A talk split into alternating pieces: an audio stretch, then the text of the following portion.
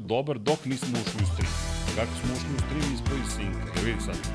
E, ali znaš šta je trebalo da uradimo? Da, to ćemo sledeći put da. A, da prebacimo na 60 frame-ova sve kamere. Ne, ne, ne, sad nećemo, sad je prekasno. Ali za, za 99, ja- za 1 na 1. Možemo kad završimo da prebacimo sve na NTSC. U stvari ne. Kad ja budem ovde, onda ćemo prebacimo na NTSC. Jer to sam jedini ja do sad radio, da ne bude da uvalim tebi, Mix i Vanji, pa snađite se. Ili, ili za 99 yardi, jer Srki će biti tu. E, ne, ne, bit će napeto u petak. uh, Mile snima u četiri, bit će mala pauza između Mileta i 99. Dobro. Jesi vidio Mile šta je složio Nikola? Ako nisi video, pogledaj. Ne, u redu je. Da. Mile, Mile me zove, kaže, pa kao, kaže, izgoreo sam.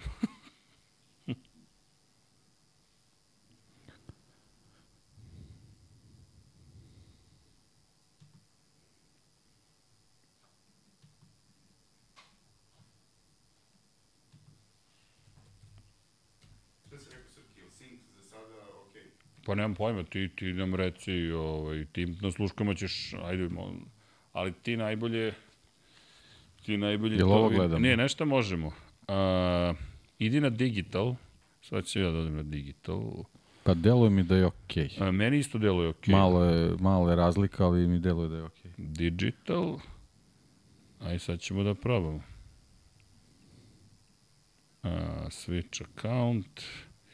Infinity. Napravite streamuj uživo. Aha.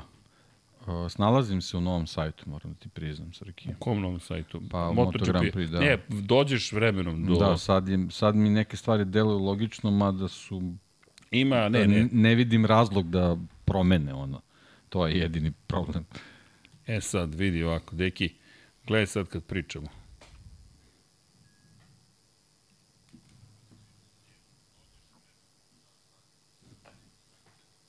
Ovo je sad preview.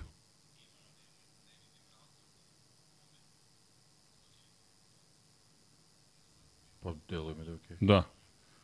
Na, na kvalitet ne obraćaj pažnju. Ma ne, ne, ne gledam to, gledam usta kako otvara što je bilo. Pa to, to, evo, možemo.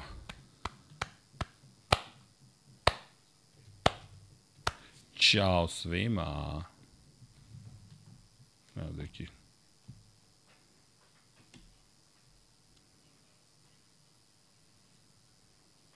Šta ćeš vidjeti?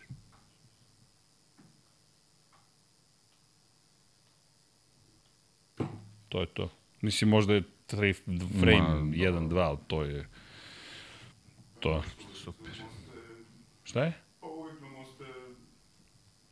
Ne, ne, ali dobri smo. Ne, ne, ne, okej, samo ga vratiš na thumbnail i, i u 12, 20 i 15 krenemo. Dobro, evo i test smo uradili.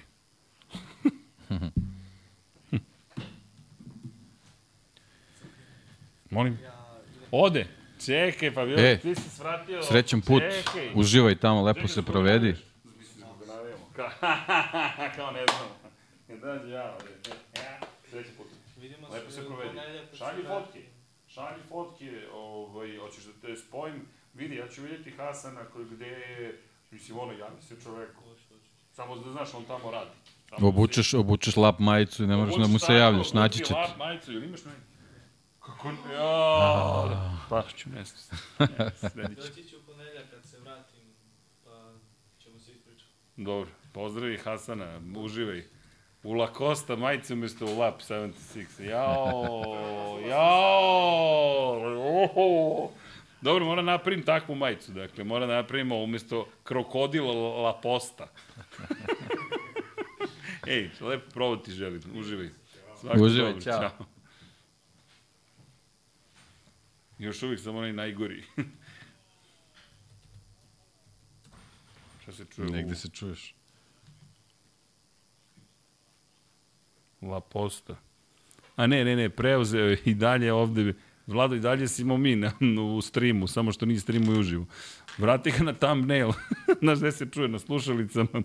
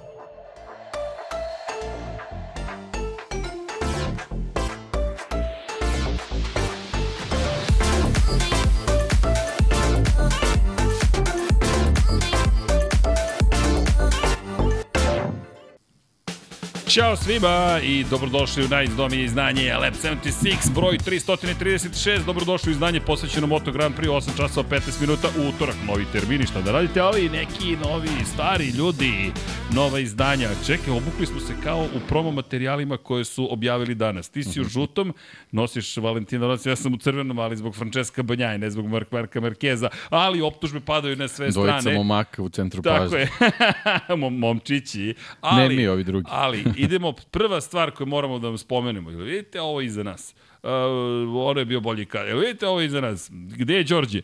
Đorđe, javi se, Đorđe, direktno sa tribina Red Bull ringa, stigo nam je, a čekaj, na- najmanje do 2063.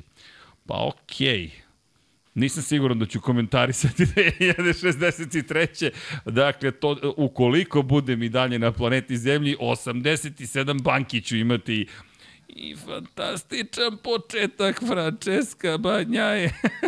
U stvari, ko, ko zna ko će biti tada, ali, ali, ali lepo je. Znamo ko će gledati do 2063. ali tu su i Fabio Quartararo i Francesco Bonja, ili, je li Fabio, ono, cenim, rogovi su tu, đavo je tu, to je đavo, tu je i slobodni, slobodarac, čovek koji ima broj 63, go free, koji se oslobodio definitivno svih stega, ako ih ikad imao, ali ovo je bio vikend baš Francesca Bonja. No, pre nego što odemo na tu temu, Vlado, može još jednom onaj lep kadar, molim te, ovo je najlepša stvar koja može da se desi, da neko ode na tribine, sve ovo napiše i još onda napiše hashtagove koje možete vidjeti ispod toga i to je at least broj. Đorđe, hvala. Dakle, hvala. Za nas čast i zadovoljstvo da se nađemo sa vama na Red Bull ringu, baš je lepo to vidjeti i sad evo u studiju na kraju univerzuma. Uh, odnosite u vaš studio ili ostavljate ovde? Ostavljate? O, je, to, čekaj, čekaj, imamo, imamo rekvizite. Tako da hvala. Ali mnogo lepo, eto, još jedno suvenir sa staze, ne znam šta da kažem. E, i hvala svima koji god, e, ljudi da su bili gde god. Prvo, nadam se da ste uživali, kogod je bio na stazi. Kakva je iskustvo, ili prvo iskustvo ili... Nije. najbolje do sada. Najbolje do sada, što? Pa zato što smo najviše vremena proveli na stazi, zato što smo sve gledali. Dobro, najviše vremena na stazi, sve ste gledali i to je poseban, pretpostavljam, ugođaj.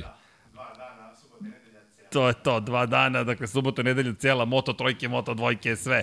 I sve tutnji, i sve zvuči, i sve je fenomenalno. Naj, meni je najlepši utisak, svi očekuju od Moto Grand Prix da tutnji, okej. Ali kad dođu čuju moto trojke, Srki, ono se baš čuje, naravno da se čuje tutnji na sve strane, još kad prolete. Gde ste bili, na kojim pozicijama? Bili smo na Red Bull tribini pred kraj. Red Bull tribina pred Šika... A, pred Šika 2 2B čuveni. I kakav je 2 2B kad prođu moto trojke? ne, pogotovo oni kad se spakuju tamo. E, ona zmica kad prođe. Fantazija. A moto je? Uhvaćeni ste. Moto je Rio. Sram vas jedini bilo. stara. Smisla. Ka, šta će Igor Marković da kaže? Pozdrav iz Igora ukoliko sluša. Nadam se da će nam se on pridružiti u jednom trenutku. Svi pitaju, će doći Igor? Doći će Igor. Čekajte da budemo neku kontroverzu, da bacimo neku hepo kocku šibicu, da krenemo. Ali dobro, zaista, ja svima kažem, idite na stazu poseban je ugođaj. Možda nećete povatati sve što se događa u svakom trenutku, ali to nije ni bitno, bitna atmosfera, ljudi oko vas, kako se osjećate, osmisi na licima i to ono što je mnogo lepo. S druge strane, hoću da se zahvalim svima koji su nam se javljali, svima koji su se i fotografisali, što sa majicama, bez majica, kako god, ali to je bio mnogo lepo moment. Prvi put mislim da je Lab 76 majica završila na International feedu. Je li to opet vaša zastava? Jesu ona deca kompletna? Ne, oni su bili, oni su, ja mislim, Austrijanci. Dobro. Porodično. Porodično.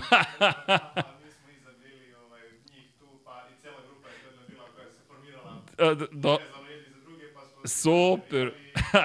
Espeleti ništa nije jasno. Da, Espeleti nije jasno, neki 76 vozač se pojavio, to vam kaže, majmo, vjerojatno će da zove na kraju i kaže, dobro ljudi, hoćemo da ima neki 76-ica, ima, ima, samo još ne znate da stiže neki, neka devojčica, dečak, kako god, neko stiže, pozdrav i za Selenu koja je sa nama u studiju ovde, dakle, Da, da, da, da, da spomenemo i to. Ja ne znam koliko devojaka prati, ali nije nekdo oko 35% devojaka zapravo gleda sve što radimo, tako da devojke, veliki pozdrav za vas, pišite nam, molim vas, mislim da ste tiše od, od, od nas momaka, ali vidim da ste tu, samo pišite ako imate nešto što biste nam predložile, zamirile, pohvalile, tu smo, slušamo sve, tako da na raspolaganju svima, ali kažem, posebno noći ta majica kad se pa, neko rekao, pa mislio sam da će se prokomentarisati, ma nismo mi ni videli, mi u trenutku gledaj, čekaj, start trke, ko, šta, kako, ali hvala. Zaista. Varene ima, ima, ima na mnogo čemu, tako da je baš lep osjećaj. E, ima, ima zanimljiva priča, više ne znam ko mi je to napisao. Jesi, jesi mi ti pisao ponovo za, za popust za Fabio Kvartarara? Slušaj ovo, kupuje čovek suvenire ko, u, za... Se nabeđuješ čoveka, ne, ne, ne, ne, ne, ne znam, ne, jesi ti ovo, jesi ne, ti ono. Ne, ne, ne, ne, ne, ne, ne, zahvalan sam, ali pazi sad ovo. E, javlja se čovjek i kaže, e kao, sad dobio sam popust zbog majice, Lab 76. Bukvalno kupuje majicu i neko je komentarisao, ovo je naš, njemu nemoj da naplatiš poklon.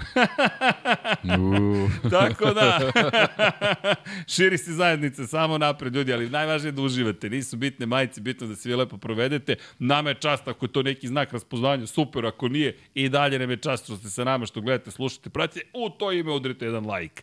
Dakle, može i subscribe, join, pomaže, join, pomažete nam da budemo zaista nezavisna ekipa koja i dalje gradi svoje snove, nadamo se i vaše i da delimo zajedno te strasti, da se lepo zabavljamo subscribe takođe pomaže, patreon.com kroz Infinity Electronics, fenomenalno, ali zaista najlepše da se družimo. I da zaboravim shop, shop.infinityelectronics.com. Evo, malo pre ode Luka za, za Zandvort, ili imaš majicu? Nemam. I lomio se se, da li da poklonimo? To onda je suprotno svemu što sam do sada pričao, zato što nam još uvijek treba podrška. Ali doći će dan kada ćemo ih poklanjati, ja se nadam. To znači, ljudi, da smo ne nezavisni, nego da smo onda, hu, otišli u neku stratosferu.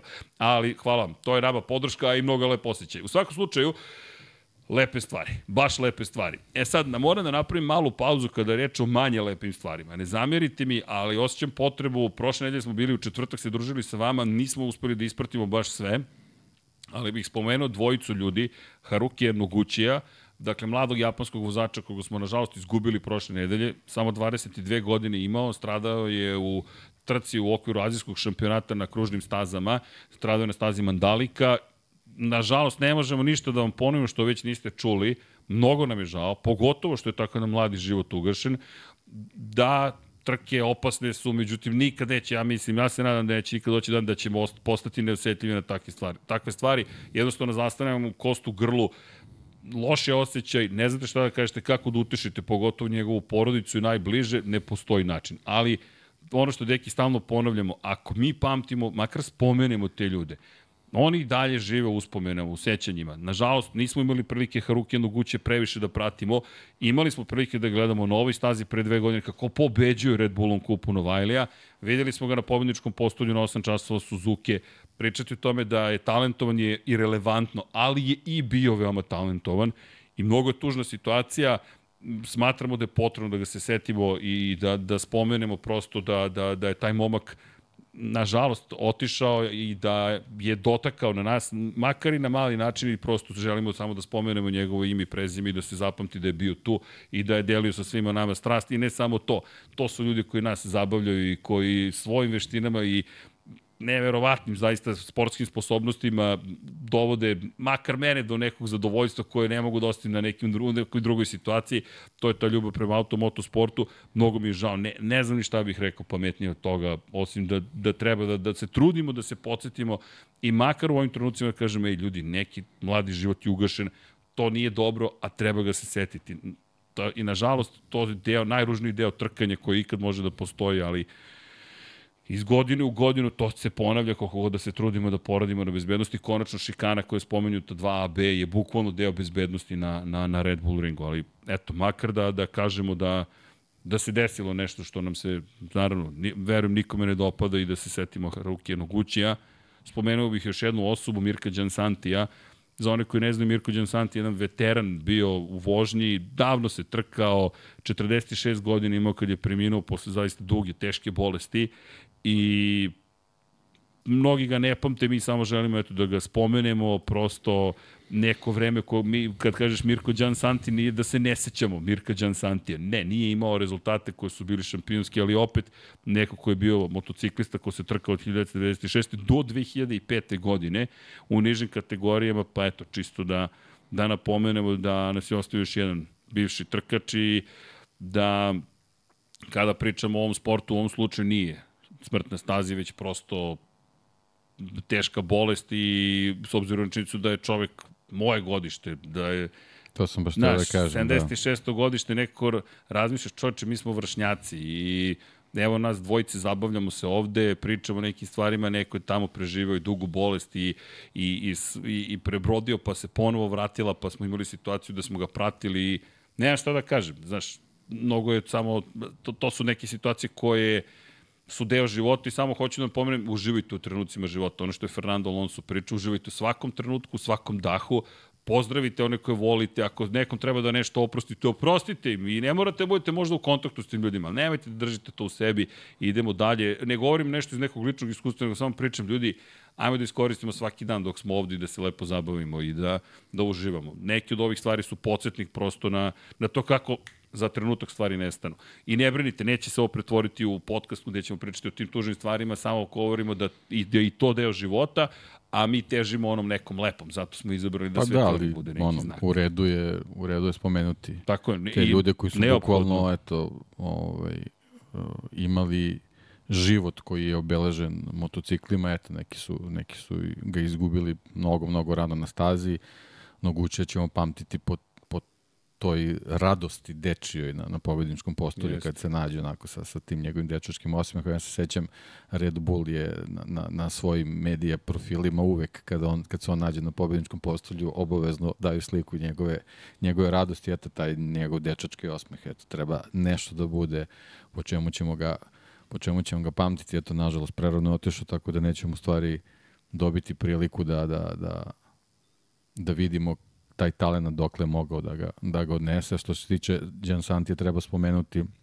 da je on ostavio ipak dubog trag što se tiče Superbike, on je jedan od suvosnivača GRT Yamaha ekipe koja se onako prilično ovaj, žestoko takmiči u, u, u Superbike-u, tako da eto, bez obzira što nije imao rezultate neke ovaj, kako se možda i očekuje od, od Italijana, ali, ali generalno ti kad kad ti neko spomene neko ime i ti znaš o kome se radi, to je već možda za, za, za neke karijere i sasvim dovoljno, tako da, eto, ovaj, čisto kao, eto, jedan omaž dvojici momaka, mogu da kažem slobodno, koji su prerano napustili. Da, inače, Zore koji ne znaju, GRT znači Santi Racing Team. Tako da Jan Santi ostaje trag iza njega ozbiljan, ali eto čisto da, da znate kad kažemo GRT Yamaha, neko prezime, neki čovek stoji iza toga. Naravno, vratit ćemo se mi na stazu na one lepše teme, ali smatramo da to treba spomenuti i to ne znači da je život crno-beli pomešan je svim mogućim emocijama, držat ćemo se lepih emocija sa Red Bull ringa i Đorđevih utisaka, koristimo priliku što si ovde i tvoj osmeh na licu, pa to je, to su lepe stvari. Ste zadovoljni rezultatom, ovde je 50-50, a? Čija strana je 20, čija 63? A, dva desetica. Dobro, nije loše bilo u nekim trenucima. Opet te nabeđuje, vidiš, tačno je znao i opet te proziva. Prozivka za prozivkom, neverovatno. Ne, ne, sad ću tebe da prozivam. Dakle, dobio sam poruku kako molim vas da sam thumbnail ja pisao i da će ljudi pomisliti kako obožava Maxa Verstappen jer piše Max u naslovu. Objasnite se, kolega. Ne možeš da se operaš, nema šans. Nema šans. Ja si u Pajnu, ne, ne Pajnu, to je tvoja stolica i Pajna, dakle. Nema šans. Ali sad ti je duh Pajnu, sinoć prozivke pao. ali dobro, da, da, da. da. Juče me prozivao da sam vežbao za Andvort. Zaista, kao nisam, ali... ali nema veze. Ali činjenice da za one koji nisu gledali sinoć lepo smo tu. Bar tu umemo da okrenemo volan ako ništa koliko toliko. Mada mi Hasan je danas piše o pesku i dalje. Kažem, dobro da Hasan, pričat će mi o tom pesku. ne, baš je htjela te da koncentriš, ali ja ga nisi pitam, se dao. Gde si fotografisao onu fotku od sinoć, kaže, pa tamo gde si ostavio pesak na stazi. Rekao, hvala Hasane. Ali, ostavili su srce na stazi i vozači Yamahe, trudio se Fabio Quartararo, pomislio sam na, na našu priču od prošlog četvrtka, kad je bio prvi u jednom momentu u prvom treningu, razmišljam, Zamisli sad stvarno da se desi da uradi nešto više, pa to bi bio spektakl. A, mislim da i njima to ne bi odgovaralo, da bi imali pojma zašto se to desilo i tek bi onda krenuli stramputice. Ovako bar znaju. Sigurica smo, da. nema od ovog ništa, ljudi, mora sve da se menja. Zamisli da se desilo nešto. To, to je kao, kao Honda što je Rins poremetio u Texasu. Upa, kao možda nismo tako Bo, loši. Aha, važi. Apropo Honda, da. izvini, ali moram da iskoristim priliku. Ne brinite, pričat ćemo o briljantnosti Francesca Banjaje, čovjek je to zaslužio. Zaista je bila jedna od onih spektakularnih trka kad neko kaže, e, aj čao. I otudi naslov, zaista može da se napravi poređenje sa Maxom Verstappenom. Nije samo do motocikla, nije samo do bolida, ljudi, vozači dalje, ona konačna karika, onaj, onih, onih 1% koji vam pravi razliku, jer tu su postoji 1% razlike. Dakle, mi govorimo o minimumu gde Vidite, majstor na delu i stvarno izgledao, za mene je prvi put izgledao ne kraljevski, car, carski. Dakle, kao neko ko je došao i rekao, šta, pol pozicija, nemojte uopšte da se pitate ko će na pol poziciju. Pobedu u sprintu, nemoj uopšte da se pitate ko će da pobedi u sprintu. Pobeda na velikoj nagradi, nemoj uopšte da se pitate. I nije stao. Dakle, nije stao na dve sekunde, nego na tri, na četiri, na pet. E, teo je počeo malo da posustaje. Tu baš, da te citiram, nije to baš u potpunosti duh Jorge Lorenza. Jorge bi nastavio do plus 25.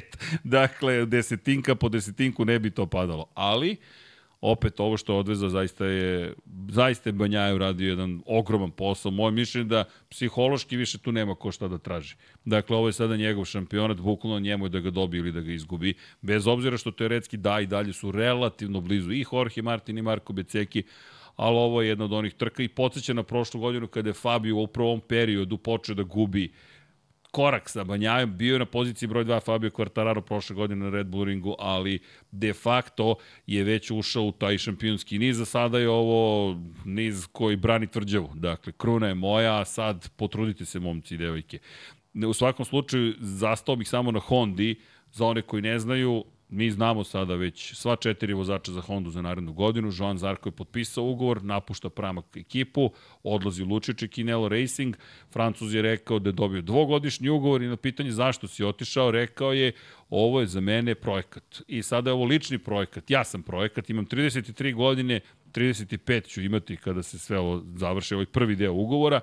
Vidjet ćemo da li će ga Honda zadržati ili ne dočekuju ga širom otvorenih ruku, dali su mu ponudu prethodnih par nedelja, kada je Rins potpisao za Yamahu, bacila se Honda na posao i ono što je zanimljivo, HRC je potpisao ovaj ugovor. Dakle, Honda Racing Corporation jeste Lučiće Kinelo prema rečima Zarko im učestvo u razgovorima, ali odlazi zapravo u tim koji, za koje je rekao, ljudi, to i dalje Honda. Honda i dalje ima moć da, da preokrene stvari i ovo će biti zanimljiv projekat. Ja znam da mogu da budem brz. Da, odlazim sa pobedničkog motocikla, ali rekao je da sam ostao u Ducatiju, ne bih znao za koju ekipu ću voziti. Dakle, Ducati je taj koji sada bira, to je moj zaključak, nisi u pramaku, ali imaš ugovor sa nama, šaljemo te, pretpostavljamo u Gresini, teško baš u VR46, mislim da je Gresini stanica gde bi se, jel te, našao. VR46 deluje mi da Rossi se tu i dalje, Valentino mnogo više pita, ali mislim pa, da bi... Po izjavama deluje da je tako. Da, i, i po Rossijem izjavama gde je rekao da Marka Becekija želi i dalje u ekipi. Uh, gde je Marko samo dodao, ne, jedan od naših kolega mu ga pitao, pa je vreme za povišicu? Pa kaže, pa tražit ću je, kada već ostajem tu i na starom motociklu, ali pitanje da li ostaje, Franco Morbidelli se takođe sada pojavio kao figura u celoj ovoj, u celim svim ovim transferima ko bi mogao da nasledi Zarka, ali prva stvar jeste Zarko otišao u Hondu i deki iz perspektive onoga što kažu da očekuju njega, to je razvoj motocikla. Do sada je on razvijao Ducati i Takaki Nakagami, njegov novi klubski kolega, je rekao nadam se da će doneti neke tajne Ducatija, već četiri godine, mislim da je tri zapravo, na fabričkom Ducatiju najnovije verzije, pa se eto, nadaju da će nešto doneti. Pa, to je možda ona, ona ista nada koja je ovaj, se pojavila u KTM-u kad je Miller dolazio u ekipu, tako da moguće da, je, da, da su neka slična razmišljanja, mada opet reći o japanskom timu, tako da malo teže da to baš tako da, ide. Filozofija je drugačija. Filozofija je drugačija, ali ovi aerododaci koje smo videli u, u, u, na Red Bull ringu ipak možda ukazuju da su i oni shvatili da da, da mora, se igra mora malo, malo drugačije tako da se tako igra. Je. Da, da, tako da, ovaj, eto sad, sa, sa tom potvrdom, ovaj, eto, LCR dobio ulogu razvojnog tima, što je opet korak u napredu odnosu na ovu sezonu gde, gde je Taka u stvari bio razvojni vozač, a Rins je dobio odrešene ruke da se trka. Tako da sledeće sezone imamo ovaj, jednu, jednu drugu situaciju gde ćemo u stvari imati dvojicu razvojnih vozača koji će iz verovatno iz nedelju nedelju imati odrašene ruke da se da se i trkaju da bi se stvari u, u, u, u punom pogonu videlo da li postoje neki napreci u, u odnosu na elemente koji budu razvijali. Kada je reč o, o i fabričkom timu i Joan Mir i Mark Marquez su rekli Pa nadamo se da dolazi da radi. Dakle, i svima je potrebno da radi. Zarko je velik radnik. Takaki Nakagami je bio pun hvale, rekao je prvo dobar je momak u pitanju brzi vozač i nadam se da će uspeti da ga pa, pobedim. to i, i prve reakcije iz LCR-a vezano za dolazak uh, Žana Zarka koji je u jednom kratkom periodu bio, bio ekipi. Meni su onako o, potpuno, potpuno mi onda jasno bilo čemu se radi, samo su rekli radna etika. E, to je on, nešto što svi to spomenju kod To njega. je očigledno da, da je ovaj, ono što i Honda imponuje, jer, jer verujem da je ove godine nevezano za Joana Mira po meni, mislim da i dalje trebamo da vidimo da li, da li će on biti 24. tu. Mnogo zavisi od ovog drugog dela sezone, jer on je ovaj, prilično ovaj, uzdrman evo ponovo Blago rečeno. ponovo je pao tako da zaista a, na osnovu njegovih izjava i u godini kad je osvojio titulu, ovaj, deluje mi da on ima neke onako drugačije i ozbiljne poglede na život i na sve to oko sebe, tako da uzdržao bi se s tim, sa, sa konstatacijom da imamo četiri vozača za sledeću godinu. Misliš, hvala. Da, a, ali, da, li, da, samo da zaključim, misliš da će izvesti Jorge Lorenza, da će reći Vreme je da se pa, oprostimo. nije to Jorge Lorenzo, to je Joan Mir. Izvešće, ne, ne, izvešće on Mira. Joana Mira. Ne, ne, ali da, da. Jorge Lorenzo pa, je na pola ugovora rekao To je, to je Honda uradio Lorenzo, da. da I da. rekao, da. zašto spominjem Lorenzo? Da. Mir je rekao svoje vremena, ne želim da doživim sudbinu Jorge da. Lorenzo, ali ja da, se mislim, bojim da mislim se da, to da je, da, bliži. prilično zakupljeno mislima šta da radi od januara slede, to jest od decembra ove godine. Vidi, kratko ću se vratiti na sam početak. Kada pogledaš, život se zaista lako izgubi u motociklizmu pogotovo i to što mi podrazumemo da su oni super heroji koji nehaju ni za šta, ne znači da je to baš tako. I Jorge Lorenzo kada je povredio kičmu u Asenu, pa posle imao još jedan pad, to jest imao prvo u Barceloni pad, pa povredio kičmu u Asenu i rekao možda je vreme da se zaustavim i da uživam u onome što sam stekao i opet rečima Fernanda Alonso, da ja uživam u danima koji su predavnom, on se lepo zabavlja trenutno u Dubaju ne, ili gde je sada, u svakom slučaju peva, ples sa zvezdama, šta već radi, kakve veze ima čovjek uživa u svom životu, njegov je neka živi, nikom zlo ne misli, tako da njegove pare, u krajnjem slučaju, ako troši na skupo ono što je sigurno, što se tiče aktualnog Moto Grand Prix-a, znamo da jedna osoba ne uživa u Moto Grand Prix u ovom trenutku, tako da, da kažem, nek bude sa zadrškom ovaj, šta će biti do 2024. A što se tiče Marka Markeza, verujem da je tu možda i nekako iskristalisana priča oko vozača za LCR, jer verujem da je on posle svega što smo videli i, i na prošli trci ovaj, uh, verovatno ovaj, doneo odluku, pošto pretpostavljam da on i dalje sam odlučuje o svim tim detaljima, da će on ove godine do kraja sezone biti razvojni vozač i to je to on će sledeće godine hteti da se trka. Znači to što, što vam budem pomogao da se razvije ove godine, to vam je, to, to. Vam je od mene. To vam je to, to, to, to toliko. Mene, da. Pa dobro, završio je prvo trku ove sezone u nedelju, 12. pozicija, ali je rekao, ovo delo je kao šala. Da. Bukvalno je rekao, this seems da, like a da, joke. Da, to je malo iz konteksta stvari. E, pitanje je bilo ovaj, ko bi na početku sezone rekao da ti do Red Bull ringa nećeš imati ni jedan bod. I onda on rekao, to zvuči kao šala, ali, da, ali da. ipak istina. da. da, ali istina. I surova, ali da. opet nema odustajanja. To je ono što isto lepo vidjeti.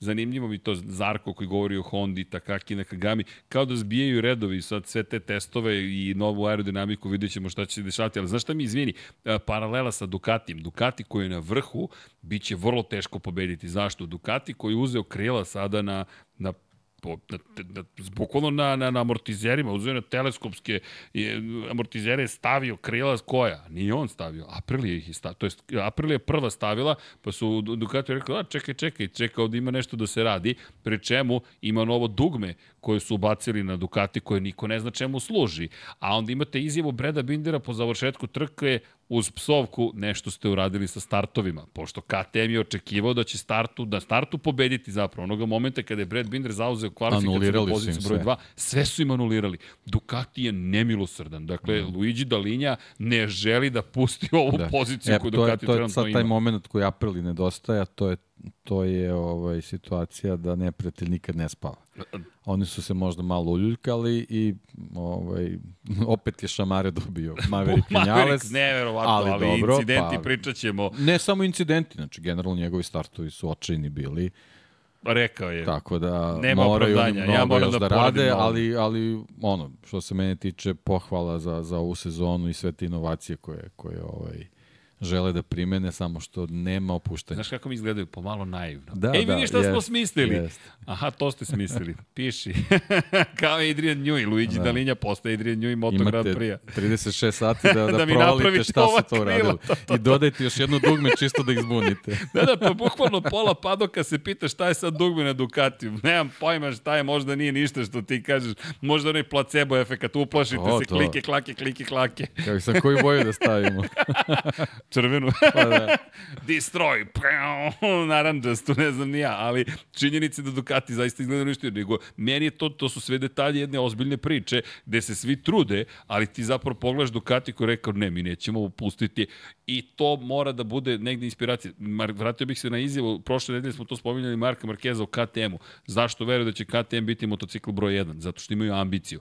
Mislim da je pocenio ambiciju Ducatija i mislim da su svi pocenili ambiciju Luigi Dalinje koji je menjao ovaj motocikl. Pazi, juče smo pričali o Formuli 1, koliko godina ti treba da uspeš? Pa 10 godina im je bilo potrebno da uspeju zapravo, korak po korak, korak po menjaj kulturu, menjaj motocikl, menjaj delove motocikla, menjaj vozače, menjaj tehnologije, pa menjaj inženjere.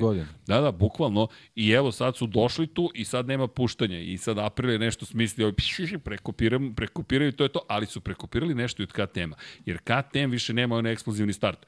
Djeluje dobro, ali, da, ali ne, ključna stvar... ima eksplozivan start, ali, ali nije ima eksplozivniji. ali nije jedini. nije jedini i ovi imaju bolju startnu poziciju još uvek. Jer šta, šta je bila cela priča? O, o, o, skratit ću priču o tome gde je pala pobeda.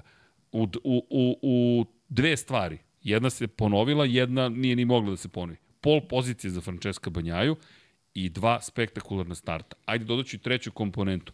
Inicijalni krugovi koji su bili fenomenalni. I rekao je Brad Binder, koji je startao sa pozicije dvoj, broj 2, kao branilac kuće KTM-a i Red Bulla, koji je rekao nisam mogao, ni, jednostavno nisam imao gde da preteknem Banjaju. A i Banjaja koji mislim da je 100% znao, ono što moram da uradim na stazi na kojoj se teško pretiče, svi ostaju iza mene.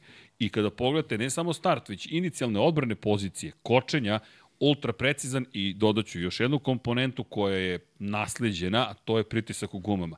Ti vodiš, pritisak u gumama će biti najniži. Ovi iza, vruć vazduh, ne, izvolite. Pritisak u gumama će biti onakav kakav ga opredeliš, to je to. To je to. A on ide na to da će voditi. A ovi iza, i to je bio problem inače za Marka Beceki u glavnoj trci, kada je x puta pokušao da pretekne Aleksa Markeze, rekao je svaki put mi je porastao pritisak u gumama i ti ga vidiš na kočenju, a, ne, vidi se da, da, da birao drugačiju putova, putanju ovaj, poučen iskustvom iz, iz Silverstona, a ova staza već kad promeniš putanju samim tim više nisi, više nisi na maksimumu i bilo jako teško uopšte da dođe u manevar za obilaženje.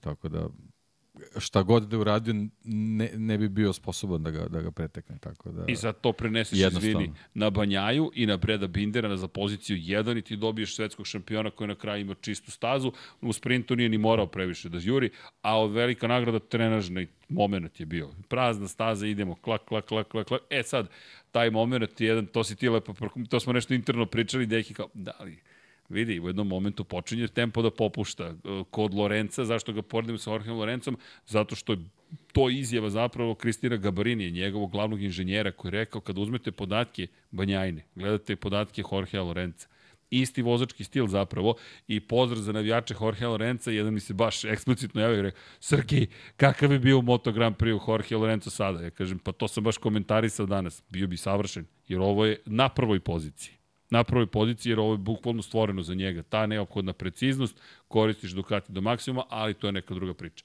Banjaj, svaka čast, uradio je sve kako je trebalo i rekao je, petak pre podne, ja ću se fokusiram na trku, zatim dolazi petak popodne, treba da uđemo u prvih 10, ušao u prvih 10, dolazi trening broj 2, u, to je slobodni trening broj 2 u subotu ujutro, nastavljamo pripremljenje za kvalifikaciju za trku, dolaze kvalifikacije, ok, sad treba brzi krug, dobro, nije rekord, rekord i dalje drži Marko Beceki u treningu broj 2, U, zapravo u treningu, da, u, u, u jedinom zvaničnom treningu, popodnevni u petak, zakomplikovaše brojeve, ali dobro.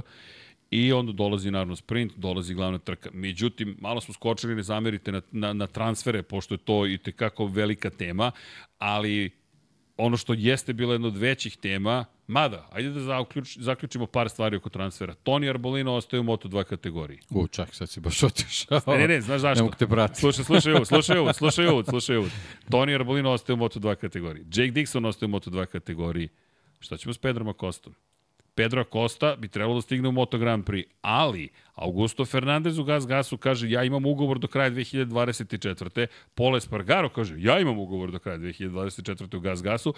KTM, koji je vlasnik Gas Gasa, Husqvarna i još nekih robnih marki koje ćemo spomenuti kasnije, kaže mi nećemo imati dva dodatna KTM-a naredne godine u šampionatu. Brad Binder je produžio ugovor do kraja 2026. To smo saznali ovog vikenda u Red Bull, jel te, KTM-u. I Jack Miller dobije pitanje, Jack, ili ima nekih promjena kod tebe, kojih promjena? Pa za sledeću godinu. Nema pitanja. Nema pitanja. To je bio odgovor Jacka Millera. A vratit ću se na gospodina profesora doktora Bidena Potkonjaka koji je rekao kada, još pre dva meseca, Pedro Acosta neće ići u gas-gas. Dakle, on će sedeti u bojama Red Bulla i KTM-a. Pedro Acosta ima ugovor sa KTM-om za sledeću godinu, vodeću šampionatu sveta Moto2 klase i jedna od najvećih zvezda trenutno u nižim kategorijama. A Jack Miller kaže bez pitanja. Koji sedi u Red Bull KTM-u trenutno ima ugovor do kraja 2024. ali nije rekao, samo gledaš, gledaš čoveka koji je pomalo i šokiran, izbunjen i koji bi da ti kaže sve je u redu, ali koji zapravo govori no questions. Kao, da li je sad možda hteo da kaže nema tu pitanja, ja sigurno ostajem, ne znam, nije mi izgledalo baš tako sigurno, a poznajemo KTM kako zna da, jel te kaže, Hvala lepo, bilo je zadovoljstvo, dobili smo tajne Ducatija. Ma ni hvala ni da... zadovoljstvo, nema, nema, ničega. nema tih rečenica. Nema rečenica, a pritom Jack Miller koji posle trke, a bio je na moju žalost, jer sam tipo, ne ima ovaj vikend Jacka Millera. I onda kao, četvrti u kvalifikacijama, rekao, evo ga Jack, ipak sam pogodio, ali Jacka tek u malo nije izgubio trku protiv Pola Espargara u sprintu. Katastrofa, a na kraju izgubio trku protiv Pola Espargara u glavnoj trci Pola Espargara koji se da sastavio da dođe da na stazu. Pol da se parkira na pola trke. Čovek je osvojio Vjerojatno i sam mislio da će se parkira Borio na pola se protiv Aleša Espargara i Maverika Vinjalesa, pričat ćemo i o incidentu koji je doveo do toga da Maverik Vinjales bude nezačelio pa se probio do osmog mesta u sprintu, ali on bio uz fabričke april je Pola Espargaro bukvalno fizički se da sastavio. Čovek i rekao u nedelju teško ću u velikoj nagradi bilo šta da učinim. I on na kraju pobedi i klubsku kolegu fizički i pobedi Jacka Millera. Dobije kaznu, dugog kruga, 3 sekunde unazad, pa je klasifikovan Jack Miller ispred njega kao 15 ali u tom trenutku Brad Binder je na poziciji broj 2 na pobedničkom postolju, Jack osvaja jedan point zahvaljujući kazni nečijoj, a Pole Espargaro te pobedio. Pole Espargaro koji je, da se podsjetimo, razvijao taj KTM zajedno sa Bradleyem Smithom, koga su doveli iz teh 3 Yamahe, pred skoro sad već 10 godina, nije 10, 2017. su ih doveli, ili tako? 2016.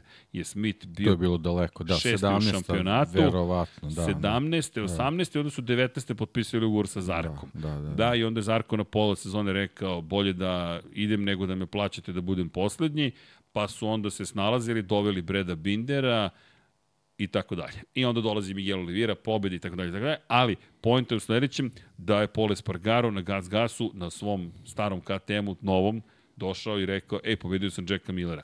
Nisam siguran kako stoje situacija za Millera i još jedna stvar, Miller koji je rekao posle ove trke, vraćamo se po dešavanjima koje sam koristio sa Ducatijem. Idemo unazad, jer neka nova podešavanja je koristio, koji god da je razlog, trenutno ne funkcionišu stvari, tako da eto, tu imamo, apropo prelaznog perioda, nemamo pojme šta će da se desi u KTM-u, slatke muke, ne znamo da ide Franco Morbidelli i tu ću da stanem na trenutak. Imamo još dve trke u Evropi, Tako je. prošli put i rekli. Ide Barcelona za dve nedelje, zatim sedam dana kasnije Mizano. I, to I su, test. I test posle Mizana. Pri čemu velika važna tržišta. Ovde smo očekivali saopštavanje ugovora, to smo i dobili u velikoj meri. Inače, Gresini Racing je produžio ugovor sa Aleksom Markezom, Gresini je produžio ugovor sa Ducatijem do kraja 2025. Međutim, samo da napomenemo jednu stvar u celoj toj priči, još uvek, kažem, ne znam šta ćemo sa Morbidelem, koji eto mogao da bude u pramaku. Što me dovodi do vozača koji sigurno ostaje u pramaku, koji je izveo deki nešto što ja odavno nisam video, Ne zamerite navijači Jorgea Martina, ali ja zaista ne mogu da verujem da neko može. Da pusti kočnicu, uleti u jednog vozača koji će doleti u drugog, koji će doleti u trećeg, koji će doleti u četvrtog, poremeti još dvojicu usput, nastavi svoju trku, apsolutno ne dobije nikakvo upozorenje, kaznu za taj incident tokom trke, zatim ima incident sa Lukom Marinijem u 2A, 2B krivinama, nastavi dalje, popne se na pobjedičko postolje, potom kaže ja s ovim nemam nikakve veze i dobije kaznu dugog krugu za narednu trku. Deki, frapiran je mala reč. Fabio Quartararo imao incident sa Lorencom Savadorijem tokom trke, odmah je kažnjen. Dakle, instant kazna, Jorge Martin kao da ljubičasto belo-crvene boje nisu bile vidljive. Freddy Dobro, Spencer. ali seti se prošlogodišnje kazne za Quartarara za As. Došla je kasnije. Dugi krug za narednu trku. Okej. Okay. S tim što? Nije završio. Da, misliš, nisu ni analizirali tu situaciju, nego su rekli, to ćemo mi posle. I dalje sam šokiran. Da. Pogotovo što je ovo toliko očigledan Tako da ima slobodnog sudijskog uverenja, ima koliko hoćeš. Koliko hoćeš, da. ok, da, ali pazi, on, ajde, je se sećaš, ja se ne sećam baš takvog incidenta, da imali smo incident najveći kog se sećam sličnog je kad je Jorge Lorence napravio grešku pa u Barceloni pa pokupio njih petoricu, ali čak ni to nije bilo, ovo mi je mnogo više bilo, e, ja ću ipak da pokušam da ovde uletim, Ako ti vidiš da nema gde, on je iza kvartarara i pušta kočnicu, uleće na teme krivine i onda kreće lančana reakcija. Kvartararo koji je stisnut, kvartararo koji udara u Maverika Vinjalesa, Vinjales koji udara u Becekija, Beceki koji utiče na Eneu Bastianinija, Zarko koji pritom se izvuka iz prvog kontakta pa pada u drugom kontaktu, I jesam nekoga još zaboravio u toj celoj priči, ne sjećam se, ali već to je dovoljno, dakle, za incident. I jedino Jorge Martin koji nastava, nastava suzbrdo svojim putem i ćao. Meri je, kažem ti, nemam, neko, nemam nešto da dodam osim potpunog šoka. Jer, koja je poruka? Pa okej, okay, možeš to i da uradiš u trci, imaćeš rezultat, a posle ćemo da vidimo šta će biti. Znaš, pa, poruka mi je malo pogrešna. Fascinantno je da Da, i u toj čitavoj situaciji gde se od, od, od gašanja svetala videlo da on agresivno mora da krene pre svega zbog svega što je izgubio 12. je bio u kvalifikacijama. Tokom, tokom kvalifikacija, ovaj, gde je potpuno jasno da, da vozač nema izbora nego da, da mora da, da nastupi na taj način, pošto i njegov stil vožnje je takav i onda se desi to što se desi, a onda posle tokom nastavka vikenda ti od njega uporno imaš izjave gde ne, ja, apsolutno nije da, jasno. Da, zašto da, sam da. ja kažnjen? Tako da ovaj, malo, sve, sve onako malo čudna situacija, mislim, moj isti, isti je pogled to kao što si rekao da je prilično pretaro u toj situaciji, a opet su druge strane reakcije arbitražnog dela koji nekako mlako sve to ovaj, mlako reaguje i na te njegove komentare, meni je onako sve pomalo čudno. Uopšte mi nije jasno ovaj, zašto se negde seče onako drastično i veoma brzo, a negde tako, onako, na, lebdiš na nekim vazdušnim jastucima i tako, eto, ono, žmuriš i čekaš da prođe neka situacija. Vidi, ja sam očekivao crnu zastavu, što, iskreno. Što, pa, prilično je opasno mesto, jer, jer ovaj, momci koji su, dobro, nije, nije, bila, nije bio neki velika ravan iza, ali, ali generalno takva je, takva je pozicija na stazi da stvarno moglo svašta se desi. Neki izbačeno četiri vozača, dvojica van staze. Maverick Vinales, ja sam pomislio da Alaš Espargaro, izvinjam se za grešku tokom komentarisanja, bio u incidentu. Maverick koji je pao na poslednju poziciju, tamo nego 18. je bio i 10 ljudi pretekao na, u sprintu Red Bull ringa, nije to mala stvar. Pa jeste, ali to je da, da stvarno udaraš glavom u zid kad shvatiš u stvari koliko ti je dobar motocikl I koliko je on da brz da bio da u si, priči. Da si i ole bolje startovao. Prvo da si bolje startovao, ne bi uopšte došao u tu situaciju. Drugo, karavan se očistio pozadi, znači imao bi mnogo, mnogo lakšu situaciju da se izboriš za vrh i eto, ponovo, ponovo se ne koristi prilika što je, što je i on raspoložen, što je motocikl dobar i, i ko zna koji put se ponavlja ista situacija. jednostavno nikako da se sklope kockice. Ne, ma, nekako postaje predvidivo. Bukvalno je predvidivo kada je reč o Maveriku Vinjalesu. Znali smo da će imati loš start, ali nismo baš očekivali sve to što se desilo. Zaista. I iz perspektive spleta događaja koji se odigrao, baš teška trka za Vinjalesa. Ali bih se zadržao i dalje na Martinu, i dalje sam šokiran, i dalje sam potpuno zbunjen jer mislim da daje pogrešan, pogrešnu poruku šalje. Presedan se pravi koji ne bi smeo da se pravi. Pričemu više ne pričamo o presedanu. Ti ćeš za, ta, za, za to što si dotakao, ali sam narasto odjednom. Vlado, jesi ti to igraš nešto sa kadrovima? Vlada je nešto otkrio, igra se nešto sa kadrovima, videh sebe u monitoru koji mi pratimo kuku odjednom neki čovjek izlete. Ok, ok, samo se ti igraj. Vidim da ima osmeh na licu, samo što sam se potpuno zbunio. Rekao, šta bi? Ko je ovaj gospodin?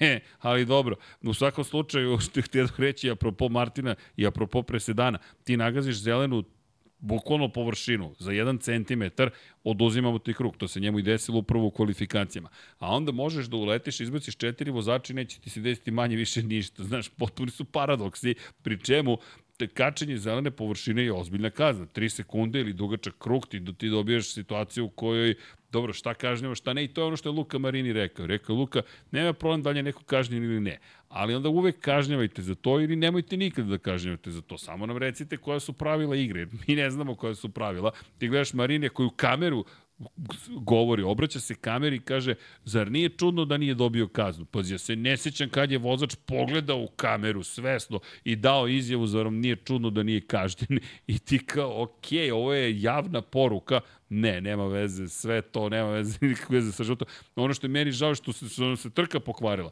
Ti odjednom imaš trku u kojoj zapravo pola ljudi nema tamo pozadi, kod kojih si očekivao nešto uzbudljivo, nešto zanimljivo. Da pogledaš spisak Nekom se ljudi. pokvari trka, nekom fantaziji, to. ta, to je ta muka.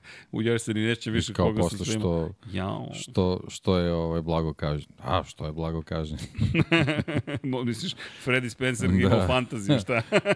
ja, Freddy, Freddy. Freddy, pazi, ja imam Marinija Becekija, eliminisan Becekija odmah na početku, inače Beceki koji dobio udarac u levo rame upravljača Maverika Vinjalesa, u desno rame, a u levo rame je, levim ramenom je pao na, na asfalt i, i rekao je, sutra ujutro kad se probudio, bilo je mnogo bolje. Što smo i videli u trci, ali doći ćemo do velike nagrade.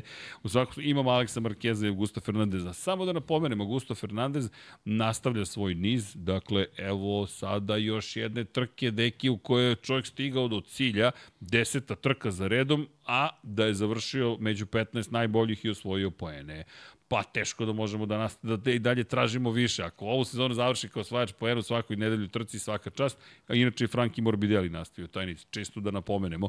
Elem, u sprintu, dakle, mi ostalo smo bez velikog broja vozača, Pa ni Jorge Martin nije dobio trku koju je želeo, imao je dva brza kruga u kvalifikacijama, oba su mu bila poništena, poništen mu još jedan treći, ali taj nije ni bio pretrano brz, tako da nije to bilo previše problema. Međutim, kako je sve to uticalo takođe na borbu za titulu šampiona sveta? Pa tako što je Francesco Banjaja dobio još jedan poklon. M sam na pol poziciji, M idem na pobedu, trenutno 251 poen za Francesca Banjaju, Martin 189, Beceki 183, Pričali smo, deki, 37 poena.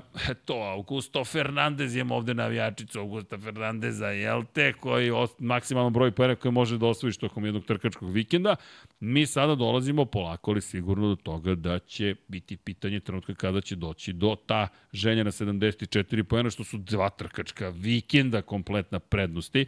Trenutno ima 62 poena prednosti, tako da još nije baš stigao dotle, ali tu smo, tu smo, uz ove sad loše rezultate, Martin kraju bio treći, ko zna da bi bio bez tih incidenata, ili možda ko zna da ne bi bio bez tih incidenata. Kako god Becek je ostao bez bodova u celoj toj priči, a Brad Binder, dva druga mesta, 160 poena, ali dalje to daleko od onoga što je potrebno da bi ti ugrožio Francesca Banjaja. Banjaja nastavlja svoj niz, evo, peta trka, prvi, drugi, prvi, drugi, prvi, po toj logici u Kataloniji će biti za dve nedelje drugi, a onda će da pobedi u Mizanu. Kako god pogledaš, veselo će biti za Francesca Banjaja. Deluje da će biti baš dobro. Da, ne znam kako se dele kazne, zaista to ostaje pitanje koje sam stavio u podnaslov, složili smo se za taj podnaslov, N nemam, nemam odgovor, ljudi, možemo samo da nastavimo ponovno da kritikujemo celu ekipu sudija, predvođenu legendom Fredijem Spencerom, koga svi spominjemo iz pogrešnih razloga već godinama, i dalje nemam nikako racionalno objašnjenje. Ne, ne volim pretaranu teoriju zavere, ne vidim logiku kvartarara, što ti kažeš, prošle godine nisu kaznili u trci, sad su ga kaznili u trci, sad nisu kaznili Martina, pa ga jesu kaznili. Ne znam. Problem je što kad se desi neka situacija, osim što očekuješ da će biti kazna drugog kruga, ništa drugo ne možeš da pretpostaviš na koji način će da, da se završi ta situacija. Kao što vezano za meru bezbednosti mi uopšte ne znamo kad će biti. Da, da li uopšte uh, crvena zastava nešto čemu se razmatra u tim nekim situacijama, recimo kad su četvorica vozača na stazi, na asfaltu. To, to, to su sve, neke stvari onako koje su očigledno deo razvoja Moto Grand Prix, samo ne bih volao jednostavno da se, da se te neke, neke ovaj, stvari onako u ozbilji dovedu u red tek kad se nešto baš loše ne desi. Tako da mislim da, da sve ove neke situacije koje su sad ovaj, sve aktuelni u Moto Grand Prix iz prostog razloga što su tako izjednačene trke i potpuno je nekako normalno da, da, da može do, da, da, da dođe do takvih karambola, da jednostavno ovo je sad trenutak da, da, da se u Moto Grand Prix time pre svega pozabave, a onda mogu da, da, da, da krenu sa marketingom i da pričaju o tome, ono što smo juče pričali, da li će jednog dana biti deo Formula 1. Ovako sa, sa ovim o, situacijama gde, gde je stvarno opasno za vozače i gde, gde se tako neki neki detalji ovaj samo samo propuštaju da da da da se sve nastavi dalje jednostavno mislim da da ne ne može ne može tim smerom da se ide dalje. Pa po ovome što trenutno vidimo, nije da neki utice ima, bilo pritisak javnosti, bilo pritisak medija, bilo pritisak bilo koga, jednostavno ne znam na kraju dana ko može da utiče na, na Freddy Spencera, ne da utiče da, da, da za nekoga nešto uradi, već da se jasno definišu pravila igre. Koja god da su, definišite pravila. I apropo tvog pitanja za crvene zastave, mi smo manje više odustali od spomenjanja crvenih zastava jer ih neće biti. To smo videli prošle godine u Moto2 trci u Australiji, Alonso Lopez koji prolazi pored, ko je ostao da, da, da leži pa sa strane? Ostao je, ne mogu da se setim sada tačno koji vozač je bio, ali znam da je neko sa strane sedi, sedi bukvalno, pored staze proleću, pored njega motociklisti, donosi se bale na kojima piše doktor i nikom ništa dve žute zastavi, to je to, pri čemu u tom delu je baš opasno tamo izlaz ka Sibiru i nikome apsolutno ništa. Idemo dalje, vozimo, to je to. Tako da crvene zastave zaista ne očekujem, ali kada govorimo o, o, o ovom konkretnom incidentu, baš je bio velik. I imamo taj drugi sa Lukom Marinijem, gde je gde mi djeluje da ne bi baš uspeo da skrene, ali to i dalje trkački, više vučem ka tome da trkački incident. Trkaš kako, se, možda, da možda je, kako bih sad rekao, jedan od razloga što je to sve tako, zato što u tom Moto Grand Prix svetu su i dalje ljudi koji su iz Moto Grand Prix sveta. Jednostavno su, jednostavno su takvog mentalnog sklopa možda da oni neke stvari ne shvataju onako kako, kako bi neko drugi kad bi im se priključio u toj priči ovaj, gledao na to. Naš Freddy Spencer koji je bio trkač, verovatno neke stvari ono gleda kao no big deal. Mo, može da, da bude jedno od odgovora. Ne mora da znači da je, da je da, tako. Da, moguće ali, taj neki pogled sa strane. Ali moguće da im je, da im je potreban pogled sa strane da bi, da bi oni malo ovaj, došli sebi što se toga tiče. Kao ovo što smo do sada videli, potrebna je neka vrsta pomoći. A dobro, potrebno je i za web sajt. Šalim se, počeo si da se navikavaš na web sajt, jel da? Yes, yes. Ja, Ali to je, to je taj sporedan deo, to, to mi uopšte u ovom trenutku nije to toliko bitno, snaći ćemo se mi, uzet ćemo mi te podatke, možda neke nećemo baš brzo koliko nam je potrebno, ali snaći ćemo se, ali ono što se dešava na stazi treba da se dovede u red, da, da ovaj, pre svega bude, bude bezbednije, a drugo da kad se dešavaju te neke uh, nepredviđene situacije, neki prekršaj, faulovi, kako god to možemo da nazovemo u Moto da jednostavno znamo šta će biti konsekvenca. Ovako je, onako, postaje sve nezgodnije za praćenje. Ne, nešto je teško da ne može da se prati dinamika, nego što ti jednostavno uh, dobijaš neke elemente koji su možemo kažemo nesportski, ne takmičarski. I onda onda malo malo se kvari i taj učinak nekih vozača koji su tamo stvarno ovaj na vrhunskom nivou. Inače, kada pričamo ajde, Martinu, da pogledamo iz perspektive e, odsustva tog incidenta. Bio je peti u Holandiji, šesti u Velikoj Britaniji, sedmi sada u Austriji, forma je u padu, neki blagi pad u padu je, u, za to vreme i dalje stoji, kao što smo rekli, Banjaja, i s druge strane imamo Marka Becekija. Pa vidi, ovde, ovde si imao formu u stvari u padu samo u tim kvalifikacijama, što je njegovo najjače oružje. on je ekspert za jedan brzi krug. I kad nema tog brzog kruga, dobijamo ovu situaciju u trci gde, gde mi posle svega šta se izdešavalo, on, on je bio prilično brz. Ali, ali taj izostanak brzog kruga u kvalifikacijama ga dove u situaciju da, da, da ovaj, svoju kvalitetnu vožnju na kraju krajeva u utrkama nije mogao da, da materializuje većim brojem bodova iz prostog razloga što je bio mnogo daleko na startu. Kada pričamo inače o kvalifikacijama, hajde da se pozabavimo i pričamo o kvalifikacijama konkretno. Ako uspem da sve otkrijem na web sajtu, pošto ne zamerite, ali to je ranije bilo tap, tap, tap, klikneš jedno, dva puta i odmah pronađeš. Sad je to postalo malo više onako igra nagađanja. Inače, ukusio sam Moto, G, Moto GŠ u, u, u Google, pa mi su čudni rezultati, moram da se vratim na Moto GŠ, ukucajte, bit će vam vrlo zanimljivo, ja se verujem. Ali hoću da vidimo Martina kada je reč o kvalifikacijalnoj formi. Dakle, Jorge Martin iskopati, ovo će biti nemoguća misija. E, s obzirom na činjenicu da, ajmo da vidimo, grid, možda ću tu dobiti rezultat. A, znaš šta će da mi izbaci? Trku po trku. Ok, ovoga puta znamo da je bio 12. Ajmo se vratimo trku napred. Hek i dalje radi, dakle, ukucajte gore u rezultate u URL, samo koju trku želite i dobit ćete ono što ste želeli. Gde je bio na prethodnoj trci Jorge Martin sedma pozicija na startu, dakle u Velikoj Britaniji, gde je šesti završio na kraju. Pre toga, da vidimo gde je si Martine bio kada smo se trkali u Holandiji. Da vidimo i tu kakva je situacija bila. Jorge Martin, Jorge Martin, Jorge Martin, deseta pozicija. To je to. Ti čim nemaš deki kao i uvek spot on, što bi rekli amerikanci, Dakle, ka svaki put kada nisu kvalifikacije gde je u prvom startnom redu, poslednji put je bio u prvom startnom redu, trebalo bi u Nemačkoj kada je zapravo došao do triumfa. Da vidimo da li ta teorija se poklapa. Jorge Martin, gde je bio? Šesta pozicija, prva dva startna reda. Delo je da je to zaista neophodno da bi nešto više učinio. To, to i za druge logičak. vozače neophodno. Naravno, ali za njega... Pod uslovom da dobro startuju. Da, i onda dođeš na Banjaju ali, koji da. dobro startuje, dobro se kvalifikuje i ne pravi tu vrstu grešaka. Ali dobro, to su i dalje greške koje se daju ispraviti. Jedan brzi krug. Znaš šta mi se čini? Da mora da bude kao u Formuli 1. Jedan onaj krug koji stavljaš u banku. Ok, odradio sam jedan krug, neka iz desetinku dve spori, nešto sam uradio, dakle nisam 12. bit ću 10. 9. u najgorem slučaju, a onda idemo na to da gađam i možda zelenu liniju. Pre čemu su ga kaznili na osnovu CCTV snimka. To je ono što je meni fascinantno isto, gde su skinuli sa kamere koja zapravo A to prošlo trku nije važilo. Pa da, i to je... Čekali su senzor, pa dobro. e, to isto bilo moje pitanje, čekaj, ili sad senzor radi ili senzor ne radi, a ili to možda bio dokaz za publiku, da se ne bismo previše bunili zašto se to desilo. Kako god pogledaš, Nije bilo dobro za Jorgea Martina, super opet za Banjaju i opet ista priča ko je, ko je sada zauzeo pozicije koje su zauzimali ranije Jorge Martin i Marko Beceki, Brad Binder.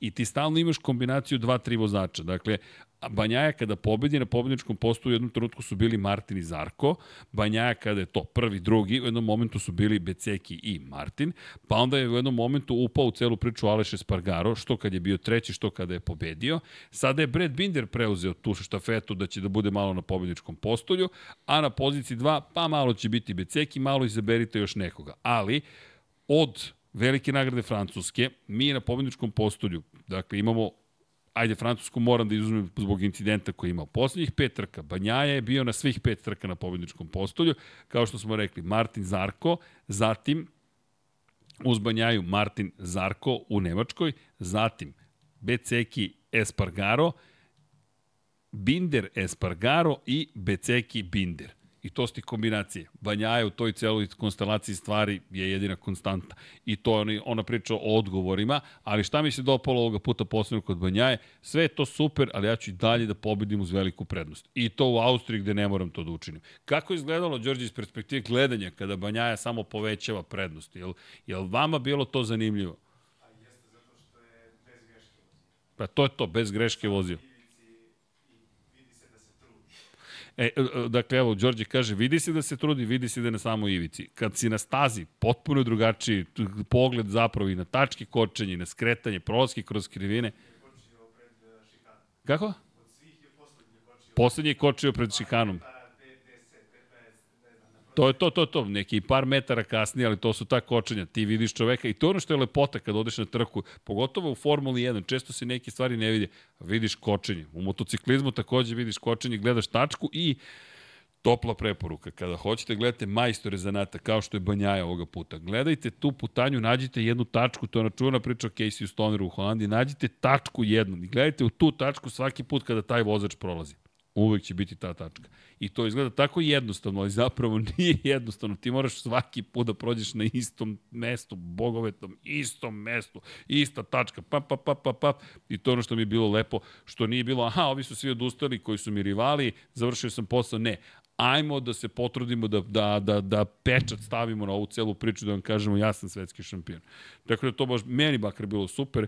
Što se tiče ostalih rezultata, Zarko 13. pozicija, puno problema, incident u prvoj trci, u drugoj trci zaista nije ličio na sebe. Što se tiče Aleša Espargara, Espargara je rekao da je zapravo krenuo manje više sa praznom gumom u trku. Pa da, izgleda da je to Aprilia najveći problem, taj jako visok pritisak u, u pneumaticima, se tu nisu baš najbolje snašli ovaj, posle tih pravila od, od uvedenih od, od Silverstona i očigledno da je, da je ta situacija za koju on kaže da je, da je jednaka kod svih kod svih Aprilija uzrokovala i onaj delimično uzrokovala onaj loš start ovaj, Maverika Vinjalesa, tako da tek kad te, te gume dođu na te neke prihvatljive pritiske za Aprili, onda, onda i motocikli prorade, tako da to je prilično velik hendikep ako, ako, ako, ovaj, ako se planiraš... nastavi tako, ovaj, mada sad dolaze staze koji možda više odgovaraju. Mislim, znaš da smo i pričali ovaj pre,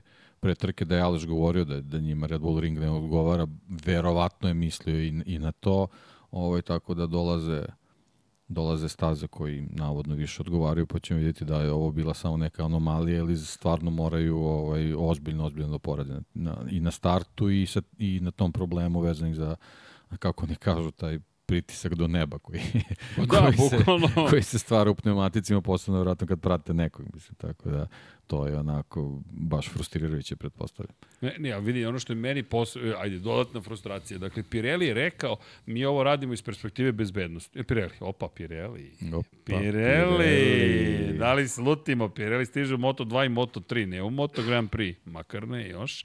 Michelin je rekao, izvinjam se, francuskom proizvođaču, za meni igra s italijanskim, da sve ovo čini iz perspektive bezbednosti. Deki, ako znamo da su svi timovi kršili tu preporuku o bezbednosti, a da mi nismo imali ni jedan gumi defekt, ni ove godine, do uvođenja ovog pravila, propisa, ni prošle godine, i da niko nije imao problem sa gumama, zato što je oborio pritisak u gumama i poigravao se s pritiskom u gumama, možeš li meni evo, da objasniš gde je ugrožena bila bezbednost? Gde je dokaz o ugroženoj bezbednosti? Pa, podsjećate samo da smo i ranije imali neke intervencije Mišelina tokom sezone koje su bile potpuno ovaj, van, van nekog rezona i prilično iznenađujuće, tako da a, neki uzrok postoji zašto se ovo u tom trenutku dogodilo, ali ako se priča o bezbednosti, onda imaš ekipu koja startuje, kako oni kažu, skoro sa izduvanim uh, ovaj, gumama u trci da bi da bi mogli da, da zadovolje ovaj, te nove norme i propise, ja onda ne znam gde je tu povećanje bezbednosti stvarno stvarno ne razumemo čemu ne, ali se radi. vidi, razumeo sam Pirelli u Formuli 1 kada, ne znam, eksplodira guma, Hamilton završava trku u Silverstonu bez jednog pneumatika, Kim ima incident u Silverstonu manje više početkom trke jer je guma eksplodirala, Verstappenu strada guma u Azerbejdžanu, Lensu Strolu strada guma u Azerbejdžanu, gledaš, pa i, i Valtteri Bottas ostaje bez gume u poslednjoj trci u Silverstonu kad smo poslednji put imali da je Michelinu stradao pneumatik. Moje sećanje je Argentina 2000, koja to beše godina? 16. godine, ne, 2016. je Argentina i Bridgestone je imao problem 2030. godine u Australiji. I to je jedini put da smo imali baš ugroženu bezbednost vozača da su stradale gume. To je Scottu Reddingu stradala u Argentini zadnja Michelinova guma, pa su uveli obaveznu promenu gume na polovini trke. Ali Nije da smo imali baš te situacije da, da to, to, tako mnogobrojne, a to je pravilo koje je uvedeno gde, su, gde ih je zapravo Matt Oaksley uhvatio sve zajedno, dakle, istraživačkim sjajnim novinarstvom da su zapravo nešto malo radili van propisa.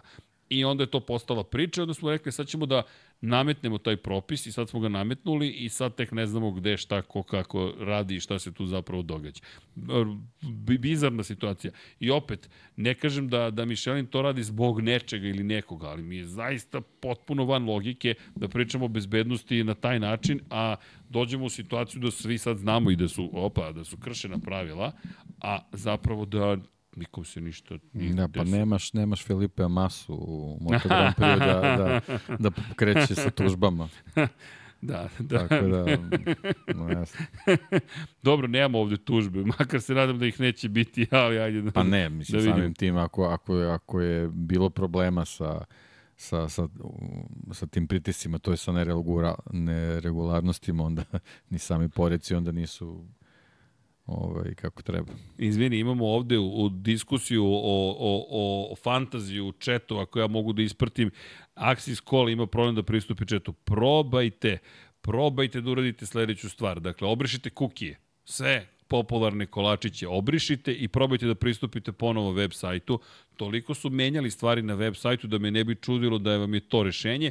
To je bilo rešenje između ostalog da se ulogujete i na osnovni web sajt, tako da ako mogu da probam da pokušam da pomognem Axis kole, obrišite kukije ili učitajte neki brauzer kojim se niste ulogovali do sada u Fantasy ili u Moto Grand Prix generalno i možda će vam to pomoći da rešite problem. Eto, to je ono što mogu da vam kažem. Evo, Edo, Edo, Edo kaže, Topraku u Superbajku stradala guma. U Superbajku, okej, okay, ali mi nismo imali, to je Pirelli.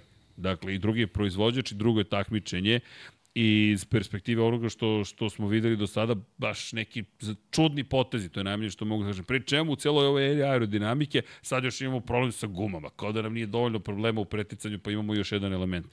I to je nešto što mora da se reši s obzirom na činjenicu da ti sada gledaš vozače koji planiraju trku, upravo zahvaljujući tome da pritisak u gumama bude zapravo jel te, niži ukoliko ćeš startovati sa nižih pozicija, a onaj očekivani, optimalni ukoliko startuješ sa prvog mesta. Okej. Okay samo pratimo, ne možemo mnogo toga da promenimo, međutim, evo, Aleš Espargaro moraju to da rešu u aprili, pa eto, držim palče, ali vratit ću se opet na Maleziju i test predsezonski, ko se pripremao za sezonu, sad to je bizarno, u kojoj će to biti zapravo situacija Aprilija, koja sada deluje da nema rešenja za to, najviše vremena uložila u, u rešavanje tog problema. To je isto propust Aprilije, da ne svedemo sve na Michelin. To je makar moje mišljenje. Ne znam da li se slažeš, ali mislim da nisu uradili ne, ne, dobro posao. Ne, ne, apsolutno, to je ono što si rekao, taj, taj neki naivniji pristup. Svi će biti dobri i pošteni. da, niko neće gledati gde mogu da se rastegnu pravila. Pravila su, tako, podložna tumačenju, jel te, i vaš posao je da otkrijete šta će biti, šta možete da iskoristite u tom tumačenju pravilnika i onda posle koji kompromis morate da napravite u MSMA ili ti u udruženju sportskih proizvođača sportskih motocikala kako biste dobili nešto što želite ili kako bi neko drugi morao da vam da nešto. Kako god pogledate, trgovina je svakako tu negde, ali eto, ovo će biti, ja, ja verujem, tema i mislim da ovo pritisak timova takođe na Mišelin da kaže, ej, sve u redu. Pri čemu kažete paradoks je što se Aprilia bunila što se primenjuje prav, što se ne primenjuje pravilo, a sada se buni što se primenjuje pravilo. Kako god, loš vikend za tim koji je morao mnogo bolje, šesta, osma pozicija u glavnoj trci, Vinjales bio šesti. Ka, izviri, Đorđe, kako izgledao Vinjales ovako na, na, na, na svojim krugovima, bez gužve? Ne sjajno. ok. Dobro. To... Nervozno izgledao. A to kad dođe trka, a, a opet odradio. Stalno se okretao. Mlati glavom. Da, da, njegova, njegova da. klasika. Da, da, da, ali to je lepo kad odeš na trku, onda posmatraš detalje koje ne možeš inače da vidiš. U svakom slučaju, kada pogledaš, eto, vodeće, ti imaš čoveka koji trenutno, kome sve ide od ruke praktično, i imaš momke koji imaju probleme. Marko Beceki, ne mogu nešto da krivim Marko Beceki za incident u sprintu. Desilo se prosto, odradio je veoma dobru trku, treći je bio na kraju u glavnoj trci. To je rezultat koji se od njega, ne mogu reći čak ni očekuje, ali sad smo već došli u fazu kada to mora da bude njegov uspeh ukoliko želi da, da, da ostane na, na nivou, ako ostane, želi da ostane na nivou da može da ugrozi sutra Francesca Banjaju. Jer, ako pogledamo, Beceki u prethodne dve trke, pol pozicija u Holandiji, pol pozicija u Silverstonu, U Silverstonu propuštena prilika da se bude, da li drugi, da li prvi, ali ajmo da hipoteza, da je ostao na točkovima u Silverstonu, to je neka druga, treća, treća pozicija. To su odlični rezultati. Da, napravio grešku, period učenja, ali meni Beceki baš je odradio dobar posao. Baš mi je odradio dobar posao. Što me dovodi do tvoje majice? Hvala Vale. Ko želi majicu Hvala Vale, shop.infinitylighthouse.com, posvećena Valentinu Rosiju, na, na poleđeni imate sve njegove rezultate iz godina koje je proveo, poduže je majica pozadi, poduže ispis u šampionatu sveta i u, zamoram da ispričam, kad je kad, kad smo, poslednji put kad smo i pričali sa Rosijem i ovu majicu smo nosili u Valenciji 2021. i naravno biznismen, biznismen kao i uvek kada se završi intervju ovako gleda. A šta ti to? Pa, hvala male. Šta, šta piše? Rekao, hvala vale na našem jeziku. Okej. Okay. da li mogu da vas tužim ili ne? ne možeš, pitali smo advokata, nigde ne kaže da si to ti. Sad što mi znamo da si to ti, to je naša stvar. Ali bio fazon, ok, ajde, oprostit ću vam ovoga puta. Hvala Il Capo. U svakom slučaju, Il Capo je bio na trci I, deki, ma, malo je dostalo da promenim naslov. I ukro show. Ukro show, ukrade čovek kameru. Dakle, mi imamo trkanje za pozicije, a nama prikazuju njegove reakcije Gledalci. na trkanje za pozicije. Njega i njegove supruge. Kao, čekajte, ljudi, imamo neku trku na stazi. Ba, pusti sad to, došao Rossi. Bukvalno, došao Rossi. I, deki, opet najveća pa, zvezda. Svaki put pokazuje da. No, opet. Nema, ovaj, nema načina da se trkamo promeni to. E, bukvalno. I ti gledaš i majice i kačkete. Vi ste bili tamo gde je i stajao, ja mislim. Na dva, na dva je stajao. I? Došao pred početak trke. Sva publika gleda u njega. Baš čudno, da. Pa je naj, dalje najveća zvezda. Može da bude u penziji koliko god hoće. Ali je vama bilo zabavno. Bilo je posjećaj što je to jedna od legendi, bukvalno. A vi on na istom monitoru. Jeste mu rekli, vale, vale, gledaj sada. gledaj sad ovo, vale. Super. A to je taj lep osjećaj. Dođe tako jedna legenda. Čovjek ima 9 titula, 115 pobjede i harizmu koja, koja se ne, ne vežba, to se ne trenira, ne kupuje se i stvarno kada pogledaš, meni najčešće šok bio zaista trkaju se Beceki i Marquez i kao Beceki pretekao Markeza, evo vam Rossi, taj čoveče vrati nam kadar, ne znam šta se zbiva, ma pusti sad to, ali dobro, Bec, lepu bitku imao. I to isto bilo zabavno. Klan Rossi protiv klana Marquez, znaš, dueli, to uvijek će da živi. Da, deki, pa evo, juče smo i ti ja imali, jel te, to je, to je namešteno, to je to koleginica iz marketinga rekla, morate se mačujete. Plan je bio da ti imaš zeleni, zapravo, laserski mač, ali smo pretvorili u žuti na kraju, ali dobro, bilo je zabavno. Onda kao knjige, Rossi Marquez. Sve u redu. I dalje. Da. Sa, sad znamo ko za koga navijamo. A ne, da. ljudi, za koga navijamo? Navijamo, navijamo za, za bukvalno, za Lab 76, navijamo za vas. Dakle, nema tu nešto navijenja. Poštujemo jednog i drugog, to su legende. Ali kada je reč o Rosiju, stvarno ima efekat Rosije je potpuno neverovatan. Dakle, šta god da je radio, kamera ga je pratila. Preskače zid, evo ti kamere. Vozi skuter, evo ti kamere. Gleda trku, evo ti kamere. Slavi sa svojim vozačima, evo ti kamere. Evo ga u garaži, evo ti kamere. Čekajte ljudi, aman, ne, ne, ne znam zbog nas, zbog njega, ali dobro, mislim da publici to nije smetalo.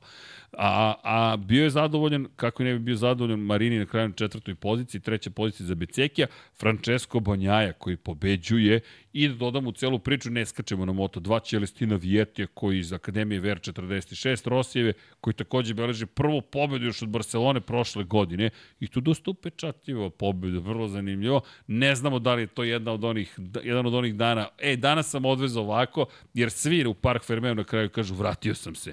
I onda dve nedelje kasnije Fermine, del, gde si, Fermine? Je ali akademija neke nove klince tamo? I ne znam. Moram ti priznati da mi izgleda kao da stoje stvari tamo. Tokom vikenda rekao, ok, ovo su sad sve momci već iskusniji u godinama i Nisam ovaj, da, da li se pojavljaju neki novi dečaci tamo i devojčice.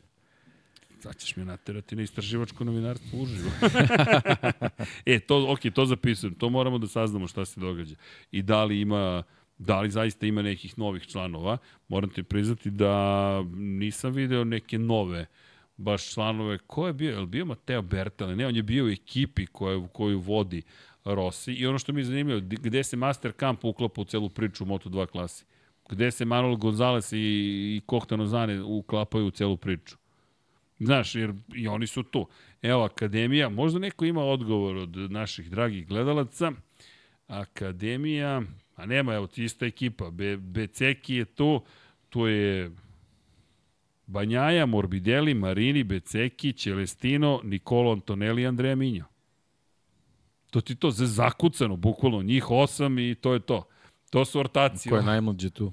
Ko je najmlađi? Mislim da je najmlađi Celestino bi trebalo da bude najmlađi, pa Antonelli i Minjo. Mada, Bec bi mogao da bude u toj cijeloj priči. Čekaj, ajmo sada Marko Beceki, a ne, ovde je prodavnica.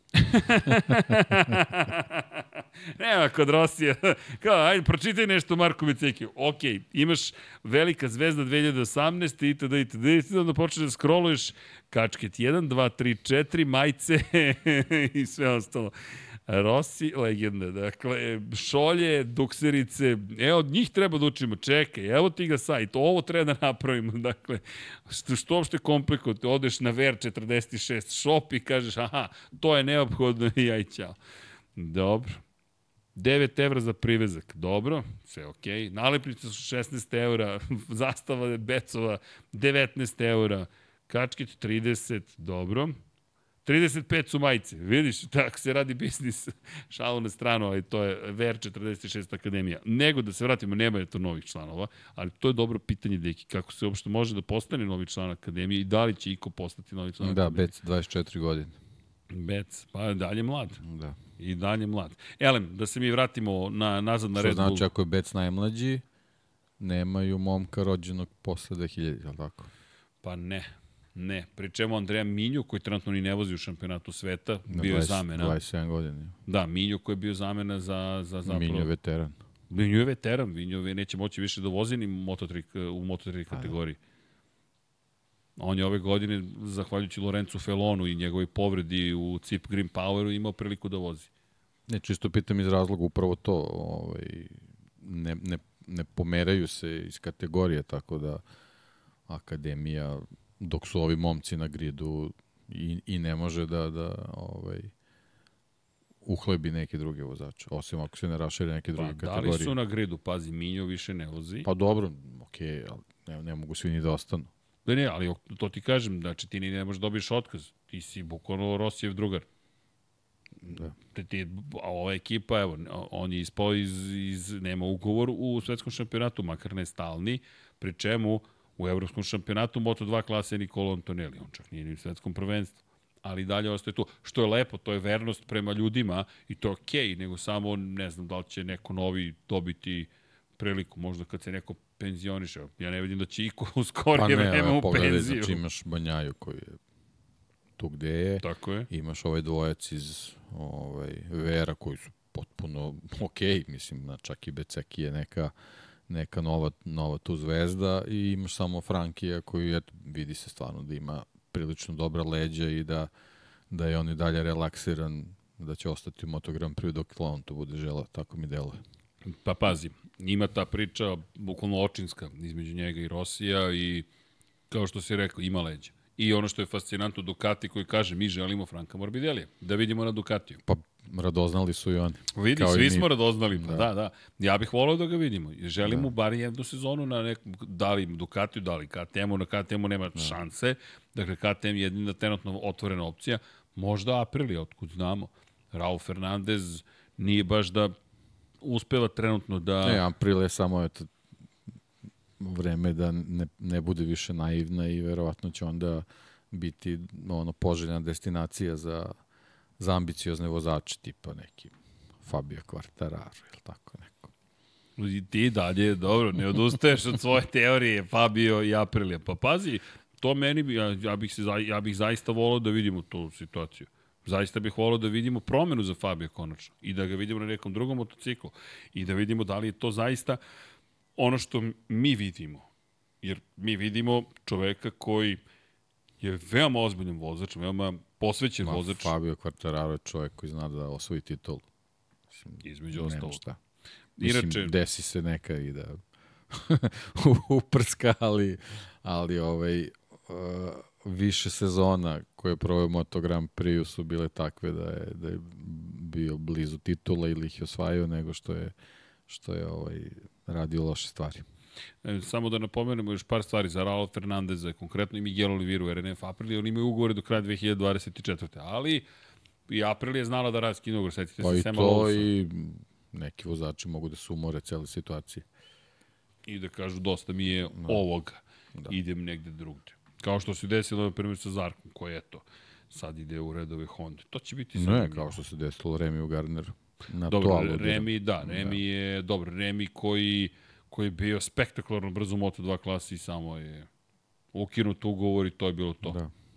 Remi baš teško prošao u celoj priči. I ne vidim da će se ikada više vratiti u svetski šampionat. Pa Mislim dobro, da znaš kako u bajka. nekim situacijama možda i, i bolje da, da brzo presečeš neke stvari nego da se mučiš. Jel, jel tone ti karijera ovako.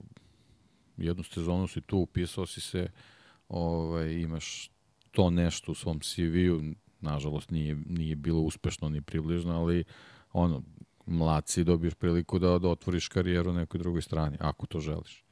Dobro, trenutno, eto, ima priliku na Yamahi u svetskom šampionatu u Superbajku. Pa vidjet ćemo. Polako ulazi u pristojniju formu, nije još bio na pobjedničkom postolju, ali okej, korak, korak po korak. Međutim, zaista ne vidim da će se vratiti ovdje što ti kažeš, možda je to i bolje. Možda tamo uspeš nešto više da postigneš. Možda je to zapravo put kojim je trebalo i da ideš. Kada je reč o ostalim vozačima, Fabio Quartararo, deki, osma pozicija, nije najbolja stvar koja mu se desila u životu, ali posle svih peripetija i problema i naših šala možda počne da pobeđuje. U prvom treningu dugo bio na poziciji broj 1. Iskreno žao mi je što je Zarko došao na kraju i oteo to prvo mesto. Rekao, pustite čoveka makar na trenutak da bude prvi. Bilo bilo pa da piše Fabio Quartararo Yamaha. Evo osmeh navijača Fabio Quartarara. Ali, ali, nije, ali se znalo. Kad poraste temperatura i ne samo to, kada dođe znali smo da će biti lošije.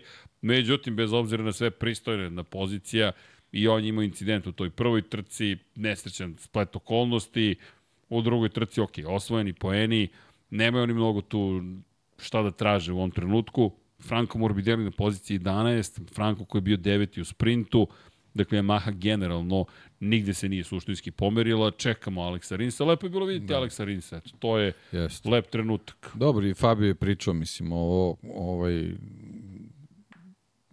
nastup, ovaj, eto, stvari pokazuje koliko, koliko je naporno voziti Yamahu ove sezone na ovom trkačkom vikendu. Mislim, i sam je rekao, on je potpuno zadovoljan svojom vožnjom, ali, ali generalno ta vožnja je dovela do toga da, da je da je u, finišu jednostavno potpuno uništio te gume i ono, ono što i sam priznaje da je, da je pravio mnogo grešaka i da je bilo nekoliko situacija gde je ono bilo zaista na ivici. To, to u ovom Moto Grand Prix nije vožnja. Znači, pričali smo, ovo sve mora da bude fino, precizno, tačno, da se iz kruga u krug ubrzavaš, a ne, ne da voziš na, na ivici. Na početku, kaže, nije, nije bilo prijanjanja, apsolutno. Mislim, i to su sad...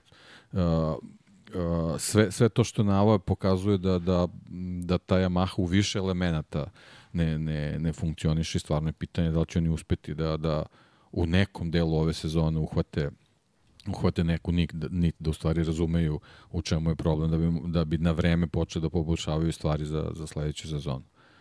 Jer ovo, ovo, ovo što je on ispričao, to stvarno deluje kao, kao, kao cirkus potpuni, zato što jednostavno a, način na koji on mora da vozi taj, taj motocikl ne dovodi do toga da, da on uopšte može da, da računa na bilo šta da će se desiti tokom trke da može da prati situaciju. Znači, eventualno ne, neki, neki splet dešavanja na, na samoj stazi može da ga, da ga dovede do toga da, da, da ostvari ole zapaženije plasman. I, i najgore je što kad, kad ga spomeneš na toj poziciji na kojoj je bio, kažu, u, kao, super.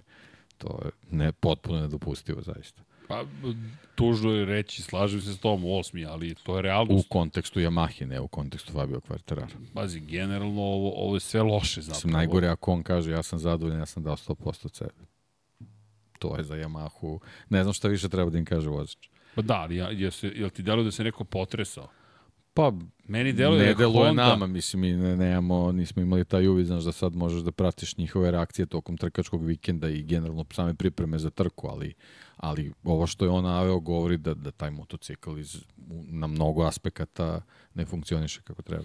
Iskreno, ajde da te pitam, Honda ili Yamaha, ko ti deluje da će preuspeti da preokrene situaciju? I da Iole bude konkurentan. A, pa ne bih, ne bih to mogao da kažem, ono, da, da to gledam u, neki, u, u nekom smislu trke. Ko će, ko će pre doći do, do nekog cilja, nego uh, iz, iz kompletno ove priče, što si, što si malo pre rekao i, i, i, i svih ovih informacija koje imamo, Honda se trudi, nešto, nešto radi, u nekim trenucima radi nešto radikalno, radi nešto agresivno, a mi kod, kod Yamahe ne vidimo da se tu donose novi delovi, da se, a u stvari kako to i da se radi kad imaš samo dva motocikla.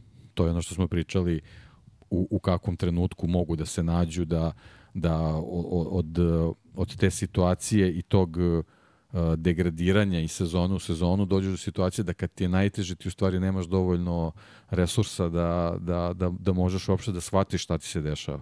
Na resurse mislim na, na broj motocikla na, gri, na gridu i kilometra koji oni prelaze tokom, tokom trke. Jer ovo što je Fabio pričao, ovo nije bilo ni skupljanje podataka, ovo je bilo preželjavanje na stazi uz njegovu ogromnu želju i talenat da, da, da, da nešto uradi, da, da bude na nekoj ili pristojnoj poziciji. To, to apsolutno ne vodi ničemu. Pazi, pri čemu u celoj Jel, priči? Izvini sam, ako, ako on kaže da je on nekoliko puta pogrešio tokom trke, znači ti u tim krugovima praktično ne možeš ni da imaš podatke kakve, kakve možda očekuješ kada, kada, kada, kada nemaš kompletan krug u nekom tempu.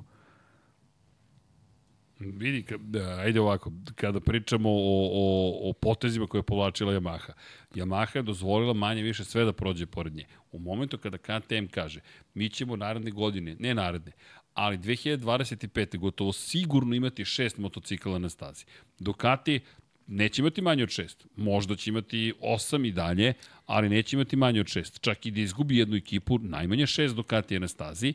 Yamaha se ne pojavlja, ne figurira nigde kao da će se pomeriti sa trenutne mrtve tačke. Imaš Hondu koja ima razvojni tim, de facto, kao što si rekao, Lučić i Kinelo Racing, i imaš Apriliju koja je uspostavila saradnju sa RNF-om i rekla, ok, nama su potrebna još dva motocikla. Jer vidi, koliko god problema imali Raul Fernandez i Miguel Oliveira, ja zaista duboko verujem da podaci koji dobijaju, kakvi god da su, Aprili dalje nešto znači. Neke stvari se tu pomeraju napred. Još je Lorenzo Savadori vozio na ovoj trci, dakle imaš još jednog fabričkog vozača, dodatni podaci dolaze, čekamo Danija Pedrosu za KTM u Mizanu, s tim što je toliko brzo da će to biti i trka, ne samo razvoj, ali ono što je pojenta jeste Yamaha u ovom trenutku šta će da radi, što ti kažeš? Da izabere između dva vozača fabrička, pa ne, evo, ti testiraš. Pogledaj situaciju recimo Ducati. Znači Ducati na gridu ima četiri ovogodišnja motocikla, gde ima dva motocikla, mislim na, na, na pramak, gde bukvalno u svakom trenutku mogu da da eksperimentišu sa, sa nekim novim elementima i delovima ako, ako je to potrebno, a sa druge strane imaju, imaju četiri prošlogodišnja motocikla gde bukvalno tokom trke priprema, treninga i bilo čega mogu da, da porede podatke aktuelne, znači ne, ne samo da koriste podatke iz prethodne sezone, nego bukvalno aktuelne podatke na stazi vezane i za vremenske prilike, situaciju na stazi i tako dalje i tako dalje. Znači Aprilia ima ima taj element gde uh, sa dva trkačka motocikla ovogodišnja uh, ima samo poređenje podataka, što uopšte nije malo, sa, uh, uh, sa, uh, sa rezultatima od prošle sezone i sa parametrima takođe aktualnim od ove godine i još kad dođe ovaj, Savadori, kad se pojavi na stazi, otprilike imaju neku situaciju uh, s kojom mogu da, da pariraju, da pariraju Ducatiju. KTM možda ima taj mali problem što nema prošlogodišnje motocikle na stazi da može u ovom trenutku da komparativno analizu. kao komparativno da radi recimo ti imaš imaš podatke vezane za agregat kod Ducatija uh, Banjaju i imaš Becekija od ove sezone sa, sa prošlogodišnjim motociklom, gde, gde, gde obojica voze na maksimum, pritom imaš i Jorge Martina. Znači ti bukvalno imaš, imaš tri verzije Ducatija, Ducatijevog agregata za, za, za poređenje na, u istom trenutku na stazi. I onda dođeš do Honda, koja takođe ima ima samo aktualne motocikle, zato uopšte nije loše imati imati te, te prošlogodišnje verzije, čisto da, da možeš da praviš komparaciju na licu mesta. I na kraju kad dođeš do Yamahe, kakva, kakve komparacije mogu, da se pravi u bilo čemu? Pa nemogući su. Ali Pri tom imaš dvojicu vozača koji su trkaški orijentisani. I ne samo to, oni su tu dovedeni da budu fabrički vozači, nisu dovedeni da budu razvojni vozači. To je ono što si rekao za Marka Markeza, to je prošlo kao usputni komentar, ali Mark Marquez, osmostruki šampion sveta, čovjek koji ima 85 pobjeda, je trenutno razvojni vozač na sred staze.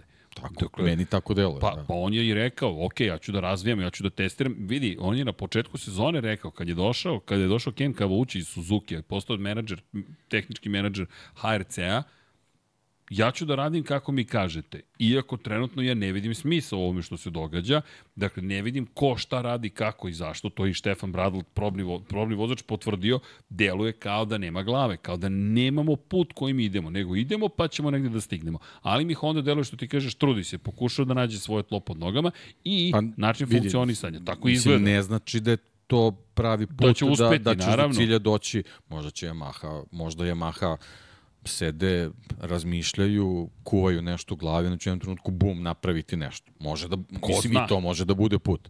Ali sad trenutno kako izgleda situacija, sa ovim sve što Honda pokušava, deluje da će, da će pre doći do nekog rezultata nego Yamaha, ali apsolutno ne mora ništa znači. Uh, vidi, kada pričamo o generalno o, o, o ovome što si sada spominjao, samo da napomenemo, KTM, to što se potpisuje Gas Gas, to je KTM i dalje. I on se vodi kao RC16 u šampionatu sveta. Gas Gas sutra da pobedi, evo, nadamo se zbog navijača ovde prisutnih da će imati neki dobar rezultat. To se piše KTM-u. Ako je Gas Gas ispred KTM-u u šampionatu, u konstruktorske pojene se obeleže rezultati Gas Gasa. Zašto to spominjem? Yamaha, kao što si rekao, nema ni neki podbrand, najbliže što su prišli tome je saradnja sa VR46 i Master Campom u Moto2 klasi, jer to je zvanično tim Yamahi koji se nalazi u Moto2 kategoriji. A čak i to, da li, da li ti deluje da je Yamaha u Moto2-kama? Ja nemam nikakav utisak da Manuel Gonzalez i Hoktor Zane voze za, za Yamahu. Imam utisak kao da tu piše Yamaha, kao da je neko platio, ej, nosite to Yamaha, isto ko što, evo, VR46 Master Camp. Mene zanima, jer taj Master Camp učestvuje, jer Valentino Rossi ode u tu garažu pa kaže, ej, vi ste isto moji momci. Da li ode neko iz Yamaha i kaže, ej, čao, kako ide danas u Moto2 kategoriju? Ja to ne vidim. Više vidim Fabio Quartarara koji ode u Gas Gas kod Jorge Martineza Spara da pozdravi Jakea Dixona ili u Husqvarnu, dakle, pazi paradoks, on odlazi zapravo, ali to je lepota istovremeno Moto Grand Prix, odlazi kod svojih drugara, ide da vidi šta, šta radi Ayumu Sasaki. Ćao Ayumu, kako ide? Ups, za malo da završi, za malo da završi. Da odeš na tamnu stranu. Ovo bi bila tamna strana ozbiljna, ali Činjenica je da ti to nemaš, ja nemam taj utisak. I Yamaha mislim da je baš u velikim problemima. Što ti kažeš, ko zna šta će se desiti, možda Yamaha uradi najbolju moguću stvar. Pa neki se i postreći opet je uradila. Ali ima tu jedna velika stvar koju nismo spomenuli. I ti ja smo pričali pred početak, ti si mi zapravo rekao, ali ima mnogo veze sa nečim što se dešavalo što je meni ovako ko, ko ta, ko, ne, čeka, ko, da, Draxu Destroyeru prešlo preko glave ovako, u, u, u, ozbiljno u čuvarima galaksije, a to je MV Agusta. MV Agusta, jer vidi, to sam potpuno zaboravio, prošle godine je KTM kupio 25,1% MV Aguste. Međutim, KTM je izrazio želju da u potpunosti preuzme kontrolu nad kompanijom, da imaju 50,1% vlasništva nad MV Agustom. Za tebe i mene MV Agusta predstavlja nešto sasvim drugo. Inače, ove godine jedan od poteza je bio da se ukine učešće MV Aguste u Moto2 šampionatu, što me dovodi do Giacomo Agostinija. Za one koje ne znaju, 122 pobjede u istoriji sporta, najviše od svih vozača, iako on kaže 123, ali kako god i dalje ga niko nije sustigao, čak ni Valentino Rossi, 15 titula šampiona sveta. sveta. Dodaje tu jedno zbog Rosija. Dodaje jedno zbog Rosija, kao da uplašio se. Stići, da. da, ali vidi. To je kopele kad je, kad je lagao za golove. kao imam Ali više. kako su godine odmicale, u početku nije bilo bitno. da, dobro, vidi, svako voli da bude na Kad je vrhu Messi sveta. krenuo, kao ček, ček, moram se preračunam, bilo tu više golova. U svakom slučaju čovjek ima 15 titula šampiona sveta. Šta, šta hoću da kažem? Sa MV Agustom je osvojio sve osim jedne titule. Dakle, jedna titula osvojena sa Yamahom. Ali šta je poenta? Kada je ušla MV Agusto u Moto2 klasu, rekao je Agostini, ovo je sramota. Ovo je sramota da je MV Agusta svedena na Moto2 kategoriju. Može samo u kraljevsku klasu da ide MV Agusta. Zašto mi je ovo bitno? Mnogi su se plašili kada su kupili u KTM-u MV Agustu da će pretvoriti u takozvanu Husqvarnu 2.0. Šta je problem sa Husqvarnom? Husqvarna, uz dužno poštovanje prema KTM-u, koji možda ima biznis model koji donosi pare pro, kroz prodaju Husqvarne. Ali vi nemate više Husqvarnu. Vi imate KTM na kojem piše Husqvarna.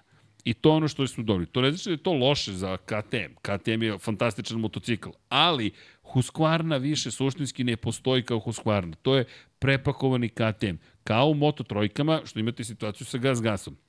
Kada su krenuli u osvajanje MV Aguste, jedne posebne robne marke, dakle sad MV Agusta možda nije ono što je nekada bilo u svetu automotosporta, ali i dalje to MV Agusta kada da, reč o motociklima. Ali ti na ulici, mislim, Tako MV je. Agusta izgledaju brutalnije od Ducatija. Pa brutale, izvini, mislim. dakle, o čemu pričamo? To je MV Agusta. Ma, F4. Pa F4, mislim, mislim. s onim bizdovima, znači, zaljubiš da... se samo kad ga vidiš. Vidi, MV Agusta je posebna i ono što je bila poenta priče jeste veliki strah da će se pretvoriti samo u korporativnu priču. Međutim, šta su rekli Austrijanci? Rekli su ljudi, nemamo nameru nikoga da otpustimo. Dakle, mi hoćemo da zaposlimo više ljudi u, fabrici u Varezeu, želimo da povećamo količinu prodaje MV Aguste, ali ne tako što ćemo uzeti KTM i pretvoriti ga u MV Agustu. To niste kategorija, nema veze sa. Husqvarna je neka druga priča. Mnogo više je off-road nego... Kako? Ne, ne. Reci, reci, reci, reci reci. Pa ono, kosilice za travu, testere motorne.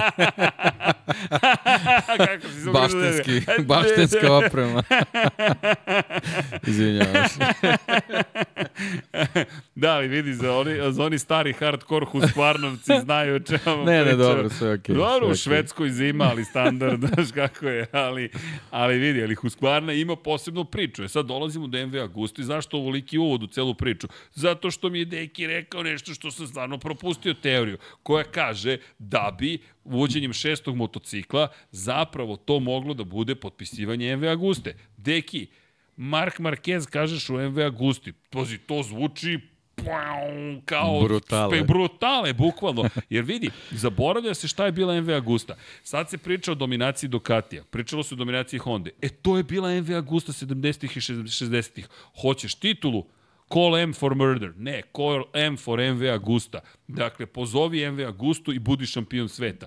I kad pogledaš Mike Haywood, Giacomo Agostini, to su, to su legende koje su gradile tu priču MV Agusti, gde ti sada možeš u momentu kada evropski brendovi rade sve ovo što rade, izvučeš MV Agustu iz istorije, kažeš, sad ćemo da je vratimo stari sjaj. Pa u koga su japanski motocikli gledali kad su, kad su se u razvijali? U MV Agustu u Kađivu, MV Agustu. Kađiva inače koja pripada MV Agusti, da ne zaboravimo, to ne smemo da zaboravimo, jer Kađiva, Kađiva je tek bila posebna, ali dobro. Pa A, dobro, to, to, su, to su bili duhovi MV Aguste u Kađivi. Jeste. Jeste, i ti sad dobiješ situaciju, zamisli Marka Markeza na MV Agusti. To kad si mi rekao, da bi wow, Zašto? Zato što ti to spaje neku novu, staru istoriju. A dobro, ali to je opet... Stvara novu. Ok, stvar teorija. marketinga. Ne, ne, ne, to je opet stvar marketinga. Ali jednostavno, u priči sa KTM-om, Marka Markeza na, na a, sadašnjim podbrendovima jednostavno Ma na Gas Gasu ga ja, ja, ja, ja, ja, bi, ja bi pao nesvest da potpiše da. za Gas Gas. Ja mislim da i on svesno, pa ne mogu potpiše za Gas Gas. Dužno poštovanje prema Gas Gasu, ali izvinjam se, to je Gas Gas, to nije KTM, to nije Red Bull KTM to je neka druga priča. MV Agusta, to već ima neki drugi sjaj. To već možemo da pričamo u nekoj ozbiljnoj priči i vezi sa Giacomom Agostinijem. Pazi, ti sad stvaraš vezu sa, sa velikim magom. Čak i Valentino Rossi je jurio Giacomo Agostinija. Gde su išli zajedno na Isle of Man TT? Pa ne, evo ti samo... To je išli, a, pričali smo o, o, o toj harizmi Goodwooda. Da. Zamisli 2025. Goodwood sa Agostinijem i Markezom u, u počasnom Kako? krugu uz brdo. I to na nekoj MV Agusti koji je, koji istorijskoj je to, i novoj. Koji je to marketinški potez pa, i koliko je... vredi recimo taj snimak? Pa, vredi koliko hoćeš. Vredi bukvalno koliko hoćeš. Jer to je zapravo istorija. Pri čemu ti onda imaš nastavak priče. I šta se dešava u, u, u prodavnicama MV Aguste sledećeg vikenda? Da, vrlo zanimljivo. I pričalo se MV Agusti da će duđe u MotoGP, ali ovo sa Markezom stvarno nisam spojio da bi mogli njega da stave na MV Agustu. I to je neki bio plan za 2027.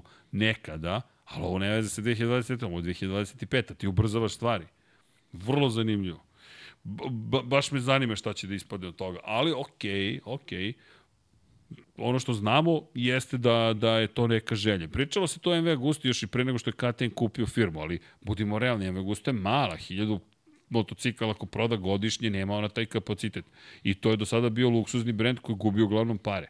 Jednostavno, to nije, A to je kao i u, u, u, u industriji konfekcije. Ko je vlasnik luksuznih brendova? Pa tipa Pa dobro, ali, ali upravo, eto, sad si, sad si iskoristio tu pravu reč. Luksuzni brend. To jeste luksuzni brend. I ako, ako paravimo uh, paralelu sa Formulom 1 vezano za ovaj aktuelni razvoj Moto Grand Prix-a sa tehnologijama ko ulazi tako dalje i tako dalje. Ko, ko, ko, ko, ko ulazi u Formulu 1? Znači imaš, imaš Aston Martin, imaš Ferrari koji je tu, koji je luksuzni brend. Aston Martin je luksuzni brend. A, Renault, Alpinu Renault je odlučio da Alpinu To, to. koristi umesto svog matičnog, svog matičnog logotipa i tako dalje tako dalje. Tako da, da a, ako postoje ta neka razmišljanja ovaj, kod KTM-a, to je, to je jednostavno to. Jer a, KTM Ducatiju može da parira sa MV Agustom. I pazi, ti spajaš još jednu stvar. Ti spajaš istoriju Isle of Mana. Surtis, Gary Hawking, Mike kažem, Giacomo to je- Agostini. To sad što sa pričaš, to je vezano za tu strategiju marketinga.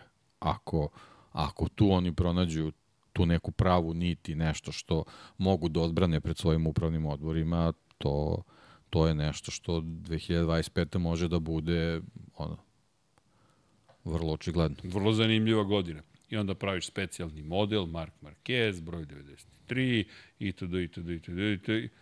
Dobro. Tu ti je, tu ti je samo najveća, najveći problem kako farbati taj motocikl, da li je to RC16 ili nešto drugo. Dobro, on mora da bude prijavljen ka RC16 po pravilniku, zato što ti u suprotnom u Moto Grand Prix moraš da razviješ potpuno novi motocikl. On To mora je, da bude to je RC16. sad najveći problem. Ali tu će da piše MV Agusta ako se to desi. A koja boja? Pa ne znam sad koja boja. To Jel, to je ono što smo pričali. Znači, u, u čitoj ovoj konstelaciji razvoja Red Bulla, oni u ovom tre, u Red Bulla, KTM-a, oni u ovom trenutku ovaj, nemaju vozača koji će moći da ih dovede do šampionske titule. A to je sledeći korak.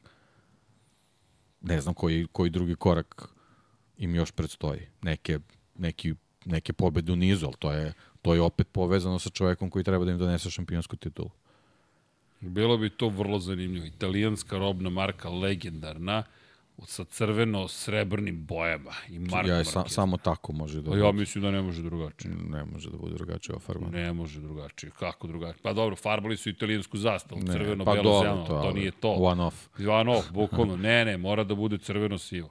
To mora da bude crveno-sivo. Zamisli tu scenu. Pa ja bi platio to da vidim. A, odeš na stazu da vidiš MV Augusto, kako god, ali ti treba ime za to. To ne možeš da uvedeš sa Raulom Fernandezom ili Augustom Fernandezom, uz dužno poštovanje. Jeste osvojio titulu Augusto Fernandez. Pa onda zona kod navijača gde ćeš da izložiš sve šampionske motocikle. Pa. Pa Agostini KTM dođe. nema istoriju. Tako je, KTM nema istoriju. Ti kupuješ istoriju ovako. Ti ovako dođeš i kupiš istoriju. I Znaš. kupiš šampiona. A vidi, Ducati je već tu 20 godina se bori, ima tu šta da se izloži. Ima što da se iz... Pa, izvini, Casey je I svi motocikl izgledaju, i... pa ne, svi. Svi, ma ne, Realno, prvog, realno. pa od Kapirosijevog prvog. Da. Izvini, Baylisovu pobedničku mašinu iz 2006. Hvala lepo, doći ću da vidim. Da. Da, se poklonim. Klot crveni i oni sa belim linicama. e, da. Bar kodom. Da. Šta to beše, da. taj bar kod? Išli su ispred vremena. Win now. Mission Winnow. Mission Winnow, da, Da. win now. da.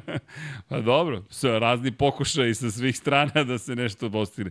Da, ali vrlo velika potencijalno zanimljiva, ne potencijalno zanimljiva stvar svakako, ali ok, e, iskreno da ti kažem, volao bih da se to desi, čisto da imamo pff, neku potpuno ludu priču, ne ludu priču, neku priču koja je stvarno istorijska potencijalno. Jer mislim, i mislim da to treba takođe MotoGP-u, da su ti potrebne takve priče. Znaš da malo se razmrdaju stvari. To mi mislimo. To- Šta misle oni? pa koga briga? dobro je ovako. Ne, u Ducatiju Da. sigurno misle da je sve u redu i da je dobro ovako. Nema. Da. Momci, šta dirate? to? Dovedite neki rock band da svira himne i super. I to nemoj mnogo to. da se petljate Da. u ovo. To je spektakl. Samo da neki, neki, nešto čudno bude osvirana himna i pomerili smo granice. o, deki, gde si sad krenuo? Pa ne, samo kažem, to je, to je sad njihovo trenutno shvatanje tih da, spektakala. Da, da, da. Pa dobro, da, vidiš da pokušavaju tu spojku sa Formulom 1 znam, da to, tu je Helmut Marko, pa tu je Lando Norris. Mada, što je Lando Norris došao na Red Bull ring? To juče nismo mnogo komentarisali. Šta ćeš ti na Red Bull ringu, jeli?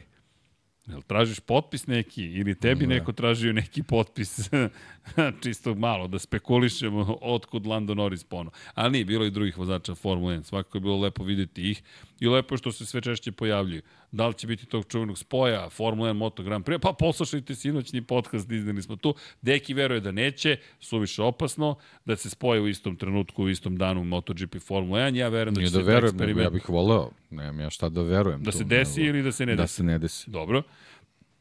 Ja sam prilično Voleo siguran da, da će se se ne desi. desiti, ali da, da, da ne, ne, ja moram ti priznati iz perspektive bezbednosti, razumem tvoju brigu i to je jedino što, što me brine. Kada bi to moglo neko da se sredi, volao bih ne da mogu vidim na normalnim eksperimentalno. stazama pritiske da, da Razumem, regulišu, razumem. ne na, na gripu Formule 1. Zamisli tek to. Da, i neko je spomenuo na početku spa, da li se vraćaju u kalendar. Ja, evo, ja se iskreno nadam ne. Nemojte ljudi ove motocikle na spa, šta, šta će nam to? Zamislite kroz ovo ruž, pa i one petstotice je bilo strašno gledati kad idu kroz ovo, a išli su kroz ovo ruž, da ne pomislite da, da su imali neku alternativnu Ma verziju. ne da Bože, klapanje samo neko. I... Da, da ne, pa, pa, pa evo ti sad ovo. Jorge Martin kaže, pustim ja malo kočnicu kasnije i problemi. Tako da, ne treba, ne sve je u redu, ne treba. Deki, smo propustili nekoga da spomenemo. Da pohvalimo Aleksa Markeza. Ej, dobar vikend Da, trkački. da, da, da. Četvrti u sprintu, peti da. generalno, produžen ugovor, to su ti stabilni poeni koji su im potrebni. Kada pogledaš, možda i najkompletniji vikend. So, ajde, treća pozicija, činjenica na početku trgu sezone u Argentini, pol Da, i prilično kontradiktorne izjave ponovo njegove i timskog kolege, gde on uopšte nije nešto ni spominjao bilo kakve probleme, poteškoće, s druge strane ovaj, Diđa ponovo ovaj, u velikim problemima, kaže da je bukvalno na stazi bilo ovaj, preživljavanje, da je u jednom trenutku pritisak u gumama bio takav da, da, da jednostavno je bukvalno svaki dodir kočnicu očekivao da će mu se zaklopiti prednji kraj. Jel, znaš što je zanimljivo? Alex Marquez je u jednom momentu bio sam. Zapravo, ispred sebe nije imao nikoga. I kada pogledaš Becove, sve napade, Bece... Inokosan. Dakle, kada pogledaš, imaš Beceke koji zapravo je iza nekoga, Marquez ima čist put ispred sebe, jer su ostali dovoljno pobegli. I kada ga je Bec pretekao, ni Alex nije imao više odgovore. Vrlo brzo je došao Marini i to je bilo to, on je samo počeo da pada. Tako da ima smisla, nekako mi ima smisla to što govori Diđa, Da, on je, on je stalno na, na, na začelju, je, uvek je u grupi, uvek je, jednostavno ne, ne postoji mogućnost da, da uopšte proveri kako bi taj motocikl funkcionisao, da dobije malo čistog vazduha. jedino ali da ura, izvede jedino- Vinjalesa, da ode, da, jedino da- pusti gas i onda vozi brze Jedino krugove. da malo bolje bude u kvalifikacijama. To bi bilo idealno zapravo za Diđu, ali vreme ističe. Da, da, vreme mislim ističe. da, da. Ja, ja ne vidim da će čak ni spektaklom u Mizanu moći nešto da učini za sebe. Možda ako pobedi u Mizanu. Ali Da. to je taj nivo.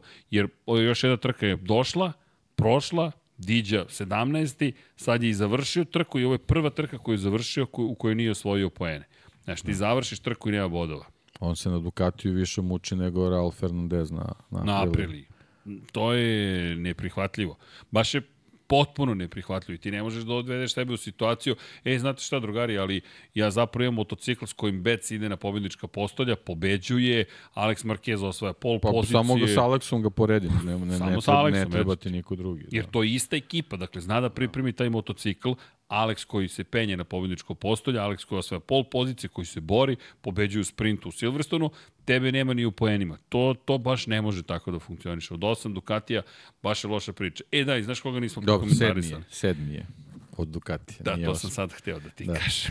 To sam sada hteo da ti kažem. A, Teško ide. E, kaže Tony Sony 76 kad Suzuki, BMW, Kawasaki se ne usuđuju da uđu u MotoGP, šta ostalo za MV, šta, e, šta, je, šta ostalo za MV Agustu gdje je nigdje nema na tržištu, da hoćeš da je kupiš i nema jaka mašta. Ne, ali Tony Sony, to je point Pa evo, Tony Sony nema, nema Kawasaki, Suzuki je, šta je još rekao, e, BMW. ali ima gas gas. Ali ima, ta, e, to, ne, to, da, nemojte da, da, da, to je, to je KTM-ov To projekat. je rebrendiranje. samo. Tako je, to je, to je, to nije MV Agusta, to je KTM. To je bukvalno KTM koji, koji kupuje na sve strane i to je njihova strategija. Pri čemu KTM želi da poveća prodaju MV Aguste. Upravo želi da iskoristi svoju mrežu distributersku da vam ponudi MV Agustu. Da bi vam ponudi MV Agustu, prvo mora da je proizvede, što znači imamo proizvodnju, onda ide u distribuciju, da imate na mestu prodaje. A onda treba da vas navede da želite da kupite MV Agusti. To ono što je Deki ponovio, ja mislim, sedam puta marketinški projekat. Ovo nije projekat razvoja novog motocikla. Da, a vreme, vreme teče vezano za marketinške projekte, jer kada Audi uđe u Formulu 1 želeće da ujedini titule, tako da... Koliko će para biti na raspolaganju za neke druge stvari. Ali čekaj, ko je u vlasništvu Audi? Pa to kažem, želeće da ujedini titule. A, misliš da će pare i u Ducati i u Audi. Sad sam te tako da, tako Au, da vreme, vreme za ove druge mnogo brzo teče. Au, da, Audi koji 2026. ulazi u Formulu 1. Vidi, sad ovo što smo bili znači, pričali... Znači, 2030. Smo... ujedinjenje titula. Ma Donadi Campilja ove godine, to ono je bila Formula 1. I ti tačno vidiš novac Formula 1. Verujte, Moto Grand Prix izgleda zaista kao daleki rođak bogate porodice koji je došao prvi put u vilu i video bazen i 45 spavaćih soba. Ja se ne, ja se ne šalim i kaže, wow, šta je ovo? Voći. Korpus voćem. Bukvalno to tako izgleda. Da, zaista tako izgleda. Vidi, mi sticamo konstantno imamo kontakt i sedim i sa drugim svetom, ali u Moto Grand Prix-u dođeš i odjednom imaš ugođaj Formula 1 i veruj mi, svi su imali veliki osmeh na licima. Svi jer je to Audijev novac. Bukvalno Audi, Audi vas vozi po planini. Dođe vaš vozač u Audiju, sad birajte ko je Audi, dalje benzinac, dalje hibrid, dalje dizel, ali su sve, šta mislite, koja verzija? Šta mislite, ko, koja verzija? Ajde, deki, ti ćeš Audi koji te vozi po planini. Šta to misliš? je Tron neki. Pa između ja, ostaloga, ako nije e-tron, da. ti je S. Dakle, pa dobro, da. da. To je najniža verzija koju ćete dobiti. Onda vas okolo vozikaju, aha, vi ste u, na Madoni di Campillo kao dobiješ narukvicu, vi ste uh, gosti Ducatija. Sve na izvolite. Evo, hoćete malo da vozite po zamrznutom jezeru, da testirate naše modele. Znači, cilj je pobeda na Le Manu sa Lamborghinijem, Formula 1 sa Audijem i, I Moto Grand Prix Ducati. I to kad urade, I kad ne, standardno, DTM taktika. Uh, ovde smo sve osvojili, gasite svetla. I to ono što nas najviše brine, zapravo to ono što ti ponavljaš već godinama. I nažalost, moram reći... Ali to je reći, marketing sve. Al, jer to će da prodaje... jer to će da prodaje. Da, zato vam kažemo, nije, nije nam mašta čak u pitanju. To, je, to su potezi koje smo već videli. Đorđe, hvala za, za ovo stoji ovde, dakle, ne, ne, ovdje imaće... Nismo jedno... se slikali samo zajedno, ali dobro, nema veze. Hoćemo uživo. Ne moramo, ne moramo da prekidamo. no, Đo, pa, pa čekajte, pa, Đorđe, molim vas, Pa maka, evo da vidite Đorđe da upoznate, pa će, pa screenshot sutra iz podcasta. Samo nemojte kameru da pomerite, onda će vlada da nam ustane, a vlada, Vlada ne znam čovjek zapravo, sad sam te da ga prozivam, da. Evo ga Đorđe, to! Evo je fotka. Čekaj, stani, Čekaj. stani, stani, sad ćemo i ovako. Po, pozdrav za mamu i tatu. Čekajte, pa to je pojenta cele priče, ajmo. Sva trojica. Čekaj, evo ga. E, opa. Se raširi da se vidi ovo. To je to. To je to. Hvala vam. Hvala tebi. Vidimo se. Ćao, Đorđe. Hvala za sve. Ćao. Ovo je baš lepo osjećaj. I ovo je, veruj mi, ovo je čista romantika. Ne, ne, hvala, hvala vama, cijeloj ekipi. Pozdrav. Ćao. Dakle, ovo su najlepši trenuci, tako podeliš emociju, strast sa nekim i, i, i uživaš i dobiješ po, po, bukvalno poster, dobiješ, imaš plakat ceo koji je bio na stazima, fantazije. Ljudi, samo uživajte u životu i lepo se zabavljajte i idite na trke. Tako da, Toni Soni, razumemo vas, Inače, pozdrav za Tonija Sonija koji je svetioničar početnik već 16 meseci. Udrite like, drugari, kliknite subscribe, share, podelite sad, uvucite ih u našu priču. MotoGP, Formula 1, Lab 76, može 99 yardi, 1 1 I da kreće svetsko prvenstvo u košarci. Vidim se Miksa i Vanja na oštri. Idemo, akcija. Ali dobro, to je neka druga priča, da se mi vratimo našoj priči, a naša priča kaže, tako da, ko zna šta će se tu desiti. Da, jedan na jedan od danas ovaj, Instagram profil je tu, bit će sad posebno aktivan oko svetskog prvenstva, tako da može tu da se prati. Da. Inače, da, Toni Sonic kaže HTM ima 25%. Ima 25%, Trenutno. ali su izrazili želju Pirer grupacija da kupe 50,1. Ako to urade, to onda stvari. priča postaje onako zanimljivije. Ovako sa 25%, ne, naravno. Kada pričamo o, o ovome, zaista, verujte, nije samo ludo teorija. Ali vraćam se konkretno na Konkretno se vraćam zapravo na Dekija koji je pre par godina rekao da ga plaši zapravo cela ta priča oko, oko suštinski oko detemizacije svega. Ali dobro, to je, to je nešto što samo pažljivo pratimo. I da, evo jednog pitanjca, to je zanimljiv moment sa 37, brojem 37, a to je zapravo priča o broju 37, pa evo spomenji Master ima Srki Pedro Costa nosi broj 37, Augusto nosi broj 37, broj maksimalnih pojena je 37, Marko Simoncelli žele da nosi broj 37, ali je bio zauzet. Marko je čak i vozio 37, ja mislim u debitanskoj sezoni, to je, iako je njegov broj čuven postao 58, ali eto, desio se, ne može 37, ok, daj 58 i... Prvi sledeći slobodan. da, da, da, bukvalno, prvi sledeći slobodan, eto, to, je, to ti je slobodan broj. Da, pa dobro, Pedro je nosio 51 prošle godine kada su bili zajedno u kategoriji, ne samo u kategoriji, u istoj ekipi Augusto i Pedro. I to je to, ko prvi dođe do broja, njegov broj. Pa da pe, ako Kao ostane... Binder i Bastianini. Tako je. Da, Bastianini je hteo broj 33. On je Pa silom prvih, to je to, je njegov broj. broj, ali tako je. da. Po 123. Da. Njega nismo spomenuli. Enea Bastianini. Pa Baš je dobro, mislim... čekanje sad- podugo. Pa, čekanje podugo, jednostavno tako je. Takva je situacija. Ovaj, I ti si u prenosu spomenjao još jednom da je jedna generacija Ducatija je prošla bez njega Da, da. praktično. Ovaj motocikl nije, nije imao prilike da, da, da, da prvo nije imao prilike da se navikne na njega, da ga upozna i prepozna, a da ga onda i podesi po nekim svojim afinitetima. Tako da to je proces za koji je možda eto Ducati i spreman iz prostog razloga što Banjaja radi ono što treba da radi, tako da prioritet je ta njegova odbrana šampionske titule, a, a, a ovaj Enea možda ima tu sreću da će na taj način dobiti ovaj dovoljno prostora i vremena da, da, da iskoristi 23. da se u stvari pripremi za 24. Tako da ne treba sad ovaj, toliko tragično gledati na sve to, samo što jednostavno kada se nalaziš u fabričkoj ekipi Ducatije, ti o, moraš da posjeduješ dovoljno kvalitete da se jako brzo prilagodiš situaciji i da počneš da isporučuješ rezultate. Ovo sad već malo ovaj, malo već duže traje i mislim da, da, da to može pre svega i kod njega da, da, da, da donese dosta nervoze, iako znamo da je prilično taktičan i da, da, da ume da, da razmišlja o određenim situacijama, ali jednostavno a, o, novi format trkačkog vikenda i, i sprint trka u subotu jednostavno ne odgovara njegovom ovaj, njegovom načinu ovaj, pripreme i, i, i vožnje u trkačkom vikendu, tako da je potrebno i da se na to navikne i, i mnogo tih nekih elemenata koji, koji mu ovaj, otežavaju, otežavaju situaciju vezanu sad ne možemo kažemo ni povratak, on nije ni, ni došao praktično, ni otišao ovaj, vezano za, za, za taj fabrički tim Ducatije, tako da sve je to onako negde ni na nebu, ni na zemlji, ali sad je sve na njemu i jednostavno mora da mora se čuva povreda i da da bude ovaj u maksimalnoj formi da ajde recimo da kažemo od Mizana to krene na neki način kako je kako je ovaj kako je teklo u trenutku kad je zaslužio ovu poziciju.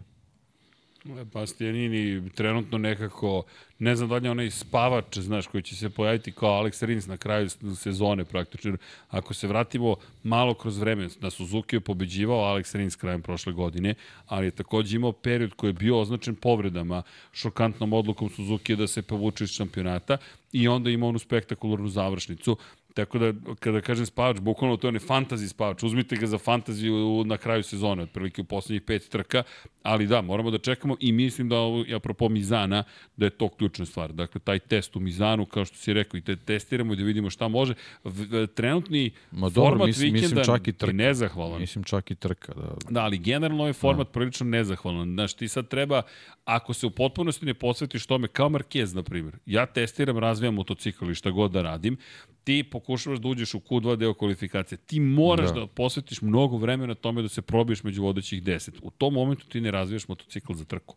Ti to vreme moraš da posvetiš Pa kvalifikacijom da, ali, ali e, Enea ima situaciju da u ovom trenutku uz razvijanje motocikla za trku, znači mora da se navikne na taj motocikl i da, da se pripremi da izveze brzi krug. Zato ti kažem, jedno To od toga je- mora to da je žrtvuje. Tako je. To mora, nešto je. mora da žrtvuje. Zato ovaj format vikenda veoma ali, loš. ali za nema, nema šta da situaciju. žrtve, on bukvalno uh, sa, sa tim skraćenim vremenom, bukvalno verovatno sve vreme u stvari provodi prilagođavanju, na, za prilagođavanje na motociklu.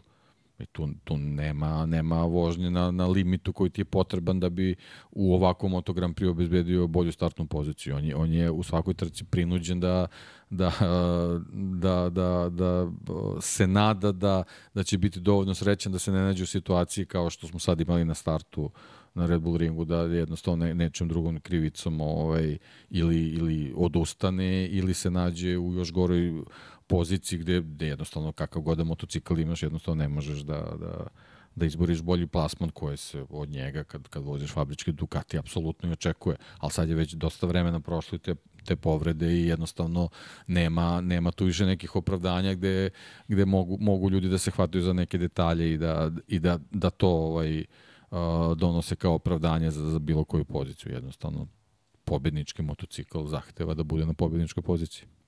Pogotovo u ovoj situaciji kada Banjaja dominira na tom motociklu. U tim bojama pride. I da ne zaboravimo, to jeste taj motocikl, pošto Pramakovci ne samo što imaju različite boje, već i različitu oplatu.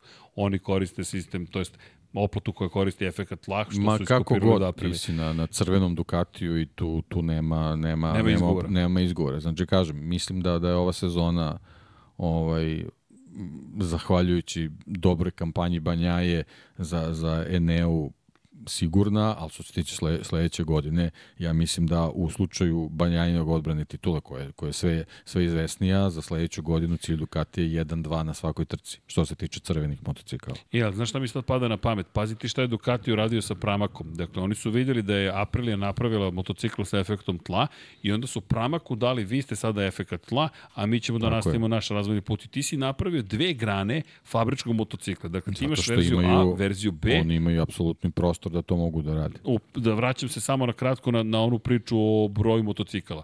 Bukvalno oni im sad mogu da kažu, aha, Aprilia ovo radi, testirajte to što Aprilia radi. E, ali vidi, to je po pravilniku tako napravljeno da moramo da homolog, homologacijom odredimo da. jednu. Ok, onda ćete vi to da uradite.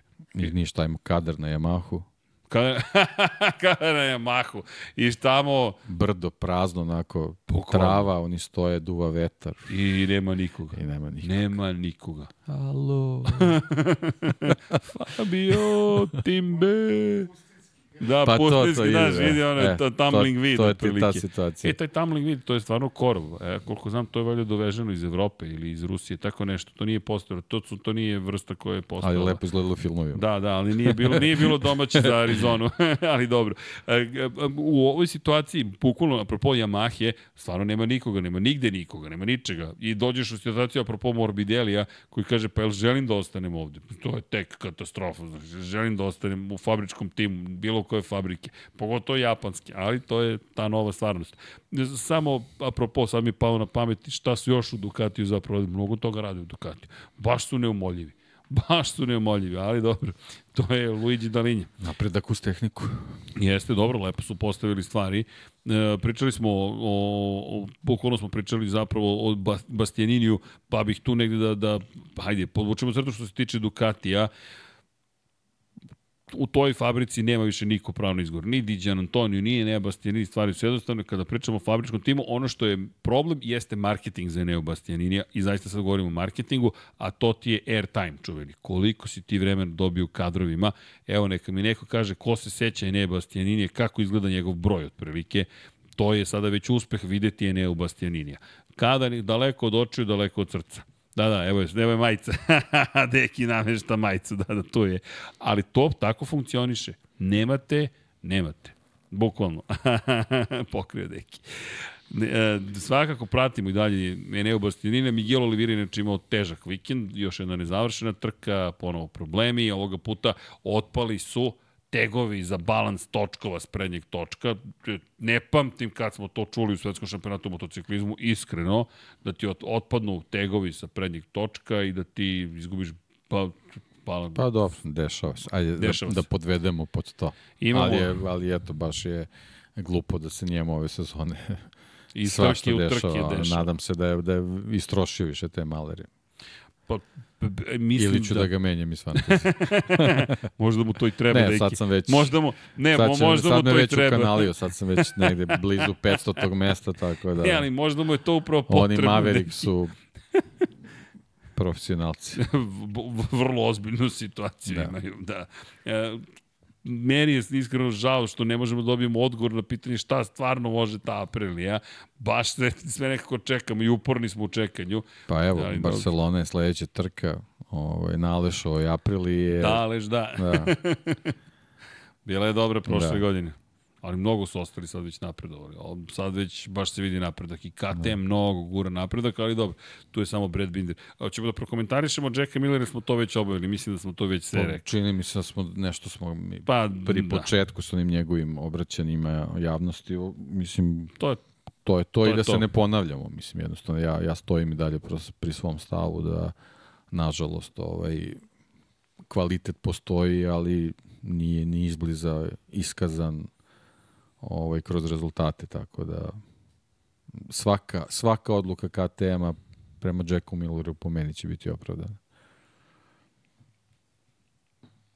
To je velika liga. Da, Dobio si priliku, na tebi je da da. Mnogo je iskoristiš prilika priliku već to je to. dobio. Pa ima je Već baš je mnogo mnogo prilika dobio. Jeste i bojim se, moje iskreno mišljenje da, Njegov, da će njegovu priliku zamenjen. koristi Peko Banjaje. Kako to misliš? Pa je, je dobio priliku u fabričkom Ducati? Jeste. Ko je, ko je u tom trenutku bio broj jedan, da kažeš, kad su došli tamo? Pa, u, ko je bio? Pa, nije bilo baš broj jedan. M- Moje Pa, mišljenje. Imao si slobodu da Imao se si izboriš slo- za imao si poziciju. slobodu da budeš broj jedan. To je to. I nisi se izborio za poziciju broj 1. Na kraju si čak i izabrao da budeš pozicija broj 2. Svesno, ali ni to nije bilo dovoljno. Da. I onda Ali to je možda taj neki australijski mentalitet, znaš, to, to liči na, na, na, na nešto što je, što je ovaj, se olu- olupalo o glavu i recimo Danielu Ricardo, na primjer. Ja sam super, ja sam high high, ja sam motivisan, sve strava, rezultata nema nigde. A neko to računa kroz neke brojeve i onda dođeš, dođeš u takvu situaciju. Da, trenutno A Brad, Brad Binder dva puta drugi sad za vikend. I, i to na, u, u kući Red Bulla. U kući Red Bulla, tebi Helmut Marko izlazi na pobjedničko postolje i zna već ko je taj momak, a gde si ti? Puštaš brkove negde. I ne samo to što puštaš brkove, već tebe pobeđuje Pole Spargaro. Koji Posebno. Njega bi- u stvari nismo spomenuli. Ni- Vozač vikenda. vidi, spomenuli smo ga kroz tu priču da je bio ispred, ali Malo vidi, je, malo je. malo je. Malo je. Pole Spargaro jeste vozač vikenda. Da. Kada pogledaš, pričali smo o tome Znači, šta je preživeo. sve. Jedini, jedina greška je bila ono blokiranje Markeza. To je to. Pa dobro, to je rekao, čak Pa, i Marquez rekao. To je očigledno bilo. desilo. Pa ne, videlo se, videlo se na snimku. Znači on se u jednom trenutku okrenuo, video gde su i opet je nastavio tim putem. Jednostavno čovjek izgubio parametre zato što je bio toliko odsutan da To i rekao. jednostavno dešava se. Rekao, nisam uopšte prepoznao brzinu kojom će stići Marko. Mislim, generalno situacija nije bila opasna, nego upropastio mu je krug. To je, to je bio problem. Mislim. Ironija je da je Marquez imao prolaz u Q2. tim Imao je odličan je krug Odličan bio. krug Odličan je krug bio, to je u stvari prevaro pola. On je toliko brz bio da, da on uopšte nije očekivao da će tako brzo da dođe. A Marquez koji se nije ni ljutio rekao, jer razumem ga. Pa dešava Bio se, sam u toj dešava se, situaciji. Ali pazi, sad njih dvojica imaju druge perspektive. Obojice su ranjenici, Da. bili. I sad Marquez koji je rekao, razumem ga, jer ja kad sam se vratio nisam uopšte mogao da prepoznam brzinu. Jednostavno nisam mogao i to svi kažu kada pauziraju posle nekog vremena, čovječe kojom brzinom se sve kreće, sve kojom brzinom se sve dešava. Potrebno ti je da se uvežbaš. Bokon ti je potrebno da se uvežbaš. Ali da, pohvale za Pole Spargara i mislim da si u pravu da je uz Banjaju činjenica koji je uradio to što je radio izdominirao, Pole Spargaro taj koji je obeležio ovaj vikend. Meni se baš dopalo što je uradio i ta činjenica, taj takmičarski duh da ti juriš Jacka Millera i kažeš čekaj, ja ću biti bolji od Red Bull KTM-a, Mo, to nije izjavio, ali to je moje ubeđenje da je, da je i tekako bio motiv. Konačno on je svesno otišao iz KTM-a, otišao u Repsol Hondu, nije se dobro proveo tamo, vratio se sada u malu ekipu, u Tech 3, i ti sada na tom motociklu gas gasovim bojama pobeđuješ da. nekoga koji je u fabričkim bojama Red Bull KTM. Pa ne, sama pozicija u sprintu je sjajna, ovaj, u, u, u glavnoj trci ponovo je tu uz, uz Jacka Millera ovaj, na, na, na, na samo par sekundi. Ne, ne, ne, ne, ali pazi, on ga je pobedio fizički, Da, samo da, da. dobio onu kaznu. Da, da, da, To, da. to. I, i, i, sad, i, i ja, nema veze, znači računamo kazna je, sve okej i ovaj, pritom on dobije kaznu starta. Da, on, On je, on je hendikepirano i startovao. je pomeren tri Tako pozicije u nazad. Znaš, i, i, i u glavnoj trci koju je sam je najavio da možda neće uspeti da dođe do, do cilja, da je završiš eto i na taj način i, i, i u to, pre svega u tom vremenskom razmaku o, je ovaj, loša poruka za Jacka Millera, sa druge strane ono, čista desetka za, za Pola Espargara i zato i ne čudi ta neka promena u kursu tih izjava vezanih za, za ovaj, a, njegovu karijeru i ostanak u Moto Grand Prix. Znači, ako ti na, na ovaj način završiš ovu trku, dobro, verovatno je donekle bilo lakše što se tiče Pola Espargara, njemu je Red Bull ring, ono, praktično domaća staza, ko zna koliko je tu krugova izvezao ovaj, testirajući i razvijajući taj taj motocikl, tako da verovatno je tu malo i psihološki lakše to odmah povede sa sobom i da ti možda i fizički lakše nego, nego što bi bilo na nekom drugom mestu, tako da ovaj bez obzira na, na sve to ovaj on se dodatno ohrabrio i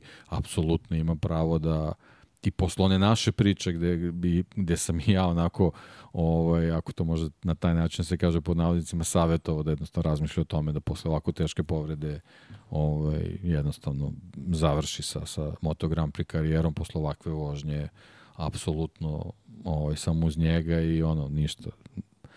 Go for it, nastavi sa oporavkom i, i da te gledamo sledeće godine u Pa, Moto Grand Prix. to je i rekao. To je to, nema šta. Znaš koja je meni fenomenalna njegove izjave? Kada su ga pitali za ugovor, rekao je, meni ne brine ugovor, mene brine moja loša vožnja. To jest, da li ja dovoljno dobro vozim. Da, da. Dovoljno Pa dobro ne, verujem, voziš. verujem, dođe, dođe moment stvarno da se preispituješ, mislim, kroz šta sve prođeš, ovaj, prilika se, to je ovo što se dešava Joanu Miru isto. Joanu Miru. Pa, Znači, jednostavno, se, jednostavno se preispituješ, on sad više nije siguran posle svih tih silnih povreda i tog, tog lošeg izdanja ovaj, Honda, da li, da li on uopšte zna da vozi, šta, šta je za njega, može da bude reper, da posebno s ovim ograničenim i testiranjem i svi, kako on uopšte može dođe do nekog repera da vidi koliko je brzo i gde se uopšte nalazi gde, gde svaka trka u koju dođe ovaj, na, na, na, na neki limit završava se padom.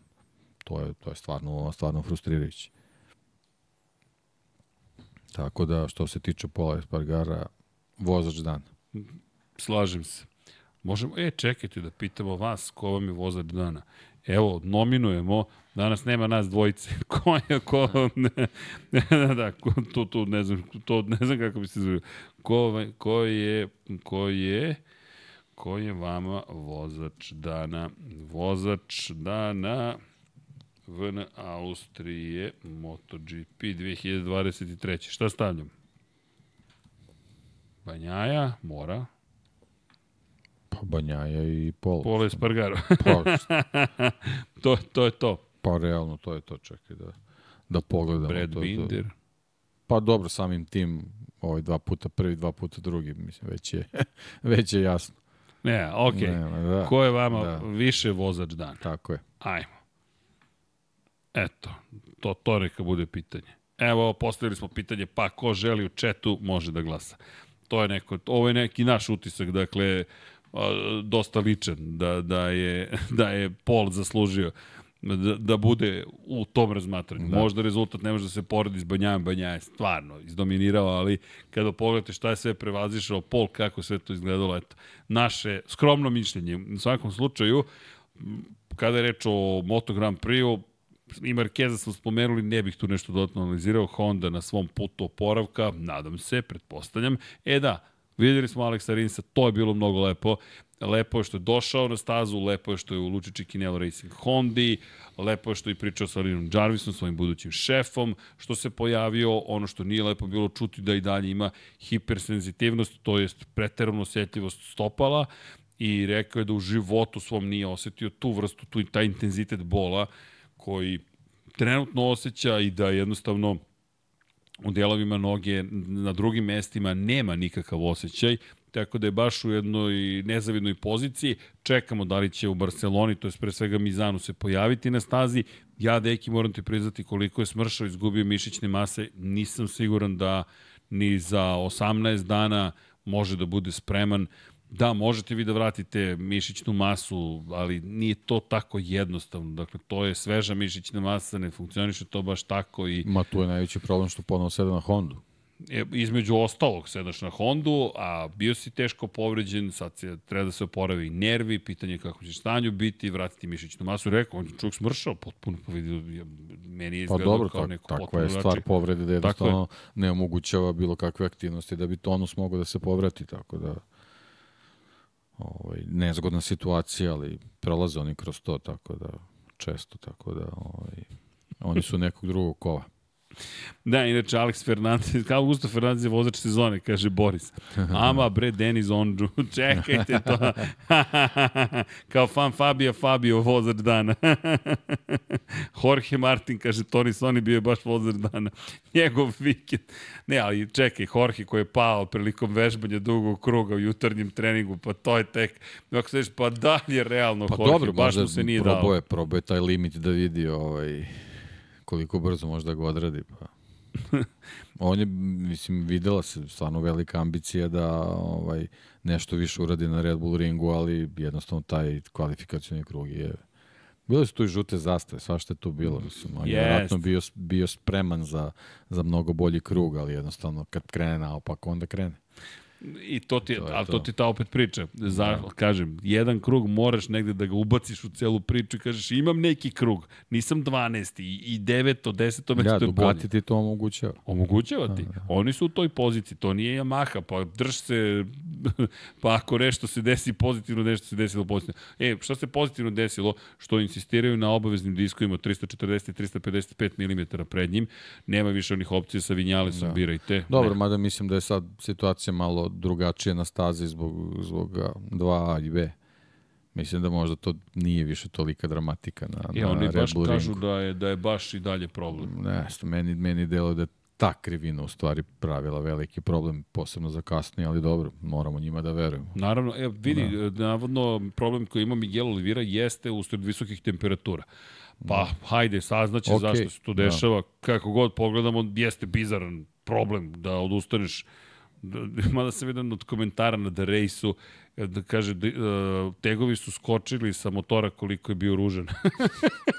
Ja, da, da, imali su one boje. Da. Imali su one plavo-belo ciklama, ne znam, nije kombinacija. Ali meni to nije toliki problem. Meni je problem što zapravo njegovo da. Da. trkačko delo nije bilo usklađeno s motociklom. I ovako sad i razmišljam, pa da li je realno Tom je glavni sponsor, taj Crypto Pa Data jeste, sponsor znaš, baviš trke? se, eto, baviš se tim nekim stvarima, a, a nemaš motocikle koje uopšte mogu da, da, da, da u tom trenutku da ih postaviš na neku dobru poziciju na gridu da bi se to uopšte videlo, čita taj trud i to. Ali dobro, okej, to su sve te neke marketiške aktivnosti, sada ih ne, ne kudimo A pretarano, dobro, ne, ne kudim ih, meni ne smeta, stavi ih prvo prvo... prva tri reda, pa ih onda farbaj kako hoćeš. Pa vidi, Znaš, ti kad ih staviš pozadi, ko to vidi? Pa vi, ovaj se video, vidio, ovaj se video. Dobro, možda, možda je to onda cilj, da, da isprobaju da Vidi vide, neki- da vide u masi kad si pozadi kako se vidi, vidiš. video se Da. više nego ona tamno Da. zelena ma kamuflažna boja. Moram priznati da ona kamuflažna čeka. Izabrali ste boju kojom se ljudi kamufliraju da biste promovisali svoje aktivnosti u, na, u trkanju. E, možda da razmislite o promeni. Možda im je či, čitav posao kamufliran. Da, možda i cilj da ih niko ne vidi zapravo cele sezone. Ne znam, ali ja mislim da bi trebalo nešto tu da promene. Meni ona roze boje uopšte na kraju nije bilo loše. Bilo sam u fazonu, ako nek se vidi, nek štrči, ba i nama je lakše Da. iz helikoptera. Ali magnet za malere. Magnet za malere, magnet nije za tegove, očigledno, dakle popadaš. Ali dobro, komentar, mnogo sam se smejao.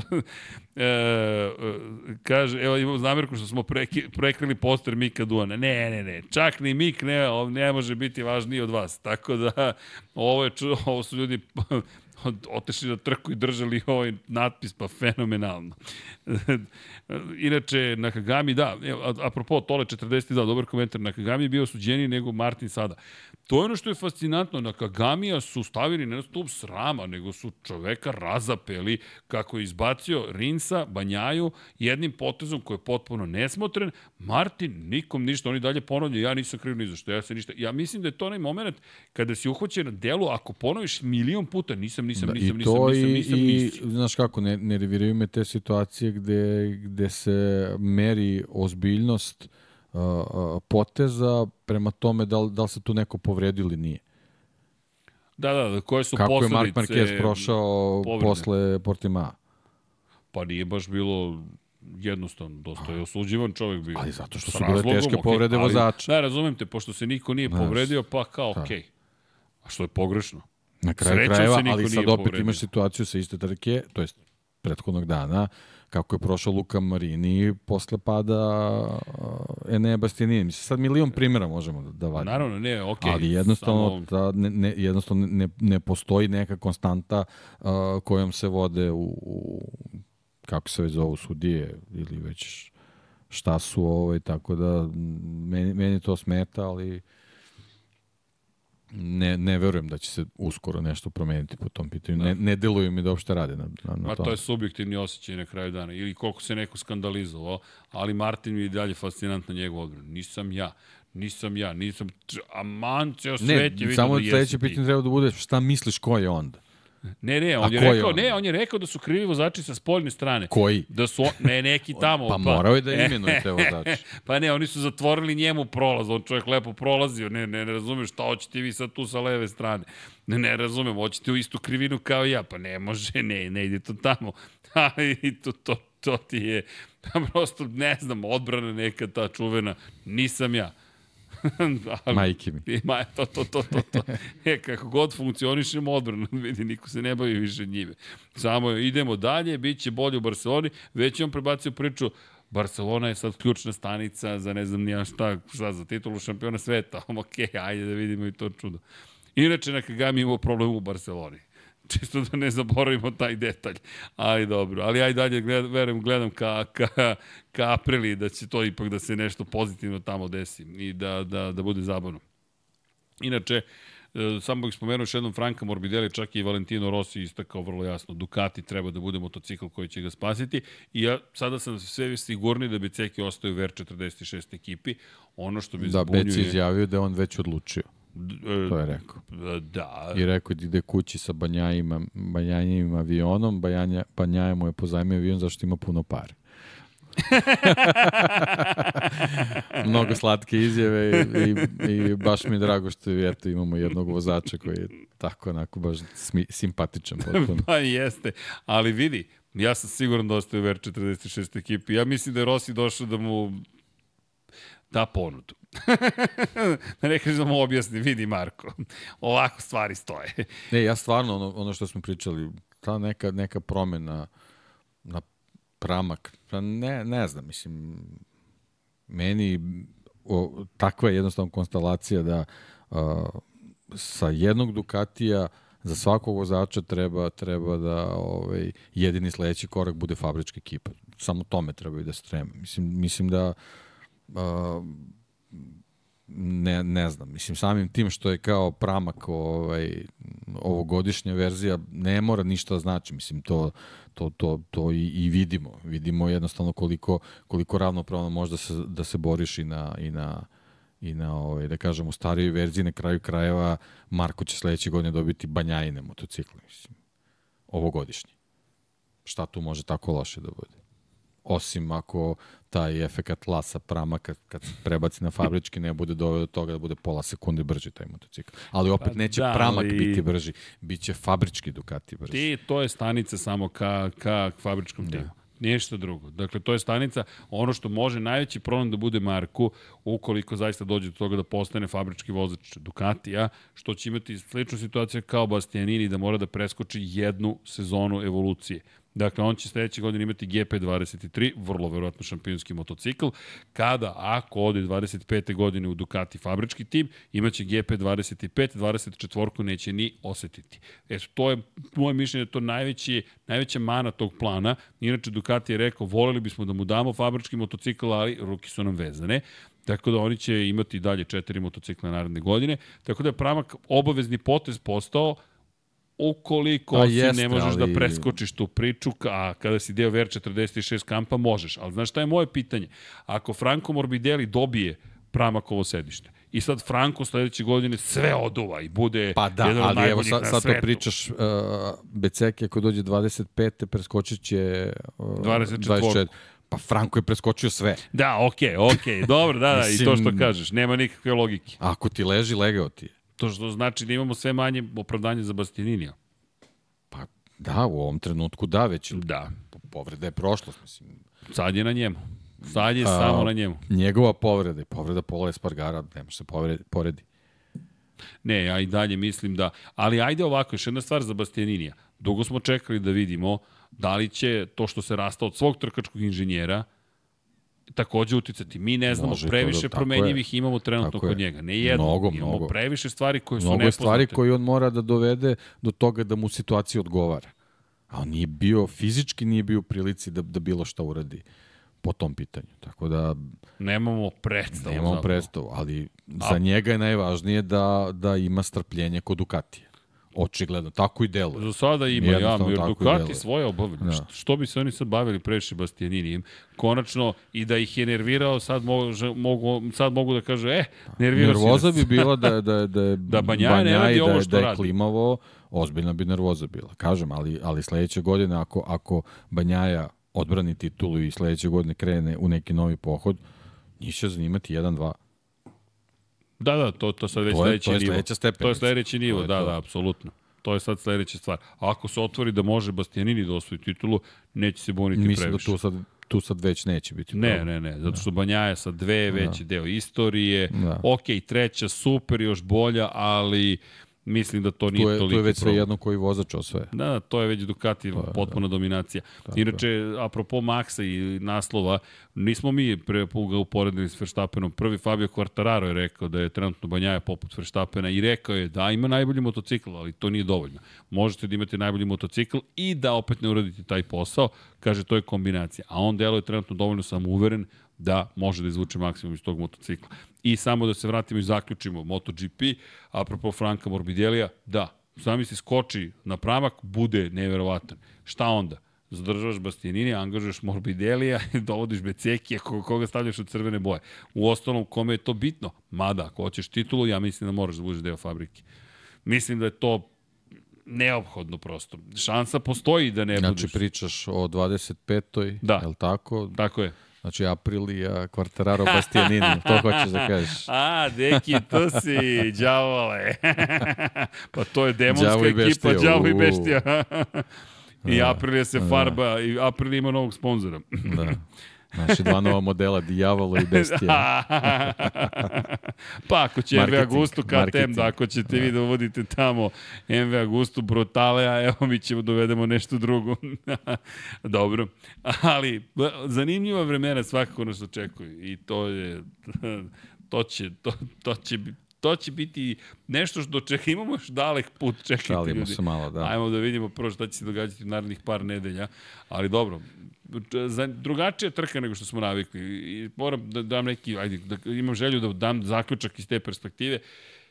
Moto dvojke, moto trojke do kojih dolazimo su zaista oduševile, makar mene. Moto Grand Prix oduševio je Banjaja, imali smo svakakvih aktivnosti, svašta se dešavalo, ugovori, incidenti, problemi, uspesi i tako dalje, ali nismo dobili onu veliku nagradu Austrije dramatičnu, znaš, promena u poslednjem trenutku, Kvartararo koji juri Banjaju, e, Binder koji stavlja gume za, ostavlja gume za suvo po kiši, u poslednjoj krivini poslednjeg kruga neko napada za pobedu, Miguel Oliveira ima prvi triumf u, u istoriji teh tri Sa ekipe. treće pozicije u poslednje krivini. U poslednjoj krivini, tako je, Jack Miller, Paul Espargaro, Gurkanje, Andrea Dovizioso, Mark Marquez, znaš, to je sve deo Austrije i sad dobiješ... A, dođe Peko, Peko i kaže- Onako, miran, tih, Tako je, povučen. isto. Nemoj uopšte da sanjate te, te uzbudljive završnice. Sad ću ja da vam pokažem kako se vozi. I to ti je to. I onda sledeće godine dobije efekt live. I dobije efekt la, na primjer, i tek onda idu problemi za konkurenciju. Zato neka se ozbilje ukoliko žele da ga ugroze, ali zato Moto dvojke, Moto trojke, deki, baš je bilo zabavno, izvinio Čelestino, Vijeti, nije vodio celu trku, nije vodio odavno u trci uopšte, za one koji se ne sećaju, Čelestino Vijeti prošle godine vodio u šampionatu sveta Moto2 kategorije, delovao je kao čovjek koji ide ka tituli, pobede, uspesi, dominacija na stazi i onda pad. Poslednja zaista spektakularna trka njegova. Velika nagrada Katalonije u Barceloni, to je sledeća trka u ovogodišnjem šampionatu sveta, gde je izdominirao, isto tako se probijao, slalom je odvezao, sve pretekao, završio na prvom mestu, dolazimo, Ćele ove godine, kako ga zovu od Milošta, inače Ćelin mu piše na kacigi, ali svaki put kada pričate sa... Ćelin, da. Da, Ćelin piše, ali zapravo ga zovu Ćele i kada slušate i Marka Beceki i ostale, zovu ga Ćele. I to je njegov zvanični nadimak. Ove godine četvrta pozicija najbolji plasman u Francuskoj i između toga 5. 10. 10. 12. I sad odjednom se pojavljuje, pri čemu na pol pozicije je Pedro Acosta vodeći u šampionatu sveta, Pedro Acosta koga KTM želi u Moto Grand Prix i svi ostali, Pedro Acosta koji ima najbrži krug trke, Pedro Acosta koji beži na početku trke i Celestino Vijeti ga sustiže i pobeđuje. Pedro Acosta koji ima spremno, spremnu celu proslavu na Red Bull KT. To, to je jedino što od čega bih odustao na njegovom mestu. Rekao bih ne. Više nikad. Da više nikad. Nemoj drugo mesto da slaviš, molim te a i nemoj da spremaš proslave, a ili ako spremaš nema niko da zna. Imao je Valentino Rossi situacije sa zamkom, ide pobeda, izleti sa staze, sakriju zamak i kažu nema proslave. Kako sad proslava? Nije, nije, nije, nema pobede. Ali sve o svemu Čelestinu da, Vijeti... Želeo, želeo izgleda ovaj, tu proslavu ovaj, iz prostog razloga što je postojala, pretpostavljamo, mogućnost da, da se ta 24. Ovaj, i ozvaniči.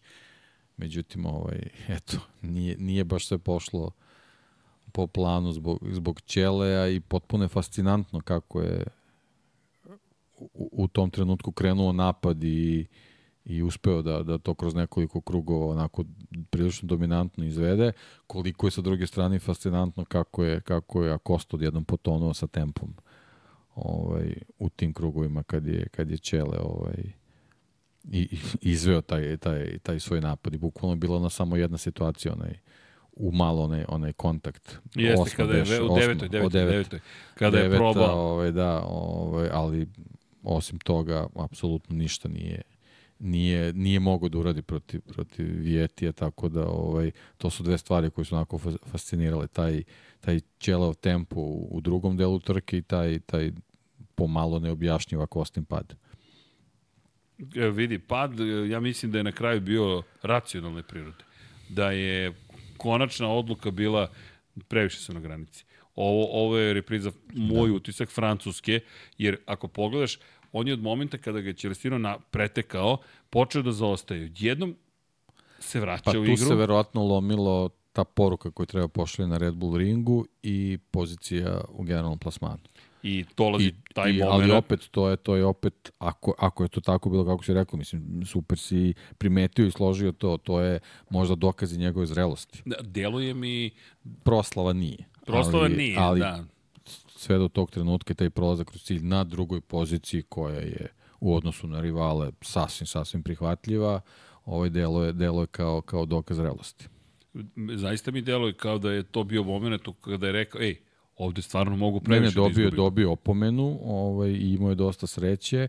A, verovatno imao i dosta sreće vezano za taj prvi deo gde, gde je onako baš žestoko forsirao, želeći da, da ovaj, potpunosti ovaj, porazi rivale na, na, na svom terenu. To smo spominjali poput trke u moto, moto trojkama ovaj, kad se sa Garcijom borio i, i ostavio ostali deo kolone na, na neverovatnoj razdaljeni. Tako da ovaj, nije sve išlo po planu, ali, ali to mu je dobra škola za, za neke ovaj, sledeće situacije, da jednostavno ne možeš u jednom trenutku da realizuješ oba plana. I da može to da se desi, ali moraš da, da slušaš poruke tokom trke koji ti govore Baš da, rizik bio da neke veliki. stvari nema potrebe da pobeđuješ sa, sa 10 sekundi prednosti. I generalno kada pričamo o, o, o potezima, znaš, djeluje, ok, ta želja za proslom, to jeste nezrelo, ali opet 20 Pa poena, dobro, nezrelo. Mislim, možda sam ipak prestrog, pa- mlad je. Da, pa ne, ne samo to, mislim, njemu je sve tokom vikenda ukazivalo na to da će se tako i desiti. I oni su, oni su to pripremili, samo što očigledno taj neki moment vezan za prvi deo trke možda nije, nije odrađen na, na najtaktičniji način. Kada je reč o, međutim, sezoni, znaš kako, kada zaokružiš stvar negde tamo na kraju, ako osvojiš titulu, nisam siguran da ćemo se sećati Red Bull ringa toliko.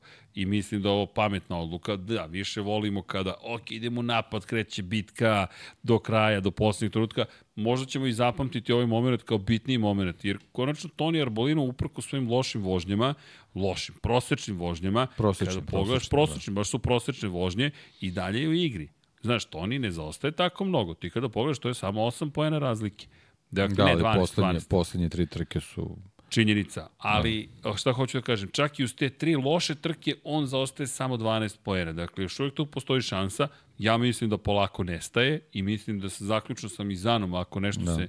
A osim ako ne postane ta azijska turneja opet njegov. To je ono što si pričao prošle godine, možda kad odeš ponovo van Evrope, ali nije se ispostavilo tačnim za Vijetija, ne, ne, ne, ne kažem da su isti, ali deluje mi da je Mizano to to. Da. Tek i da je sa Mizanom kraj. I, pa i taj drugi, to, to smo, često smo pričali o tom momentu, taj drugi, drugi ovaj, imamo Ne, meni se dopala ta teorija, to- to iz Evrope. a, to je ovaj, bitna je stvar vezana za, za pripremu samih ekipa, koliko su one spremne na to. činjenica. A Fantiku Da. je ovo prva sezona. Da, prva sezona, s druge strane, Aki Ajo, ovo su, to su decenije sada. I, i meni se mnogo dopala sezona, ja sam bio ubeđen da si u pravu i da će Vijeti prošle godine, to odlazimo iz Evrope, kreće nešto drugo, da mu tu nešto prija, prosto se to nije dogodilo. Jednostavno ga nije bilo. Da. Evo, vratio se, sad šta očekivati od Vijetija? Ja ne bih se baš kladio na to da, da je odjednom se vratio.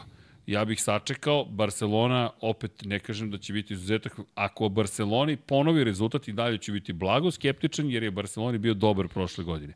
Ako ne bude dobar u Barceloni, onda mislim da nema potrebe previše to sad da analiziramo. Međutim, ako i u Mizanu bude dobar Vijeti, E, onda ok, pričamo i o ekipi Fantic Racinga, pričamo o Vijetiju, da su nešto uspeli zaista da dosegnu što do, do ovog momenta nisu.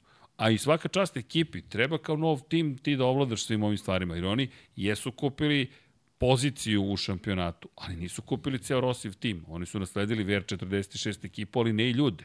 Ljudi su povučeni u Moto Grand Prix.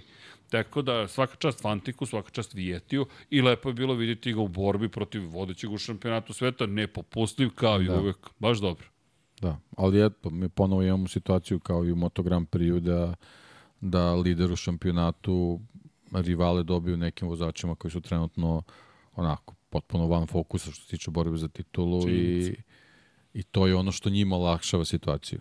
Jake Dixon, Ferbin Aldeger i sada da. Dođe Celestino Da, Vijeti. pri tom Arbolino i Dixon imaju taj, taj dodatni ovaj, uh, moment gde, gde dobijaju tu informaciju da ništa od Moto Grand Prix-a, gotovo sigurno, tako da to u tom trenutku možda izaziva neki, neki miks emocija, a opet sa druge strane može dovesti do toga da već od sledeće trke budu rasterećeni, jer nema više tog pritiska i razmišljenja šta, šta sledeće godine i, i- i šta će se desiti u Moto Grand Prix, kako ću ja tamo i tako dalje, i tako dalje.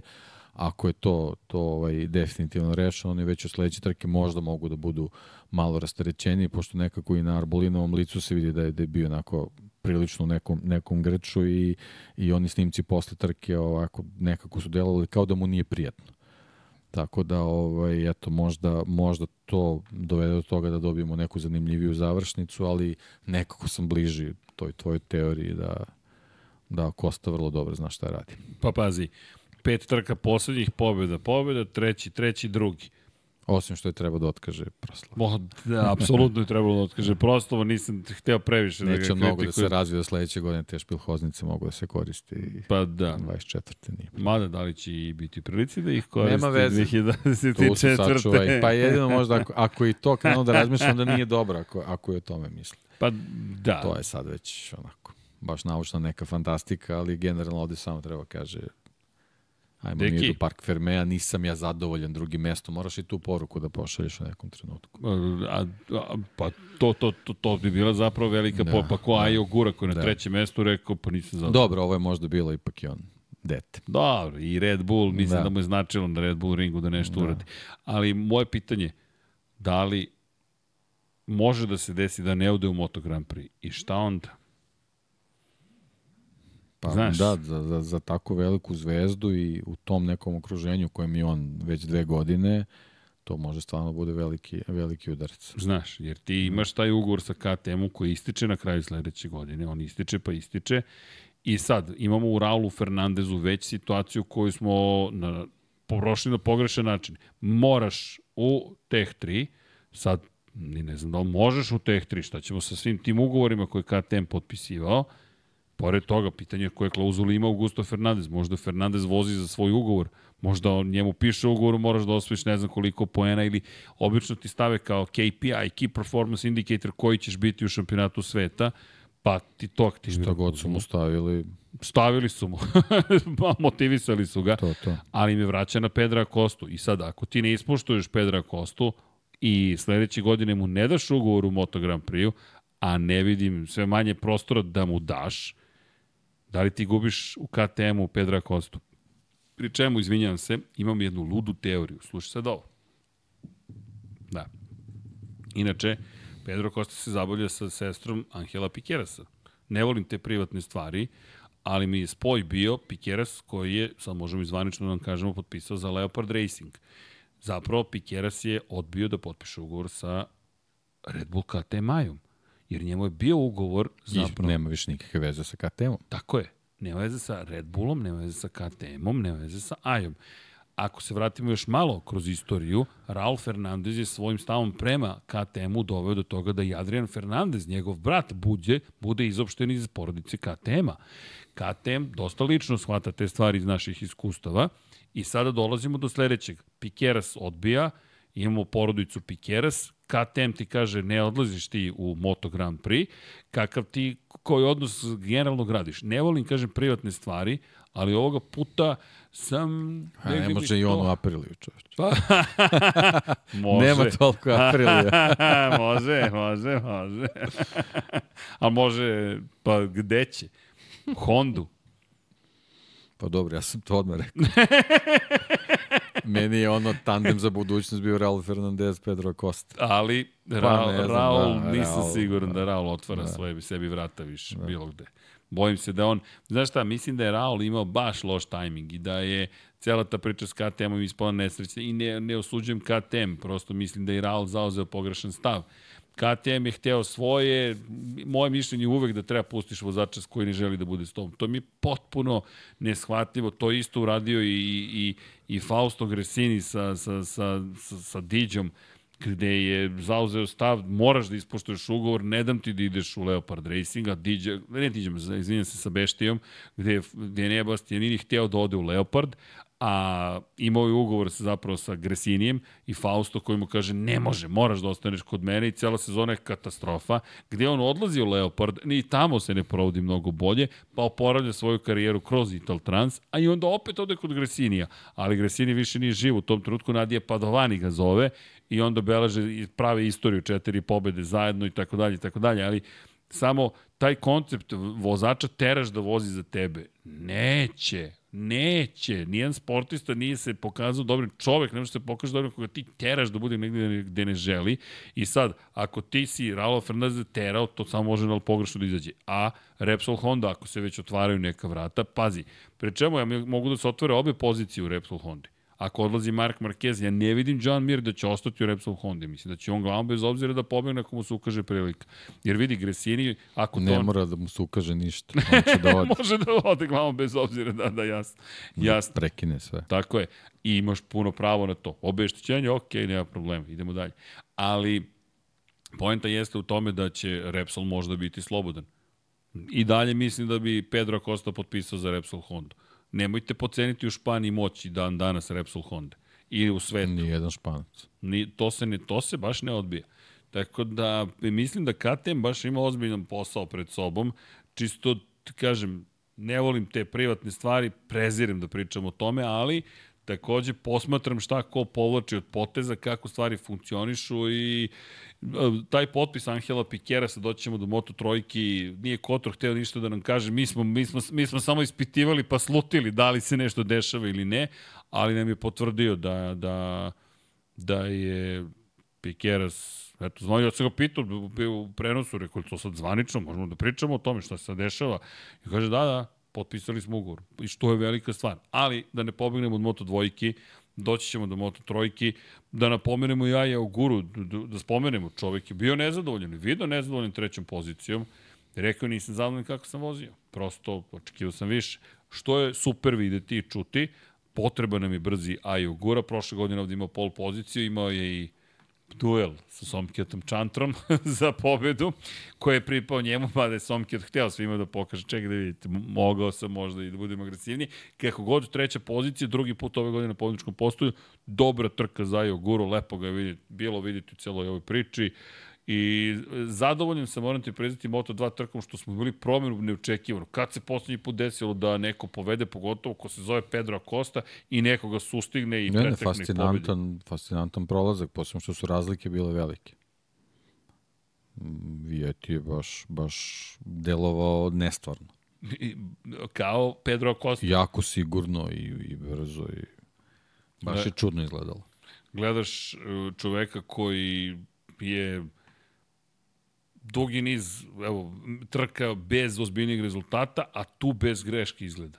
I to na stazi koja možda delo jednostavno, ali nije to baš tako jednostavna staza. Baš sam, baš sam bio zadovoljan celom pričom i svim događajima i još Francesco Banjaja sačeka Celestina Vijeti da proslave zajedno, baš je onako ne, nežno romantično i onda Celestino koji čeka Banjaju zapravo i Becekija, pa mu se ugasio motociklu pa je morao da ga gura posle Moto Grand Prix trke. Baš ti neki lepi trenuci.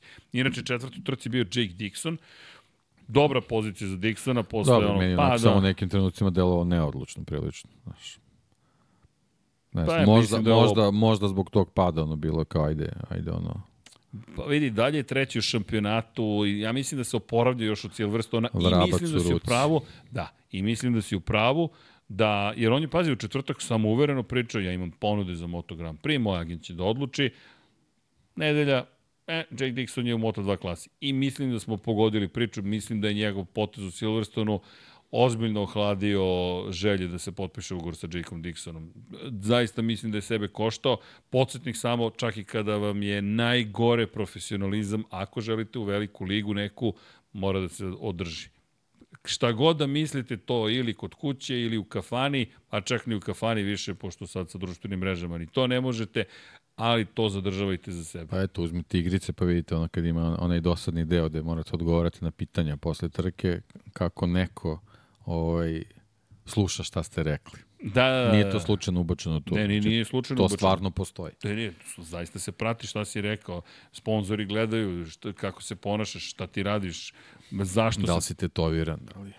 Pa eto, e što Kad dovodi do Arona Kanea, da. da, koji je pao. Ja se bojim, deki, da je ovo Labudova pesma. Pa dobro, da, mislim, to smo već, već pričali o tome. Mislim, verovatno će tu biti po neki bljesak, da li će, da li će uspeti konačno do, dođe do te pobjede. Veliko je pitanje, ali to je to. To je ona kao, kao što smo imali one, one velike nade sa Samom Lawsom, pa kao sad će, evo sad će, evo sad će i, i to prođe tako u toj, toj nekoj ovaj, amplitudi koja, koja u nekom trenutku počne da, da se spušta na, na sve niži nivo, tako da ne znam, mislim, kažem, verovatno, će, spomeniš... verovatno će biti trka gde, gde će biti u, u, u nekom fokusu ili centru pažnje, ali veliko pitanje da li on u stanju da to pretoči to što toliko želi. Ajde kada spomenješ već Sema Lowsa, Sam Lows koji je sa staze izbacio i sebi i Derina Bindera, Dodaću te celu priču Alberta Arenasa koji izleteo sa staze dva da. puta, dodaću te celu priču da. Joe Robertsa koji izleteo sa Jeste, staze. To, to je, mislim, eto sad si spomenuo Arenasa, koliko jedan moment može da promene. Arenas u jednom trenutku imao četvrtu poziciju Jeste. u kvalifikacijama,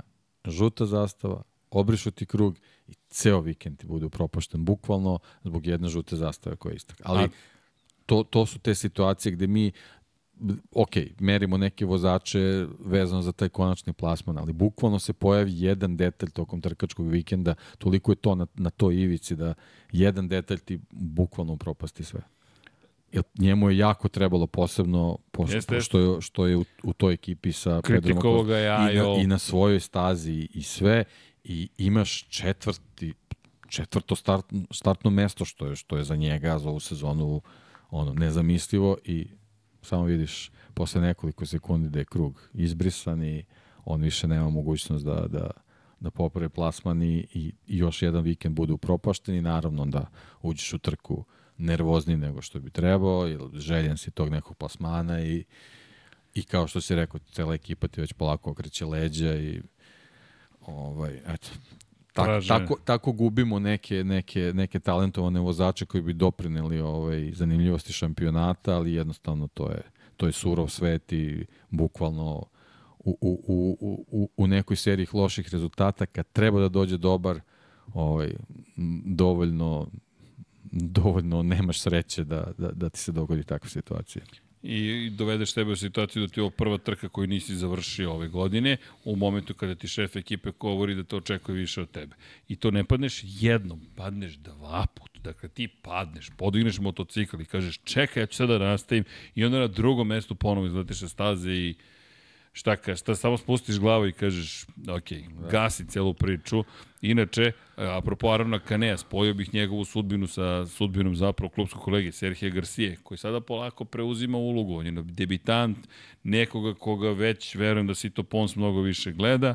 Ovde godine prolaze, Aron Kane zaista nije više u poziciji, iako je četvrti u šampionatu, ali to je kao kad bismo rekli, e, ovo je šampionski talent, ali četvrti u šampionatu.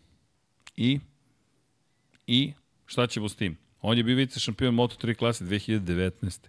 20. 21. 22. 23. Ne seća se viko- više niko toga. To mi spominjemo i to da je beležio pobede. I eto. I to Ti je si sve. fin prema svim tim momcima, pa iz, izlačiš samo ono najbolje. A dobro, neko i to mora da radi. Znaš, prosto ja prošle godine bio treći. Hajde. Ali čak ni ja ne mogu da kažem četvrta pozicija. Pa dobro, znaš, četvrti u šampionatu. Ne. U ovom trenutku već, već je prebalo. Pogotovo ekipi Sito Pons. Inače, Pons koji ima ozbiljne sponzore. Oni, ti, ljudi takođe moraju nekom da izađu sponzori da kažu šta ste radili ove godine. Ništa. Padali smo. Padali, pa znaš, ti, ti imaš problemi, a bio si drugi na prethodnoj trci. Još kažeš, moram da sredim psihičko stanje. Super, aj ga sredi.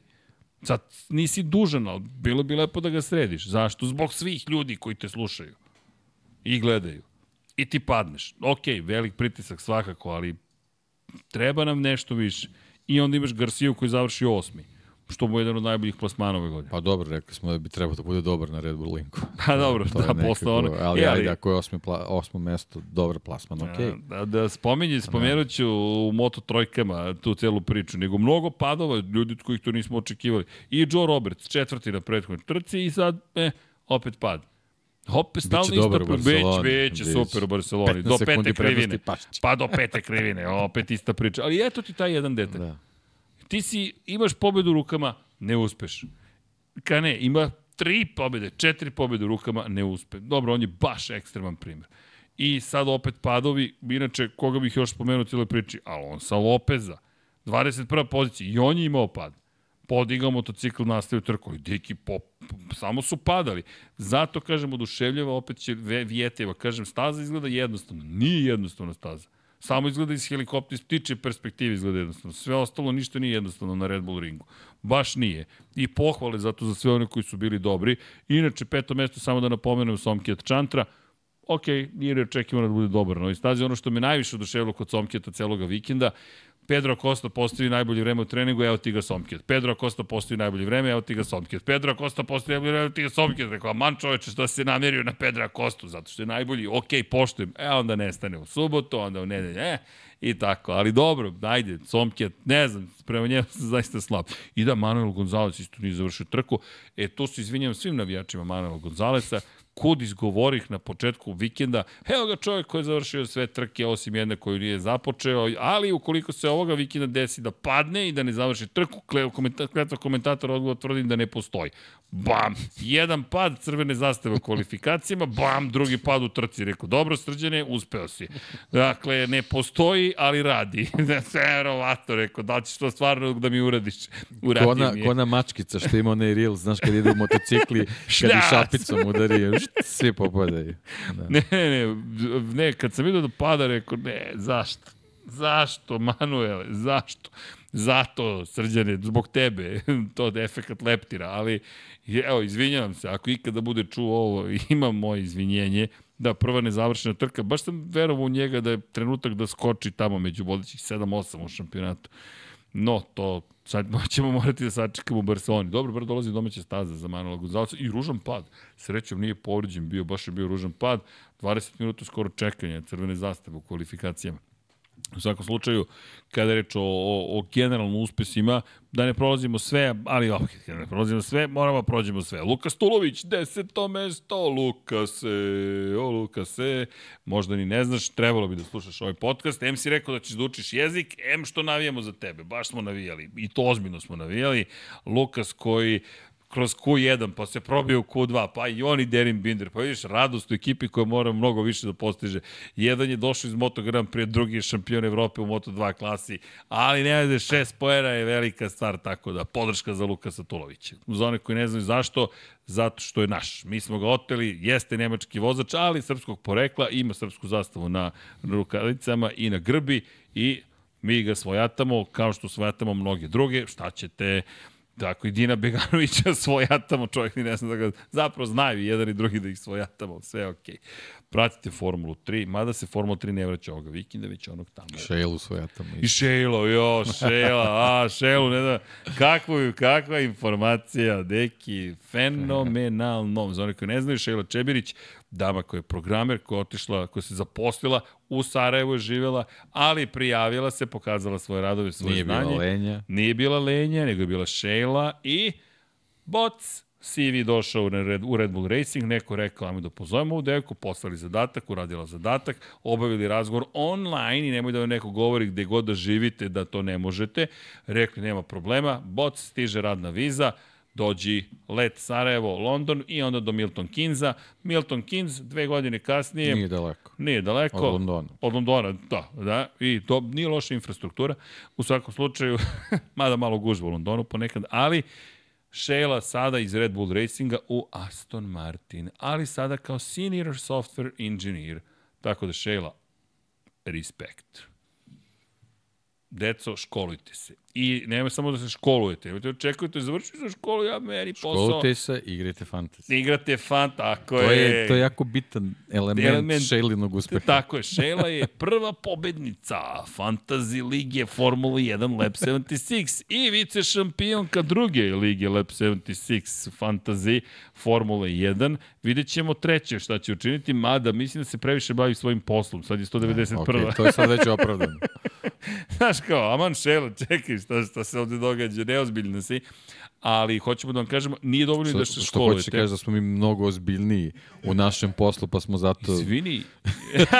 3000 i neki. Tako je, da, tako je, neki, tako je, ne, pa je najozbiljniji zapravo. pa je najozbiljniji, on je na poziciji 3000 i od 3093 do 3024. tako da, pa je najozbiljniji čovjek koga poznajemo. Dobro, sad bar imamo još racionalno mišljenje, ali vidi, ja sam ove godine 200 i neki u fantaziju, u Formuli 1. Nije mi baš dobra teorija onda. Ali dobro. Šela, šela, da, htio bih reći još jednu stvar. Nije dovoljno da se školujete, neophodno je da to pretvorite u praktičnu primjenu znanje i da se borite za sebe. To ne znači da napadnete nekog drugog, nego da se borite za sebe, se prijavite za posao, da odete na intervju, da razmislite o tome šta pričate, šta radite, da učite jezike, da slušate Lab 76, da kliknete like i kažete hvala na ovim, ovim grumenima I kad uspete, mudrosti. mi ćemo da osvojatamo. Mi to apsolutno ćemo osvojatamo. Ako ne uspete, ne znam ko je čovjek. ćemo da osvojatamo. Svojatamo. Šalim se, uvek svojatamo. Ne, mi uvek sve svojatamo. Da, Dakle, vi ste naši i ako želite da budete i to je to. A i ako ne želite, mi ćemo svojatati. Samo pitanje da li ste svesni toga. A da biste bili svesni toga, kliknite subscribe. Jer ko zna šta ćemo tek da pričamo. Helen, pa... Kakva je reklama, reci neki. Uplašio sam se. Autentično. da, um, htedoh reći da je Marcos Ramirez promenio ekipu, to je bilo zanimljivo, osvojio prve poene, zašto mi je to zanimljivo? Pa iz Forward Racinga, American Racing kao zamena, ali bojim se da više neće biti u Forward Racingu. I jedan važan moment za navijače i navijačice, Izana Gevare. Prvi poeni u klasi, 13. pozicija, možda deluje kao detalj, ali mislim da to vredi spomenuti. Ne kažem da je neki nevjerojatan uspeh, zašto? Što je previše ljudi odustalo ispred njega, pa je došao do Pa poena. to što kažem, velika je razlika. Baš Da je manja razlika, pa kažeš, ok, baš je 40, ogromna, 40 40 sekundi. sekundi. Baš je bila je ogromna, mnogo, ali da. hajde da kažemo To nešto je se onako pozitivno baš desilo. Ne, Tem, ne, tempo preveliko. onako, Pa moram ti priznati, polako Da. mi ide ka Enei Bastianiniju. Vidi, sada već povreda je prošlost. Znaš, sad već moraš da, da, da, da učiš u ovoj kategoriji. A ti si Izan Gevara, jedan od talentovanijih vozača, šampion prošle godine Moto3 klase, tvoj rival iz Moto3 Sergio Garcia, da, ima više trka iza sebe, ali sada već... mm, pa dobro i pandan u, u vidu Pedra Koste, Tako je. koji je takođe prošle godine Tako imao, je. imao prilično tešku povredu, ali se posle nje vratio i čak beležio pobede. Znaš, tako da, da mnogo, mnogo stvari ima, znaš, za, za, za, ovaj, za poređenje u smislu kad, kad napraviš neki alibi da ga, da ga neko lako obori, znaš, to je, to je problem. Pa vidi, ono što meni se ne dopada jeste što ne vidim suštinski napredak, iskreno. Ali verujem da će možda poeni biti... Ali što bi ovaj, u slučaju mnogih ovaj, važilo, ide Barcelona. Ide. A onda mi zano. A, Španci, to je za Barcelona. drugi kamp. Da, da, da. Španci, Ne, Barcelona. ne, ba, ali u pravu si Barcelona, to je baš ne domaći teren, to je lokalna staza. To je bukvalno... To, a, Barsa, pa dobro, i ti ja možemo žmurečki, kako, koliko puta smo je prošli, dakle, na ovaj ili onaj način, ali, ali da, Barcelona. A lepa je staza. Ima nešto u sebi. Šta ja znam? Ima neki grad. Zove se Barcelona. da, ko ide u Barcelonu, lepo se provedite. Baš je le, prelepi grad, naravno, ali kada govorimo o stazi, voz vam je jedno dobro rješenje. Nemojte očekivati da ide na svaka dva minuta, samo da znate, gužve postoje, ali je zabavna atmosfera, niko nigde ne žuri, nije neka drama. A možete da probate, Mnogo to smo... svirača u vozovima. Jeste. Super. Ima još jedna stvar. Lepa atmosfera. Mi smo autobus jednom Čuvajte novčanike i tako. E da, da, da, to, to, to, to, to obavezno, dakle, to je prosto deo folklora. Da, ne, ozbiljno, dakle, ne, najbolje moja drugarica da ne imenujem, zovem iz Barcelona, ja, sve mi je pokradeno, pa šta si radio? Pa ja sam došao, ta, tad su bile telefonske govornice, nije bilo mobilnih telefona pre 15 godina i mislim, bilo ih je, ali ne baš nisu bili tako rasprostranjeni. Šta si radio? Pa ja stavila gore novčanik i onda sam, ja, ja si stavila novčanik gore, e, lepo što si ga stavila, rekli su ti hvala, nisu morali ni da se trude. Nego unutra mi i pasoši, kartice i sve rekao, e, pa sad ćemo da se zabavljamo sa konzolima i konzulatima. ali kako je to slatko rekao, ja stavila ovako i zamisli stvarno mi ukrali. Rekao, ne razumijem, a gde na Plaza de Catalunja? Rekao, e, odlično, rekao, nisi mogla više da im pomogneš po mogućstvu da to bude što jednostavnije. Tako da, da, budite oprezni. Inače, u Barceloni u Formuli 1 mnogo više obijaju automobile, u Moto Grand Prix manje, čak i novinarima sve znaju da pokradu, mada su u Moto Grand Prix upadali u, u medijski centar, to jest neko tamo Da. da. nije proveravao akreditacije, pa je čovjek ušao, uzeo torbu fotoreportera, nestao se jedno 15-20 hiljada evra I vredne To opreme. je bilo to kad smo bili?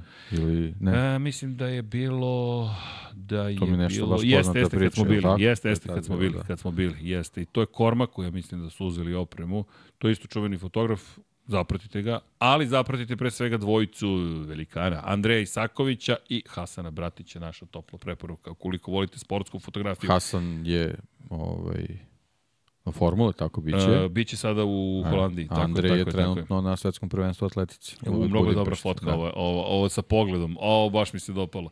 Baš je bila dobra. Tako da eto, to je topla preporuka generalno, da, da ispratite dvojici stvarno divnih ljudi. nadam se da će biti nekih izložbi, pa što da ne, dugo nije bilo, deki. Nije. Da, da, da, da, da, da, vreme je i za te stvari. E, mnogo toga nije dugo bilo vreme za jedan kick-off, restart ili ti back to school. Back to šulenzi, što bi rekao moj prijatelj Bogdan. Moramo da pantujemo. e, ide i NFL Da. kick-off. Da, neki iskusno. Isku... E, da, e, da ne zaboravimo. 9. septembra organizujemo udruženje Lab 76 broj 300 plus NFL kick-off 99 yardi. Spojit ćemo se svi zajedno. Ništa ne snimamo, samo se družimo. Samo se zove 300, da. Da, samo se zove 300. Možda ćemo i snimiti 300. 300 ti možda bude nešto ćemo Slikat ćemo se svi zajedno. Pa da, Mislim može, da je to je lepa stvar. Neki reels napravimo. to. Jeste, jeste. To, to je lepa stvar. Tako da znate da to ništa ne snimamo, ne, ali, ali, ali, ali, imamo komenta koke ili komentara koke ili kako god da se bude zvalo, to me Jimmy sad Sunday naš Ivan Nedeljković potpuno zbunio. Šta je poenta? Da li ste bolji komentatori od komentatora? Sad je prilika da saznate koliko ste zapravo dobri. Ili ti dobit ćete 10 scena, možete da izaberete i onda komentarišete na bini pred svima ostalima, uključujući i komentatore koje ste možda spominjali čak i pogrdno, koliko god mi to neverovatno zvučalo, ali da znate, pa da vidimo, imaćete priliku da birate start trke, velika završnica, jel može, ili kvalifikacioni krug, šta ti kažeš, jel to u redu? Da. To je okej. Okay. I mi ćemo izabrati neke, a onda vi doćete i kažete, hoću Start, završnica, kvali... da. Apsolutno okej. to- Mislim da je to baš onako, u, sad stavimo im ovo sa Jorge Martinom. Pa dobro, to je start. Pa to, to, start, start. Da, da. Pa da vidimo kako ko komentariš. Čekaj, vidjet ćemo do, do, do, devetog. do devetog ima i formule i motogram. Ima svega, ko zna šta će se dešavati, ali da znate da ćete dobiti priliku eto da se izrazite. Tako da znate, skup je inače još ne znamo tačno lokaciju, ali ono što hoćemo da kažemo, bit će druženja, bit će svega, bit će i Huddle pivo, to je novo pivo koje je skuvala Dogma za potrebe, to je za, oni su skuvali ili zajedno radimo kolaboraciju 99 yardi, zove se Huddle, dakle idemo u Huddle, 5% alkohola ima, nije 9,9 ko sek, koji je prošle godine bio u sklopu Ronci 99 yardi. Za Lab 76, kada budu pravili bez alkoholna piva, ne zamerite, ali prosto ne želimo da promovišemo alkohol sa, sa, sa pričom o automotosportu, nekako nam to prosto ne ide. Tako da, ko dolazi da bi popio huddle, morate da dođete e, sa designated driverom, da ne kažemo nekim ko će vas voziti kući, ili taksi, ili koja god već služba da želite da se koristi, ali nemojte da pijete i da vozite. Ili autonomni auto ako imate. Ako imate autonomni auto, da. Autonomni auto, loše zvuči nešto. Zvuči kao automen. Autonomni Sećaš auto. automena? Otkud mi je uopšte to u glavi? Ne znam. Automen. se sećaš automena? A? Kako je bilo kursor kad mu crta sve što mu treba. Ja sam sanjao kako bi bilo dobro sad da mi nacrta ovde nešto. Sećaš toga? Čovek onako srebran ceo, kompletan i, i ima samo se glava vidi i on se zove automen. I onda kaže, Kur, kursore, nacrtaj mi auto. Ne sjećam se kada je to bilo. Po 80-ih. Pa dobro, ja sam tad već bio veliki, vi ste bili mali. Da, da, moguće, automen. Mada nisi ti to, nije to... Ne sjećam se stvarno. Čekaj, kako se ne mi- Čekaj, e- evo ti je intro sekvenca. E, Ja ću da postavim pitanje publici. e, Da li se sećate Automena? Jer tu ima ikakve... Evo, je, sećaš? Ne. Ne sećaš se Automena? Kakva je to radost bila? Kao, šta se ovde događa? Vidiš, istrta auto. A? I gledaj sad kako skreće. Pam, pam, pam, pam, pam, pam. Ting, samo skrene pod uglom od 90 stepeni. Desi Arnaz Junior. Desi, Arnaže. A, Desi Arnaz, Ne. Desi Arnaz, Chuck Wagner, nemam pojma da li čovjek igde više glumio posle toga. Ali eto, Desi Arnaz. Ko se seća automene, nek se javi u četu. Kako sam ja to propustio? Ne. Nemam pojma. Poznat jesmo- mi taj, taj font mi je, ovaj, vjerojatno su ga koristili od ulica San Francisco pa nadalje. Vidi, automen je bio ozbiljna priča. Vlado, ali da, ne, ne, ne, ne, čekaj. Ovo ti je sekvenca za 80-ih. Ovo je uvodne... Propustio sam to potpuno. Da. A, Vlado, posle ću ti pokažem. Ko nađe Automan Official Intro Sequence, neka ode na sekundu broj 48. Eto, toliko smem da kažem. U svakom slučaju, da, eto, dokolica. Ko se seća automena? Niko živi se ne seća automena. A, dobro, kada budeš hadlovao, da, Srki, a, izgleda se Srki probao hadl pred emisiju. Nisam probao hadl, stvarno. Pijem a, a, sponzora zapravo, da, to će čudno da zvuči, 99 yardi. Pije crnu materiju. Crnu materiju pijem. da, i sa druge strane pijem vodu. Baš nisam probao hadl. Možda bi bio zbiljniji, ko to zna. Ele, moto dvojke, moto dvojke, fokus, sređene, fokus. Fokus, u svakom slučaju, izan Givara prvi poeni, pa eto, to je bilo lepo videti.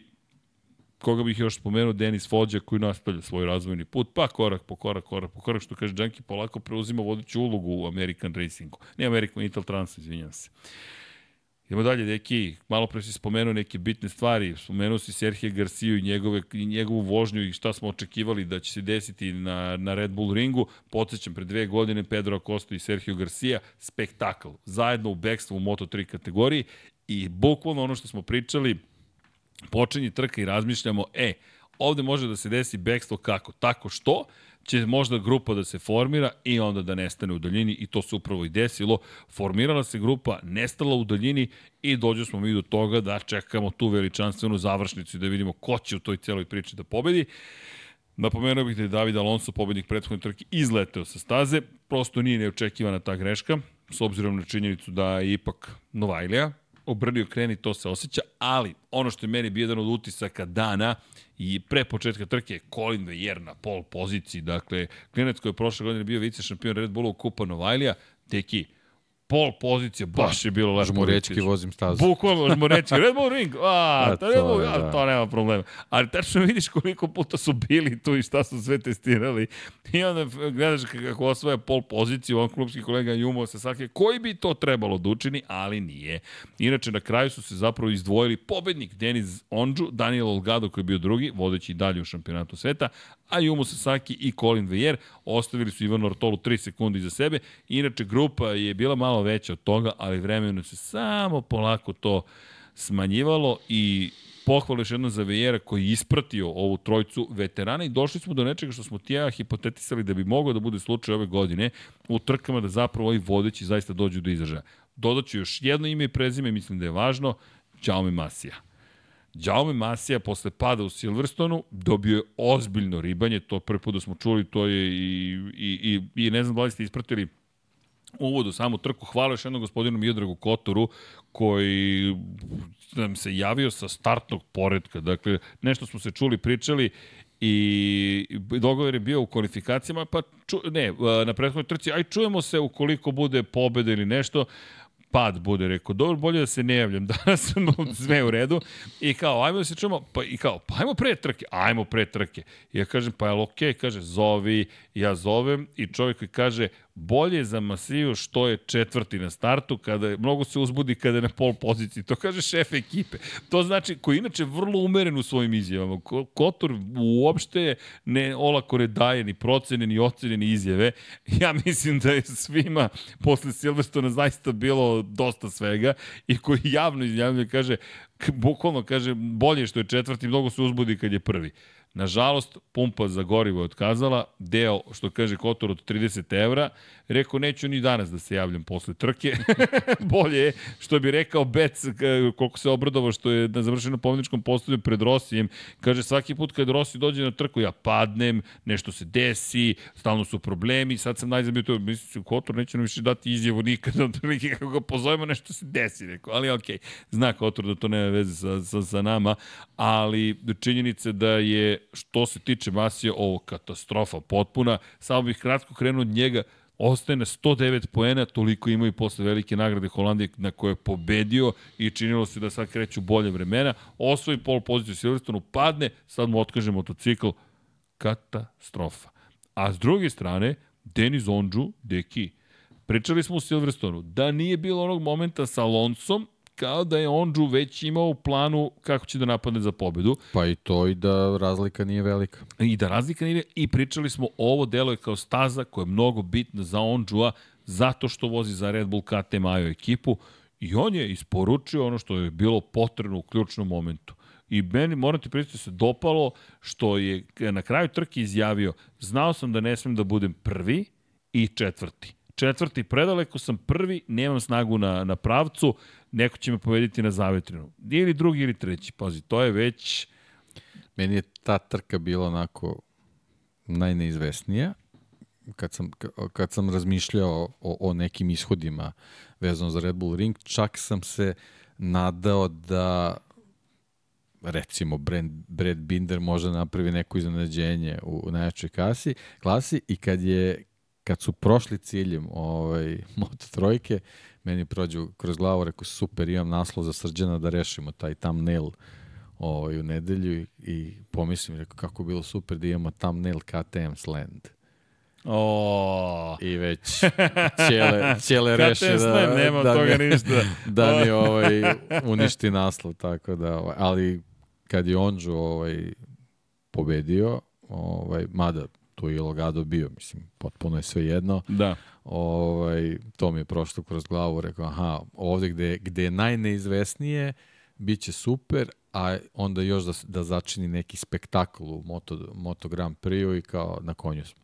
Međutim, ćele me već ovaj, ovaj ohladio što se toga tiče, tako da ovaj, ostalo je samo da ono u, evociramo uspomene na, na, na super završnicu u Moto trojkama, tako da ovaj, upravo to što si rekao, mislim, nekako je postalo očekivano da na određenim stazama u Moto trojkama imamo vozače koji mogu da, da, da naprave beg i da, i da već u nekoj ranoj fazi ovaj, dobijemo situaciju da znamo ko će odlučivati o, o pobedi. Mislim, eto, žao mi je što, što i Masija nije bio u prilici da, da, da se tu priključe, ali eto, jednostavno on je čovek neverovatno kakve se pehove može, može da ima i to se nastavlja jednostavno kao niz koji nema kraja, ja ne znam šta treba da se desi da, da, da vozač jednog takvog kapaciteta i potencijala uđe u neku seriju dobrih rezultata, zato što je on, on je sposoban da to uradi. Prosto mi je neverovatno jednostavno da, da ne može to da, da, da materializuje. Ali, dobro, dešava se s druge strane Onđu, ovaj, takođe, ogroman, ogroman talenat, imao je te neke svoje dečje bolesti dok je bio dete. Preležao ih je.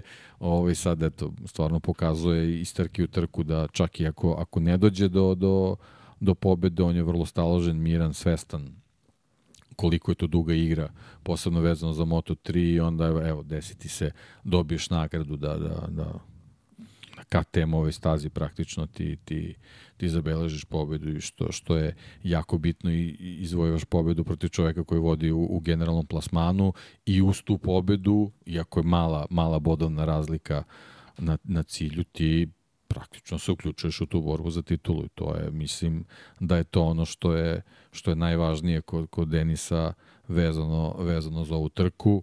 Imamo i Sasakija koji je ovaj, sve brži i i njemu su bitne pobede za, za, za ovaj neko njegovo samopouzdanje, ali ja mislim da i, i penjanje na, na ovaj pobedničko postolje u seriji apsolutno dobro dostignuće za njega. Hoću upravo to da ti kažem. Pazi ovo. Sad pričamo o periodu od velike nagrade Italije. Tu ću da krenem. Dakle, Italija, Nemačka, Holandija, Velika Britanija, Austrija. To je pet trka od deset koje smo imali. Dakle, četvrtina sezone polovina polovine, Sko školite se, deco. Dakle, Italija. Igrate fantasy. Igrate fantasy, apsolutno, i borite se za sebe, to ne znači protiv drugih, sam šalim se. Dakle, pobjeda za Olgada, drugi Onđu, Sasaki treći. Nemačka, treći Olgado, drugi Sasaki, pobjeda za Onđua. Holandija, Kiks Olgada, 25. ali drugi Sasaki, treći Onđu. Pobeđuje Đaume Masija, okej. Okay. Velika Britanija, Olgado treći, Sasaki drugi, 11. Onđu, ali pričamo opet. Onaj moment Alonso kada mu je zadrhtao motocikl, kad je Onđu morao da nastavi sa spojne strane kroz je kraj, da. to je bio kraj. I to nekako ne uslikava pravo stanje stvari. Austrija, druga pozicija Olgado, treći Sasaki, pobjeda Onđu. Njih trojica, pogotovo uz ove pehove i greške Đaume Masije, se vrlo jasno izdvajaju u ovoj bici. I pričali smo o tome da možda ne liči baš na 2013. Tu čuvenu, ču, legendarnu sezonu, pogledajte te trke. Maverick Vinales, Alex Rins, Luis Salom. Tri fantastična vozača, ne zna se ko je bolji bio te godine, ali, nažalost, prespomenuo bih Luisa Saloma, izgubili smo ga bukvalno izgubio je život 2018. godine, 2016. oprostite, velika, velika tragedija, a momak koji je tako mnogo obećavao, inače te 2013. sezone bukvalno izgledala tako što su se Vinjale, Strins i Salom samo smenjivali na vodećim pozicijama. I bukvalno do kraja sezone mi nismo imali ni jednog pobednika osim njih trojice kada je na predposlednjoj trci godine pobedio Alex Marquez. Sve ostale pobede su bile njihove. Jedna spektakularna sezona u kojoj su sva trojica imala preko 300 poena. 323, 311, 302 poena. Podseća me sve više i više na tu godinu. Ovaj trio se sada već ozbiljno izdvaja. Olgado, sjajan, dakle, neumoljiv. Meni on deluje stameno, deki. Da, dakle, nije mi um, senzacionalan kao neko ko odjednom privlači pažnju svojim stilom vožnje ali mi je stamen, kao da možeš da baš računaš na njega. S druge strane, Sasaki, mislim da mora da reši pitanje duela, jer ti kada pogledaš Sasaki, to je kao japanska škola, ne znam, vojna. Ovo su pravila kako se stvari rešavaju. Kada isplaniraš, to će tako biti. I Sasaki kao da mu taj nedostaje taj moment intuitivnosti u datom trenutku, čekaj, sad moram da pokrijemo, sad moram da uradimo ovo. Onđu mislim da to ima, Olgado mislim da to ima, Sasaki to kada reši, ali Sasaki šest trka za redom na pobjedničkom postolju.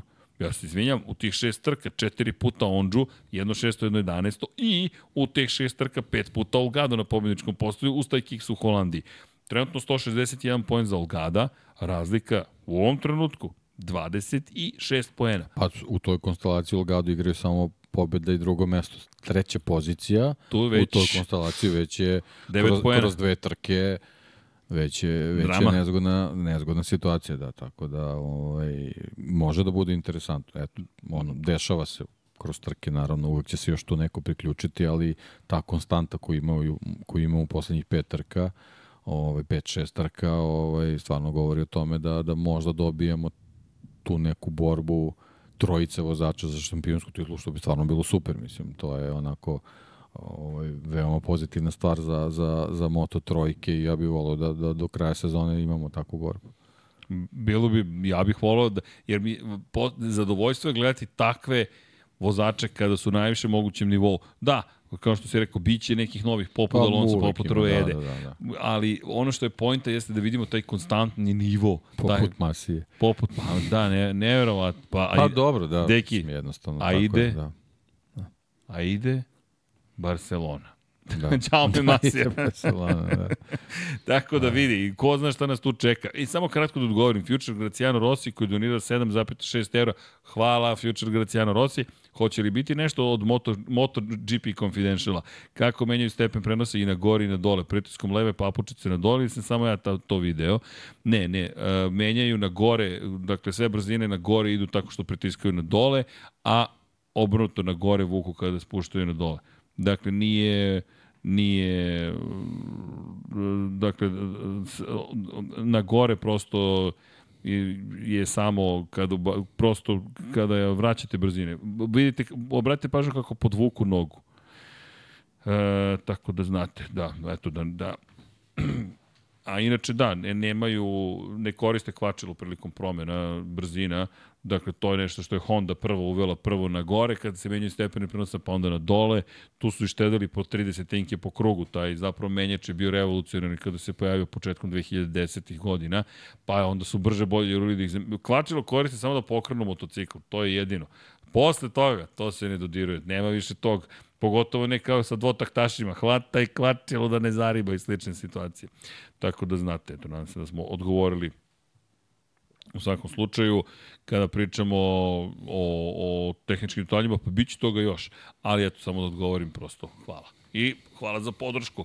A što se tiče Moto Trojki, da, dodao bih u ovu celu priču samo još Colin Riviere zaista, zaista verujem da zaslužuje, momak završava sve više trka, na prethodnoj trci ima najbrži krug trke, sada pol pozicija četvrti, pa eto, to je ta grupa Alonso Rueda, sada već i Vejer, vidjet ćemo da li ostali, da li ostale Vajna nešto mogu da učine, David Salvador, nema baš tu sezonu, ali činjenicu Cip Green Power nije to baš najjača ekipa koju možete sresti u šampionatu sveta, a mi putovanje nastavljamo naravno za dve nedelje, velika nagrada Katalonije, Tako da ja jedva čekam nastavak, moram ti priznati. Ono što mi je bilo super i lepo si rekao, ne, neizvesna trka zaista, Ondžu uradio ogromnu stvar za sebe i samo bih dodao da verujem da ovo njemu otvara vrata i tekako da zameni Alberta Arenasa, na primjer, u AJO ekipi u Moto2 kategoriji.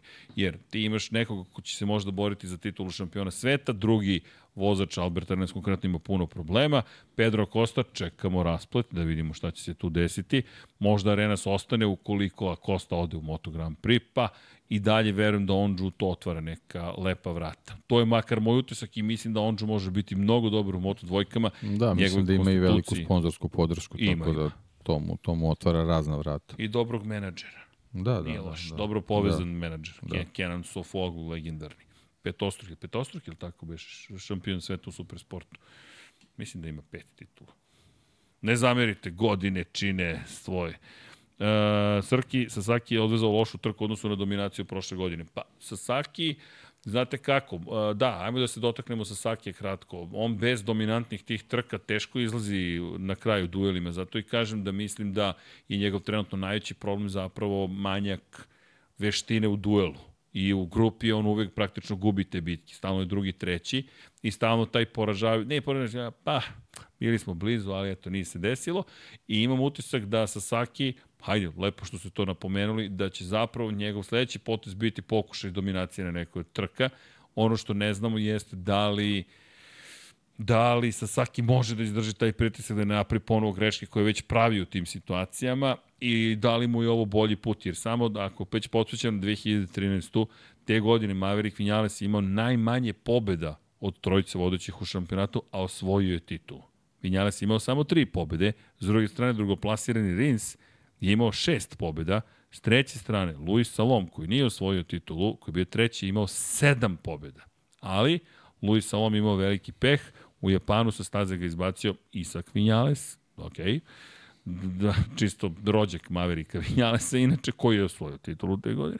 24. je bio Alex Rins u toj trci u Japanu, a Alex Rins je inače odustao te godine u Španiji. Najkonzistentniji vozač te sezone, kako ironije, je bio Maverick Vinales, koji nije sišao sa pobjedničkog postude sve tamo do velike nagrade Češke, koja je bila deseta runda u šampionatu. I onda je bio četvrti u Britaniji, pa dva puta drugi, pa peti u Malezi i opet je završio se trke na pobedničkom postolju uz pobedu u Valenciji, kada je u poslednjoj krivini poslednjeg kruga pobedio Aleksa Rinsa, inače Jonas Folger drugi prošao kroz titul, je bukvalno titula od, odlučena u poslednjoj krivini poslednjeg kruga poslednje trke. Ali eto, tako da možda sa svaki pristup bude sličan tome. Ej, otvorit će se vrata, do tada treći, drugi, treći, drugi, treći, drugi, treći, drugi, čekaš svoju pobedu i mislim da će mnogo zavisiti od toga kako se budu razvijali stvari sa konkurentima, a kada dođe azijska turneja, e, tu sad već se otvaraju neke druge situacije, pri čemu, zašto bih Onđu dao prednost, Onđu je nekadašnji šampion i Demicu Honda, Kupa talenate Azije. Tako da znate, ima dosta iskustva u tom šampionatu. Sasaki takođe, više nego Olgado. Olgado je prošao jednom kroz tu turneju, međutim i Sasaki i Onđu su odrastali na tim stazama. Tako da, sačekajmo azijski deo turneja. To je neko moje viđenje stvari. Ja ne bi ništa dodajem. Ako to se slažeš. ti kaže, može. Inače, evo, Boris mi predlaže, kaže, daj jedno pitanje, stavi da li Dovi uh, Doviciozo uh, Mark Marquez Austrija ili Alex Rins Mark Marquez Silverstone. Može, to ćemo za kraj da ubacimo. Prvo da vidimo ko je vozač dan. Ko je, vozač dana, da, da, da, da, da, jesmo, jesmo, jesmo. Banjaje. 63 odsto. Pa Lagano. 63, pa naravno. Lagano. Koliko odsto nego 63. da nisam ni primetio. A 37 Pole Spargaro. Vidiš, što je logično. Što je logično, ali 37-ica se ponovo projavljuje u celoj priči. Da. E, imamo još jednu stvar. Deki, da li si zaista mislio da je kraj? Nisam. Znaš šta te čeka? Znam. Elektrifikacija. Samo da napomenem. Razlika potencijala. Razlika. Ej, treća pobjeda za redom Matije Kasadeju. Dvostruka pobjeda, tri najbrža kruga za redom, 174 poena i razlika samo 15 poena. Mateo Ferrari pao na treću poziciju, ali Mateo Ferrari je pao. Eto, to vam je najveći utisak ovoga vikenda. Mateo Ferrari... Pao je na treću poziciju zato što je pao. Pao, tako je, bukvalno. Dakle, čovek je vodio do poslednje polovine kruga poslednjeg kruga, dakle, vodio je u sedam krugova, inače traje trka, šest i po briljantnih krugova, poveo loše trke za Đordija Torresa, Đordi vodeći u šampionatu, nema ga nigde već drugu trku za trkački vikend za redom. I Mateo Ferrari na izlasku iz krivine broj 7 napravi grešku, izleti sa staze i umesto 25 poena 0. A s druge strane pomogne da sa šeste pozicije na petu se podigne Jordi Torres i osvoji 11 bodova ili ti umesto da dođe do prve pozicije u šampionatu sveta, ostane na drugoj, Matija Kasadej mu se približi, Matija Kasadej kruniše dan i drugom pobedom, to je pobedom u drugoj trci i ima poen više od Ferrarija, ali uzbudljivo još dva trkačka vikenda do kraja, a ide Barcelona. Tako da, Barcelona stiže, pa Mizano i tu završavamo borbu za titulu šampiona sveta. Pohvalio bih osvača pol pozicije, Kevina Zanonija, dva puta je bio treći u trkama, Erik Granado Drugi je bio u prvoj trci, pogodite šta je uradio u drugoj trci. Deki je omiljeni padač, nije više ni vozač. Ja, ne, malo da veže tri druga mesta. Ne, ali neverovatno. I, da. A, a, a Junkie, ja se gledam, ko je, ko, ko je grana? I vidiš, izleći, odmah pomislim na tebe. Veruj mi, odmah pomislim na tebe. Ok. I evo, ispunio kvotu. Pa dobro, nije pao od Nemački, tako da... Morao je da padne, ali da. podigao je motocikl. Dobro, ali imamo ovaj trio koji se malo izdvojio, tako da...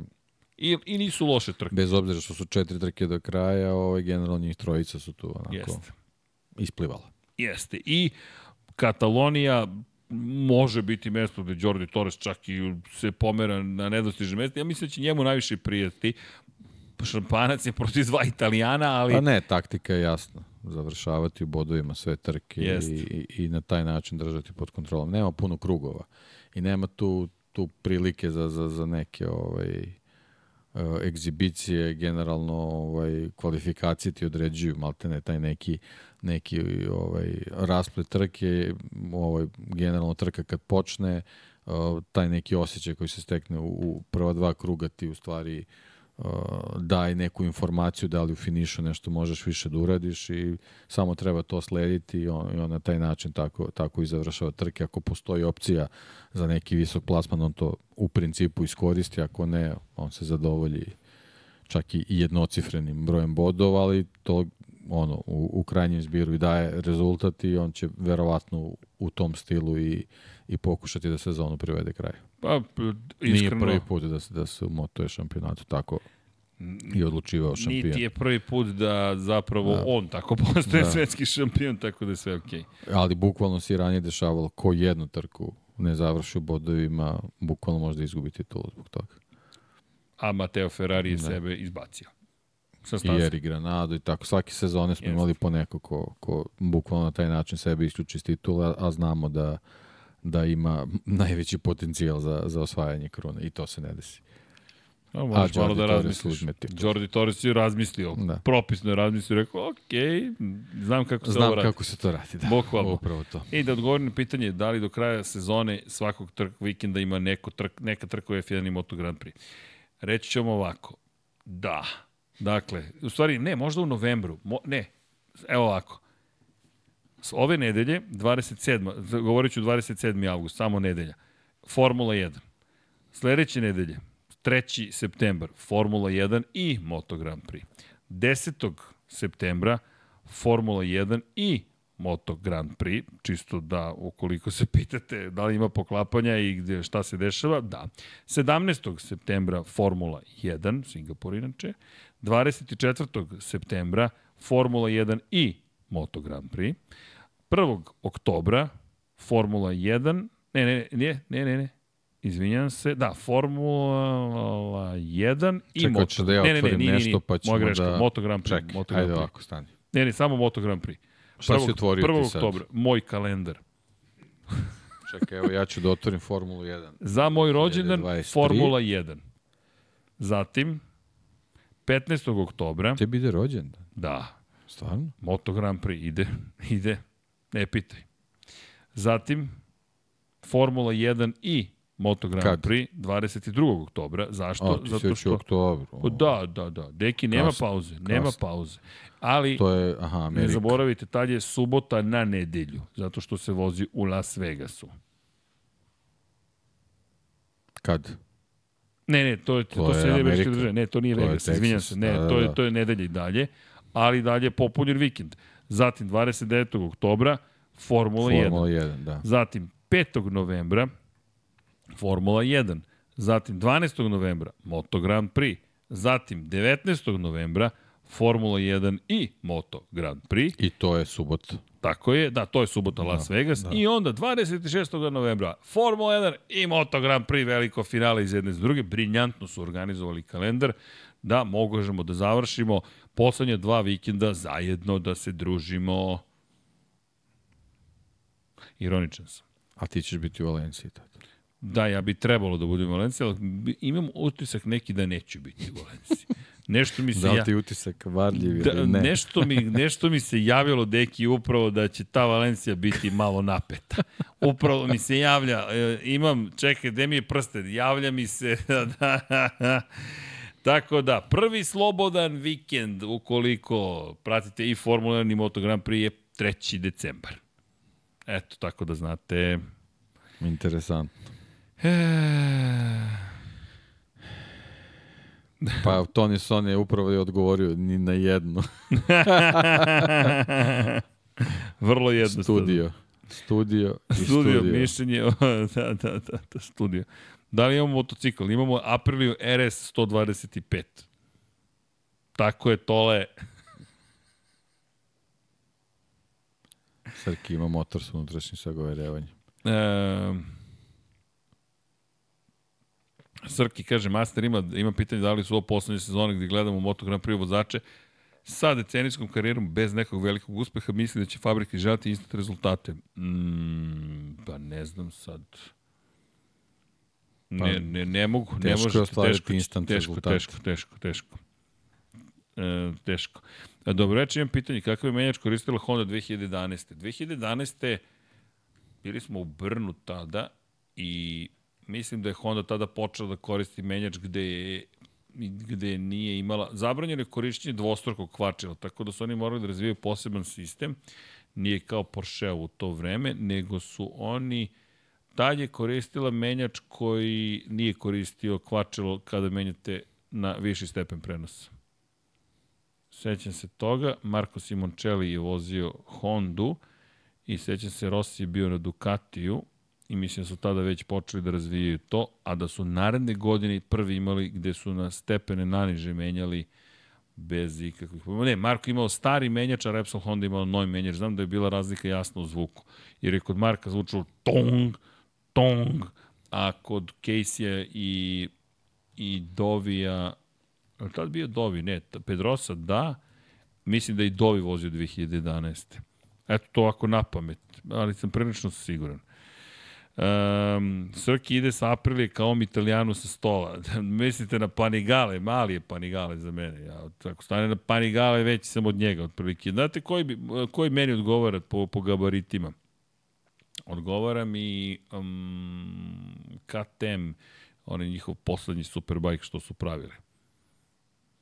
Da, inače, s, kaže Srki Audi Formula 1, Ducati MotoGP, pa i Moto E. Pa dobro, to je to je nešto što se što je da imamo i Ciradu kaže Boris Trutin za motocikl imamo fakat dobili smo jednu prelepu Ciradu poklon ne znam od koga jednog penzionera ali tako e, na kojoj trke MotoGP do kraja sezone idete uživo ja mislim da neću ići ni na jednu dakle da Jelena bi trebalo da ide u Australiju trebalo bi da ide u Valenciju trebalo bi da ide u Barcelonu ili Mizano i ne znam da li možda će ići na još neku, ali nisam siguran na azijskoj turneji.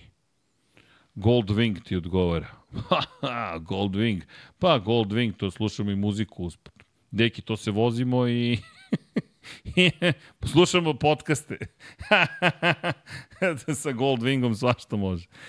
Uh, 2012. su već fabrički, ja sam 2012. kupio BMW i on je već imao taj menjač, pa su posle godine ubacili C menjač bez kvačila. Eto, to oni Sony kaže. Mišljenju Rinsu u LCR Hondi. Pa ne možete da formirate neko zbiljnije Da, mišljenje. nije kompletno. Ne znam, razumete, nismo ga videli suštinski. Ali Pobeda je principu je već- pozitivno zbog pobede. Tako je, tim. tako je. Pobeda već sama po sebi Tako je. više nego dovoljna. Mnogo govori. Da, jedina pobjeda za Hondu ove godine. To prosto... Pa, to je to. Jednostavno, kada pogledaš, Honda nije blizu pobjede bila osim tog tri, a tu je zabeležen triumf. I da, neka je anomalija, opet je Alex Rins to učinio u svojoj kojoj, trećoj trci na Hondi. To je ozbiljan rezultat. I nije da je se on vratio na Hondu pošto je vozio nekad. On je vozio samo Suzuki do sada u Moto Grand Prix. Potpuno drugačiji motocikl, redno postavljen motocikl sa četiri cilindra, ovo je V4, divlja, očigledno potpuno van kontrole i tako da već samim tim kad pogledaš to. u tom, ne u tom periodu, nego u ovom periodu jedino uz Peka Banjaju koji u pet trke ima tri pobjede. Izvini, komentar, kaže Tole, Srki će biti u studiju za nezivestan kraj Formula 1. Da, da. Stvarno je glupo da propustiš tu da propustim veliku završnicu u Abu Dhabiju.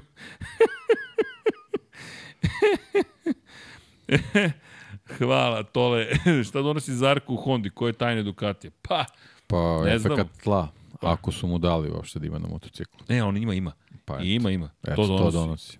Da, inače ima još e, ima tu još stvari koje njih zanimaju. Pazi, on je bio tu i kad su razvijeli i ispuštanje prednjeg kraja i zadnjeg kraja i nova krila i sad ovaj sistem za start novi. To ono što je pitanje sad šta će sve Zarko dobijeti do kraja godine. Ne treba njima sistem za start, njima treba nešto da imaju dobar krug u kvalifikacija. Sistem za start. O tom potom. Dobro, da, da, da dođu negde do, do samog vrha. Zarko donosi salto unazad. E. E. Tole, živi bili pa videli. Ja se, ako, se, ako pobedi na Hondi, evo, evo vam pitanje, ajmo, e, evo, odlično Tole, zapravo imamo odgovor na pitanje mišljenja o Rinsu LCR Hondi. Ajmo da vidimo Zarka sledeće godine u Teksasu. Evo. O taj motocikl je bio pobednički. Da imamo Zarka sledeće godine u Teksasu. Pa da vidimo šta se tu valja. Mada me ne bi čudilo kako je vozio u Brnu one godine sa, sa Vintijom. Ima on te trenutke ozbiljne inspiracije. To je baš, to je baš bila dobra trka. E, Dragan Matić, Crki, idem prvi put u Mizano, pitanje da li je moguće kampovati unutar kompleksa staze. U, ne mogu da se setim. Ja mislim da nije. Zato što nije tako organizovana Pa staza. da, i ograda je jako blizu. Nije, A, mislim nema da nije površine moguće. velike, ali tako? Mislim beš? da ja, ja nisam siguran. Ajde da proverim samo, uh, moram vam priznati da, da ja koliko se sećam nema kampa u, u samoj stazi. Ono što znam, ima kampova u okolini, imate na obali mora, da, naravno, naravno, lepi su, ali ja super mislim su. da, da povr, površinski uh, kompleks staze nije tako velik da, da. bi mogao jedan deo da se odvoji koliko se meni čini, čak sad ja nisam Pa nađem čak neku i- mapu, ali mislim da Nemaš kampa ni, nema ne, kampa na, na, na Bugatti stazi nema ni na Lemanu. Kamp je van staze, pored staze ali van staze. Mugello je jedini koji, ja se sećam da ima kamp unutar staze. Barcelona nema. Mizano, ja sam siguran da nema. Red Bull Ring nema. Ako Miksa sluša, on, on ima kampera i Da, ide svuda, pa eto možda ako Eto, ima može da- da- informaciju, da. ali ja chat ili da nam pošalje poruku. samo da vidim šta sam dobio ovde od ove mape.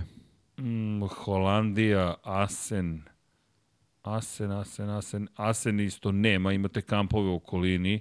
To je mnogo zabavno u Holandiji kad se kampo izgleda kao film Magla, ali ozbiljno, pošto se digne magla tamo do visine kolena, izgleda kao horror film, bukvalno.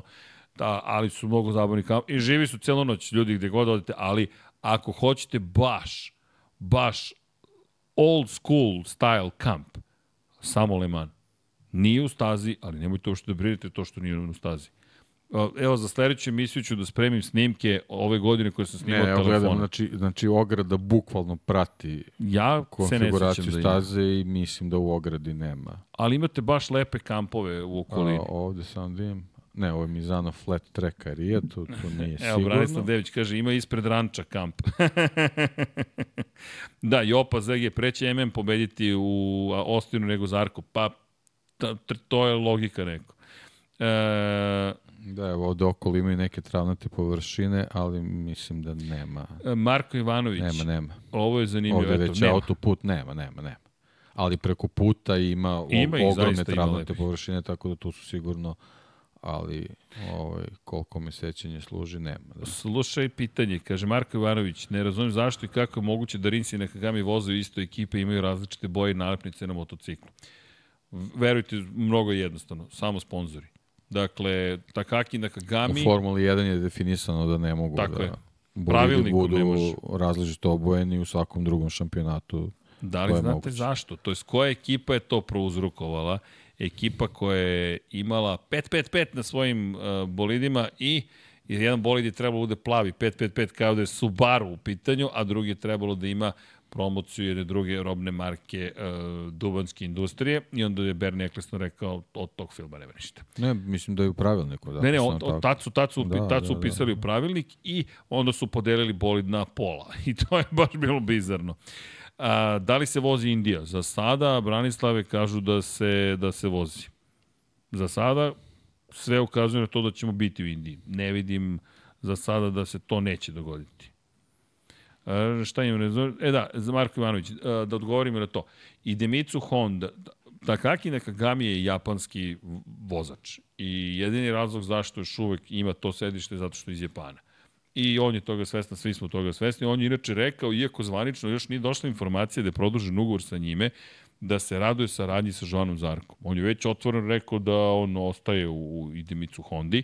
Idemicu je inače petrohemijska kompanija iz Japana, ogromna, gigant, malih nema, osim ako planski ne nameravate da ih smanjite pa nešto uradite sa njima, ali i Demicu traži japanskog vozača, Takaki Nakagami je veoma popularan u Japanu i to je to. Vrlo jednostavno. S druge strane, Castrol želi da ima svoj motocikl, isto, ista priča, to je to, a Lučiće Kinalo Racing želi da i dalje bude u Moto Grand Prix.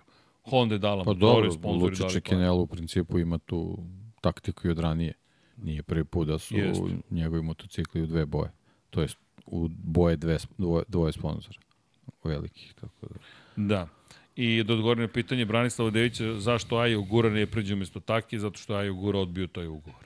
On je dobio ugovor da ove godine vozi za Lučiće Kinelo Racing i rekao je neću, nisam još uvek još uvek nisam prosto spreman za Moto Grand Prix. To je njegovo mišljenje i pitanje kada će dobiti priliku, kao što evo, Ogura i Robert se kaju sada, Joe Roberts je dobio poziv Aprilije, odbio ga je i Pa on se više kao da Da, guri. verujem mnogo više. Da je Milutin, Srđan, ili te prošlo što je da, Dani Pedrosa uh, potpis vozač KTM-a? Nije me prošlo. Moram priznati, Milutin, hvala vam na pitanju. Mislim da je to... Neko je dao komentar, pa tako ga potpisuju zato što još uvek vozi. Da, da objasnim o čemu se radi. Zaista sam negodovao što su potpisivali Danije Pedrosu kao KTM-ov probni vozač, a kada se pojavi Valentino Rossi, ovo nema veze s Valentinom Rossijem, ovo ima veze sa Dornom. Dakle, kada se pojavi Valentino Rossi, piše Moto Grand Prix legenda, devetostruki šampion sveta. Zvanično, Dani Pedrosa je Moto Grand Prix legenda. On je inaugurisan u kuću slavnih Moto Grand Prix, isto kao Valentino Rossi. Dani Pedrosa ima tri titule šampiona sveta. Ne vidim, zato, zašto? Zato što je angažovan kao KTM-ov probni vozač i njega treba potrebno potpisati kao KTM-ov probni vozač. I pita, neko mi je na Twitteru pisao, pa dobro, to je zato što vozi. Evo moje kontra pitanje. Da li zaista verujete da bi Valentina Rosija potpisali da, eto, nekim volšebnim situacijom ne vozi neku trku, a u tom momentu je vozač Yamahe, da bi potpis bio Valentino Rossi, vozač Yamahe. Da li zaista verujete da bi Valentino Ne, Rossi evo ti, potpisali evo ti kao vozača primer. Yamahe? Evo ti drugi primjer. Zašto Valentina Rossi ne potpišu kao BMW-ov vozač. BMW vozač ili Može. vlasnik ekipe VR46? Tako je. Bravo, deki. Evo ruke. To Bravo. su dve aktuelne Bravo. titule njegove. Titule njegove. E, Point je u tome da je neko zaista napravio ozbiljan propust. I ja razumem da je... Da je Jorge Lorenzo, voditelj podcasta. Ajde, ovo je voditelj podcasta, bukvalno. Srđan Erceg, Srđan Erceg, voditelj podcasta. Uuu, Jorge Lorenzo i ja. Znaš, to je Pa to- isto. To- to, to. on sedne i pošto smo obojice ispred mikro. Da, deki, znaš što to liči? Lap 99. Lap... bravo, deki, bravo. A onda mu kažeš ne može, ima 99 jardi. Dečko, stani u red. Uzmi svoj stari broj. 48. ali, ali e, zaista me pogodilo zato što mislim da je tu problem, nije to samo moje neko lično shvatanje stvari. Evo reći vam moje profesionalno mišljenje. Zamislite samo nekoga ko prvi put se susreće sa Moto Grand Prix. Seo je ispred televizora i vidi potpis Zdravo Selena, uživaj. Kaže potpis Moto Grand Prix test vozač KTM-a, Dani Pedrosa. poenta je, u novinarska pravila su vrlo jasna. I Dorna je takođe mora da podleže istim pravilima, a to je da niko ne mora da zna ko je neko ko se pojavi u kadru. Tome služi na televiziji potpisi, tome služi i komentatori. Ako mi kažemo Schumacher, to nije dovoljno. Mihael Schumacher, nemački vozač, koji je osvojio sedam titula, pet sa Ferrarijem, dve sa Benettonom. Eto, to smo juče pričali o tome. U jednoj rečenici vi ste dobili ključne informacije o karijeri tog čoveka. Do skora rekorder po broju pobjeda sa 91 triumfom u šampionatu sveta Formula 1. Tačka. Je li to stvarno toliko teško da mi to ne kažemo? Zašto se to govori i zašto je uvedeno u pravila novinarstva? Zato što se ne podrazumeva da neko, bilo ko, mora da zna ko je Šumahir. Ne, to je implikacija da ako imaš, ako si nešto ne znaš da ti manje vrediš. Ne, neznanje nije problem. Problem je iluzija znanja. Kad se neko pravi da zna, a ne zna. To je problem. Neznanje ne treba da bude nešto čega se mi stidimo. Neznanje nije problem. Problem je, kažem, iluzija znanja.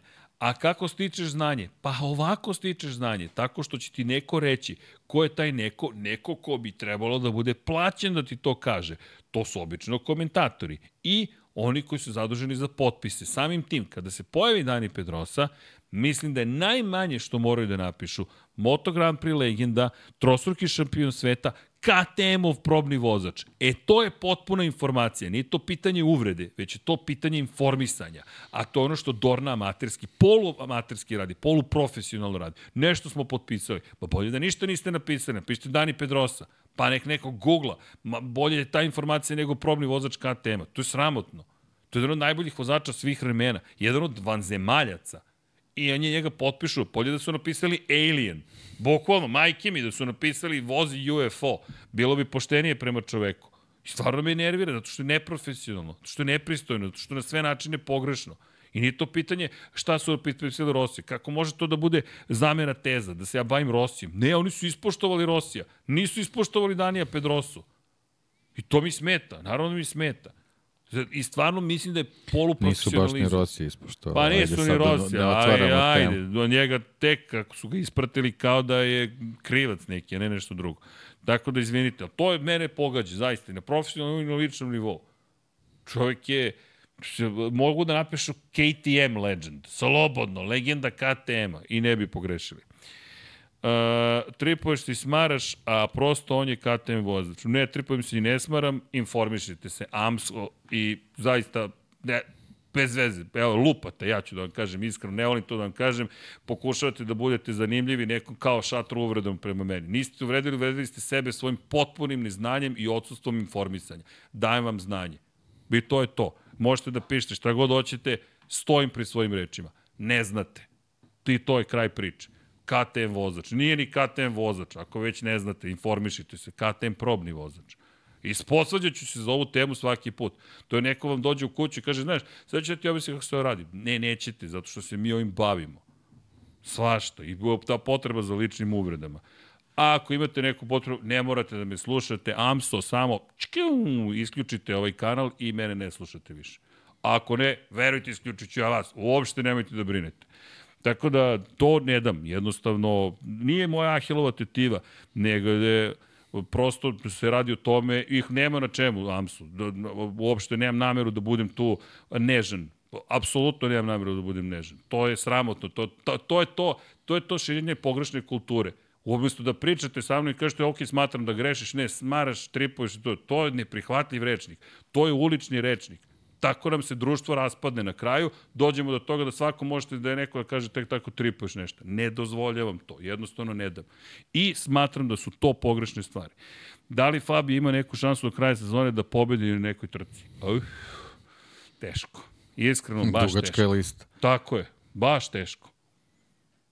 Baš je, ba, ja, ja ne znam, stvarno, kad je dugačka lista, ko sve može da pa pobedi evo, pre ne, njega? Ne, ajde, evo, skrati, Ajmo. ne, ne, da skratimo listu, ne, da uopšte ne idemo dalje. Uzet ćemo dvojicu Francuza, koji, koji pre ima šansu da pobedi. Zarko koji nikad nije pobedio Vozi do sada. Ducati. Koji vozi Ducati. O tome pričam, ne, ne sad što nije nikad pobedio, nego on vozi Ducati. E, da te pitam, ima jedno uh, vrlo jednostavno pitanje.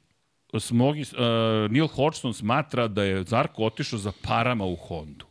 I da je napustio pobednički tim i da se to prosto ne radi i da smatra da jednostavno hoće pare. Koji pobednički tim? Da je ima pobednički motocikl i da zato odlazi u Hondu. Ja uopšte ne vidim situaciju na taj način. Pričemu mnogo poštuje mišljenje Kako može da ima pobednički motocikl ako on recimo hipotetički iz trke u trku možda dolazi tako što vozi dru motocikl drugačije konfiguracije. Kako je to pobednički motocikl?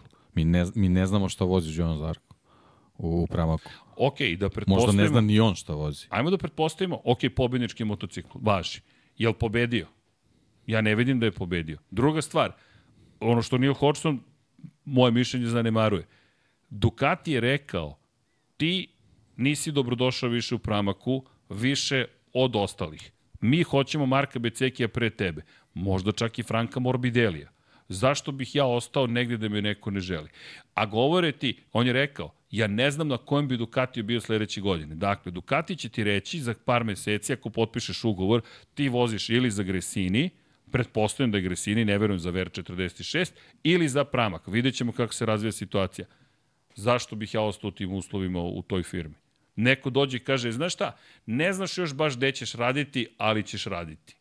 Zašto? To, ajmo malo samo Pritom, poštovanja. Uh, ta čitava priča se ne gleda iz naše perspektive. Ne, neće onda da meri situaciju tako, neću da idem u Hondu, ona je opasna. Na primer, mogo i to da kaže, pa eto, to bi isto bilo vrlo, vrlo bio, bio ozbiljan argument. Ali, čak i da je otišao za novcem, a šta je tu toliko loše? čovjek pa, ima 33 pri kraju, godine. sad dobije možda neki malo sigurni ugovor na Ne, dobio na dve pa godine, pa to, to je znači, rekao. Pa kaže, malo sigurni ugovor, a ja kažem, mi, mi možda u, u ovom trenutku, eto, na primjer, napad, napadamo ga za tu priču kako nikako da pobedi. Mi ne znamo koju konfiguraciju on, on Ducati vozi. Ne znamo. Stvarno ne znamo. Ali kažem i da je najbolji Ducati, nije pobedio pod jedan. I druga stvar, ja stvarno mislim da taj moment nepoželjnosti, pri čemu Zarko, e, na primjer, zanimljivo šta je rekao, da je KTM napustio zato što nije hteo da sedi pozadi da ga plaćaju za to.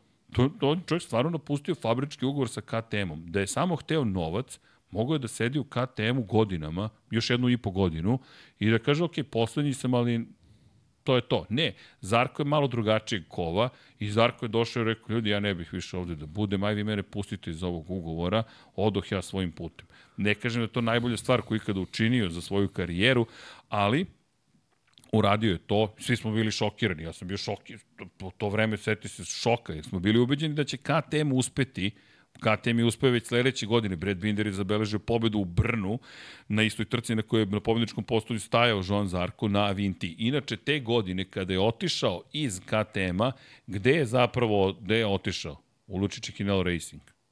Otišao je zapravo da vozi Hondu umesto Takaki Nakagamija i to su ga i upoznali i ono što je rekao, lepo je kad te želi Honda i imao je baš reči hvalene načine kako komunicira Lučići Kinelo sa njim a između ostalog Lučić Kinelo koji je sa Aleksom Rinsom uspostavio fenomenalan odnos ove godine, pa Alex Rins došao u situaciju da kaže ja nikad nisam imao boljeg šefa ekipe. Jednostavno taj odnos koji su stekli. A ne zaboravite, Lučić Kinelo je bio sam sebi menadžer i vlasnik ekipe istovremeno. Ima tu i, to su tu čuvene priče, Gino Borsa je dao lep intervju. E, poslušajte Gino Borsa, mnogo lep intervju mnogo, mnogo lep intervju gde je pričao kako je zapravo njemu inspiracija bio Lucio Čekinelo, jer Gino Borsi da bi nastavio svoju karijeru pred 20 godina u šampionatu sveta je morao da formira svoj tim. Šta se desilo? Pratio je Lucio Čekinela i rekao je Lucio Čekinelo taj kralj zapravo upravljanje sobstvenom ekipom u kojoj je Čekinelo i vozač i, i menadžer. Tako da Lucio odavno imate neke zanimljive poteze i način na koji funkcioniše sa sa vozačima, očigledno da tu nešto postoji. Tako da Zarko, Zarko, pa ja mislim da ide na dobro mesto. Ja zaista mislim da ide na dobro mesto i mislim da je ovo potez koji je zanimljiv ako ništa drugo, u krajem slučaju, ej, isplatit će se i to ne treba zaboraviti, čak i da je samo za novac. Njegova porodica ne živi od lišća. Dakle, taj novac će i tekako dobro doći, a karijera kada se završi, verovatno će se završiti u skorije vreme, pa mislim da će biti zadovoljni što je potpisao dvogodišnji ugovor. To je neko moje mišljenje. Tako da, ali mi je bila zanimljiva tema jer Neil Hodgson baš i postovan vozač i neko ko zaista ima sjajne analizi. Volim da slušam Neil Hodgsona, to mi je baš dobro. E, u svakom slučaju, e, Darko Trajković, nisam vas vidio ovako nervoznog do sada. Pa imam, imam dva problema. Jedan je kad neko ne poštuje vozače, što smatram da je Dorna učinila, i imam problem u komunikaciji. Zaista smatram da možemo da držimo do nekog nivoa komunikacije. To je, tako da, da, eto. E, samuraj, mm, E, da, sad, ne, šta mislite, e, sad nisam, posle KTM Zarko je visila karijera. Jeste, Dragan Matić, to, to je visila, ali znate šta, nije ga Ducati angažovao. Njega da angažovao, se sećaš koga je angažovao? Ruben Čaus. Ruben Čaus je angažovao zapravo Žana Zarka. Ruben Čaus je bio čovek koji je vodio Avintiju u to vreme i Čaus je zapravo prodao tim VR46, prodao Valentinu Rosiju, on mu je spasao karijeru. A, ali dobro, činjenica je da je Ducati to morao na neki način da odobri. Tako da tu ima pitanje da, da li je izdao Ducati, zaista ne vidim da, da, je izdao. E, uh, Hopper Red Bull has a bad start. ok. Uh, ne, Hope Red Bull has a bad start. ok, zanimljiv nadimak. Da je Fabio Novi Aprili da li osvaja titulu? Pustit ću da odgovori gospodin Dejan Potkonjak. ne znam. Moramo da vidimo. Ne znam, ne znam. Ali da li misliš da bi imao šansu da osvoji titul? Apsolutno. E, to odgovora. e, kaže, šta ako je Zarko heroj iz Senki, on je razvidio Ducati, šta ako je Ducati tu gde jeste zahvaljujući njemu? Pa, pa ne, mislim da... Nije jedan čovek ne, zaslužen za to. Da. Znate šta, to je kompleksna priča. Mnogo je Ducati tu uveo ljudi.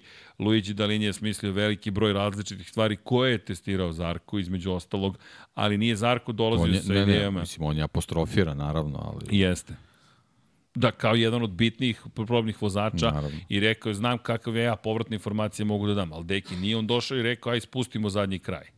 Nije on rekao, ajde da uvedemo spuštanje prednjeg pa. kraja. Nije došao i rekao, ajmo efekat tla da uvedemo. Ne, to bilo bi dobro, stavimo aj na Peraja pozadnje. Ne, to, to, to je, Zarko testira. Šta je bitno? Znate šta je dobro, šta je dobar probni vozač? Neko ko može iz kruga i u krug da ponovi, na primjer, iste rezultate, isto ponašanje. Onda mu stavite novi deo, on ponovi tu vožnju tog prethodnog kruga, a onda dobijete poređenje podataka gde vidite kakvu je razliku doneo zapravo taj deo koji ste imali to, to, je, to je u Formuli 1, to često možete da vidite.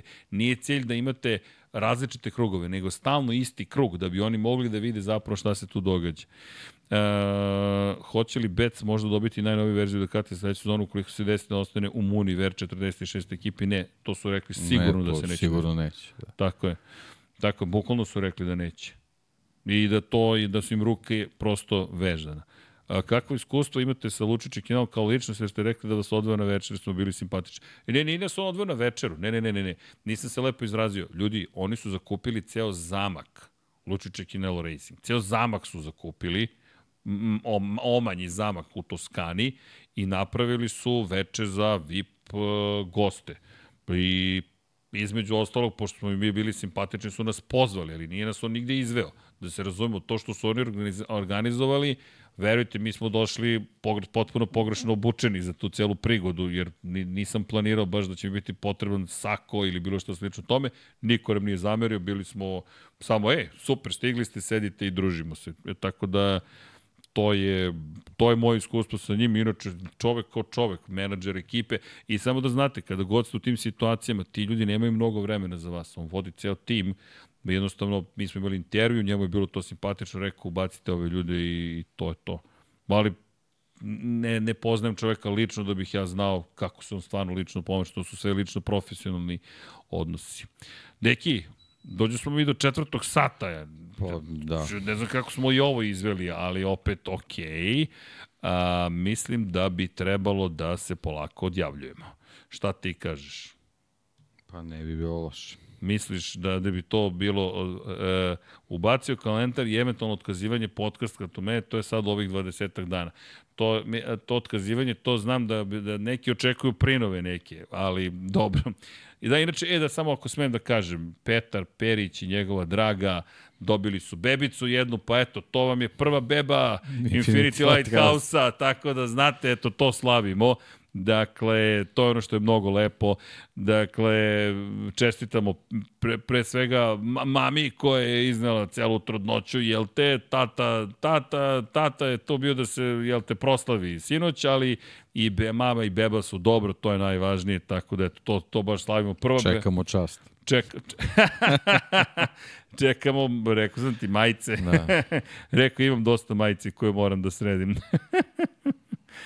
E, u svakom slučaju, da, to su baš lepe. Evo, čestitke za Petra, njegov supru. Hvala, Boško. Da, ne, ne, Petar je baš, ba, ba, svi su divni, verujte, ali da mi je nekako simpatično što je prvo beba Infinity Lighthouse. Pita me danas e, e, Jelena, pa dobro, šta će Infinity da mu kupi? Rekao bolid, Formula 1. Mm -hmm. Šalo na stranu, pa rekao, ne znam, e, kažem Dukat sa, sa Infinity znakom. Pa to se još da je deci. Pa rekao, što da damo detetu? Bitcoin. Pa, možda to ne bi bilo zgoreg, tako da ne znam. Virtualni Dukat će dobiti. Nemam pojma, evo, smisli, smislite nešto lepo. Srki, šta je da nalepnici na laptopu iznad Lab 76? E, ah, Huge Media, to je jedna od naš, naših kompanija. To je kompanija koja se bavi digitalnim marketingom. Imate i Spectral Digital, koji se takođe bavi digitalnim marketingom. Imate Infinity Lighthouse, pored su Formula Student i dole je Lab 76. Da, izvinjam se ukoliko sam se mnogo iznervirao i nepristojno poneo, ali i to sam ja. Tako da, Deki će me izgrditi, ako jesam, nemojte ništa da brinete. Već je upisan u svetsku, Deki, očekujem feedback po završetku podcasta. Smeje se, ni malo prijetno. Vlado, Vlado, bojim se da, da će biti, da ćemo se zadržati još neko vreme u drugoj sobici. Ajde, pođi u magičnu sobu, sređene, da porazgovaramo. Da, da, tako da hvala još jednom. A Da, za e, Oskaru Pjastriju pričat ćemo sledeće ne. Da, rekao da ima jugoslovensko poreklo između ostalog, ali moram priznati da nisam još istraživao šta to tačno sve znači. Nismo stigli.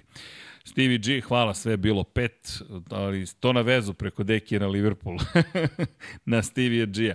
Da, ali zaista, ne zamerite, ali te neke stvari stvarno me ponesu i jednostavno pogotovo ta komunikacija gde mislim da treba da vodimo računa o komunikaciji, nema smisla samo ovlaš komentare bacati jer to jednostavno ne treba da bude način komunikacije. Možda treba da bude hladnokrvniji, ali neke stvari tako ponesu, tako da e, nadam se da ćete razumeti. U svakom slučaju, Deki, zadovoljstvo kao i uvek.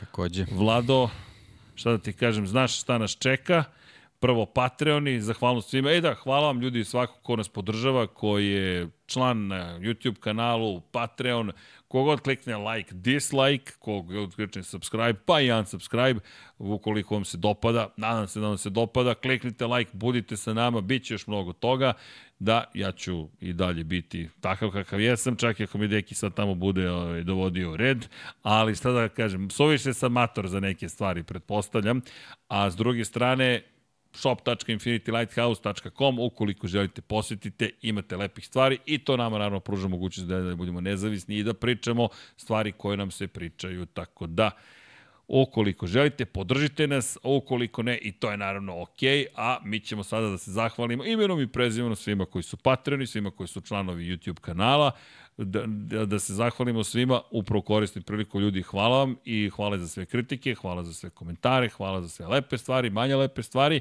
Mi ćemo biti tu, ekipa se uvećava kao što možete vidjeti i prirodnim putem organski raste Infinity Lighthouse i jedva čekam da i upoznamo bebicu, a šta ćemo da kupimo, dajte predloge, nemam pojma, ali nešto ćemo svakako da smislimo.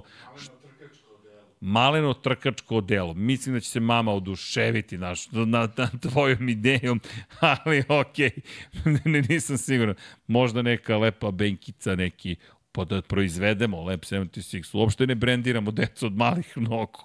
ne, Vlado, moramo smislimo nešto, ne, nešto praktično, kaciga, pa šta, šta misliš na šta ćemo da navedemo dete sa kacigom? Dakle, ne, ne, pusti to, to, to ćemo, to u kasnim fazama života, ne sad, još je rano. Ali, ljudi, hvala vam zaista od srca, želimo vam laku i lepu noć, vratit ćemo se posle, ne znam nija koliko minuta čitanja svih imena, koliko god da ima ljudi, mi ćemo se potruditi svaki put da pročitamo. Hvala vam puno, ljubimo vas volimo, mazite se, pazite se, budite dobri jedni prema drugima i vozite računa jedni prema drugima. Idemo, Vlado, udri.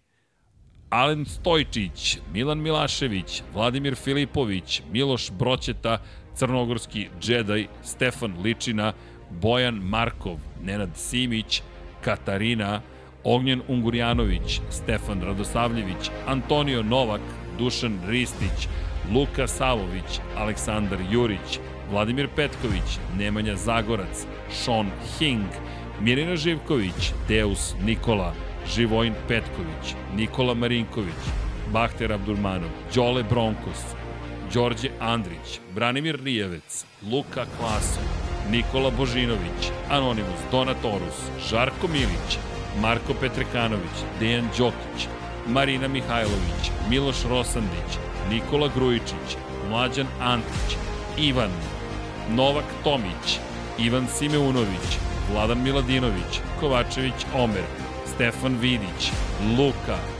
Nedim, Vlada Ivanović, Aleksandar, Predrag Pižurica, Martin Gašpar, Stefan Vuletić, Milan Paunović, Milan Apro, Đorđe Milanović, Stefan Nedeljković, Nedim Drljević, Monika Erceg, Goša 46, Zoran Majdu, Miloš Banduka, Marko Bogavac, Milan, Mario Jelena Komšić, Andrej Božo, Armin Durgut, Marko Ćurčić, Strahinja Brajanovski, Mario Vidović, Mihajlo Krgović, Daniela Ilić, Benjo KK, Andreja Miladinović, Predrag Simić, Blufonac, Đorđe Radojević, Ružica Stefanović, Bojan Majstorović, Jasenko Samrđić, Marko Mostarac, Aleksa Valter, Životić Jovan, Anonimus, Donatorus, Mihovil Stamičar, Ante Primorac, Zoran Šalamun, Boris Kujundžić, Aleksandar Radivojša, Nemanja Jeremić,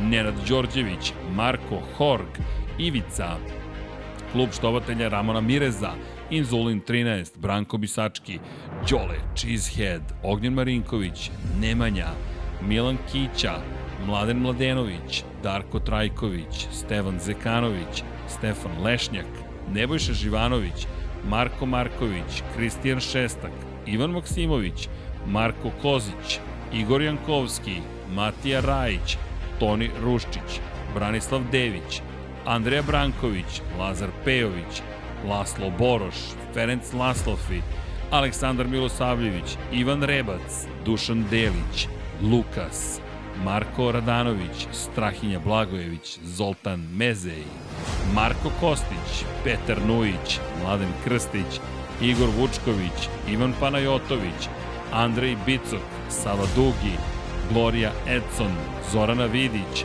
Boris Golubar, Đorđije Lopušina, Borko Božunović, Lazar Hristov, Aleksa Vučaj, Ivana, Kimi Rajkonen, Vojin Kostić, Bojan Bogdanović, Bojan Mijatović, Stefan Stanković, Bata Brada, Nikola Stojanović, Vladidov Dejv, Vučinić Miroslav, Ertan Prelić, Dragan Matić, Jugoslav Krasnić, Renata Neš, Luka Martinović, Vladimir Uskoković, Vukašin Jekić, Marin Antunović, Safet Isljami, Vambli Sapa, Zoran Cimeša, Veselin Vukićević, Aleksandar Banovac, Ljubo Đurović, Optimistik Josh Allen Fan, Salim Okanović, Klara Gašbar, Anonimus Donatorus, Mirina Kovačević, Miloš Radosavljević, LFC, Jovan Žo, Đodan, Tijena Lepanović, Nedo Lepanović, izvinjavam se, Ognjen Grgor, Šefko Čehić, Džigi Bao, Borislav Vukojević, Aleksandar Mitrović, Ivan Maja Stanković,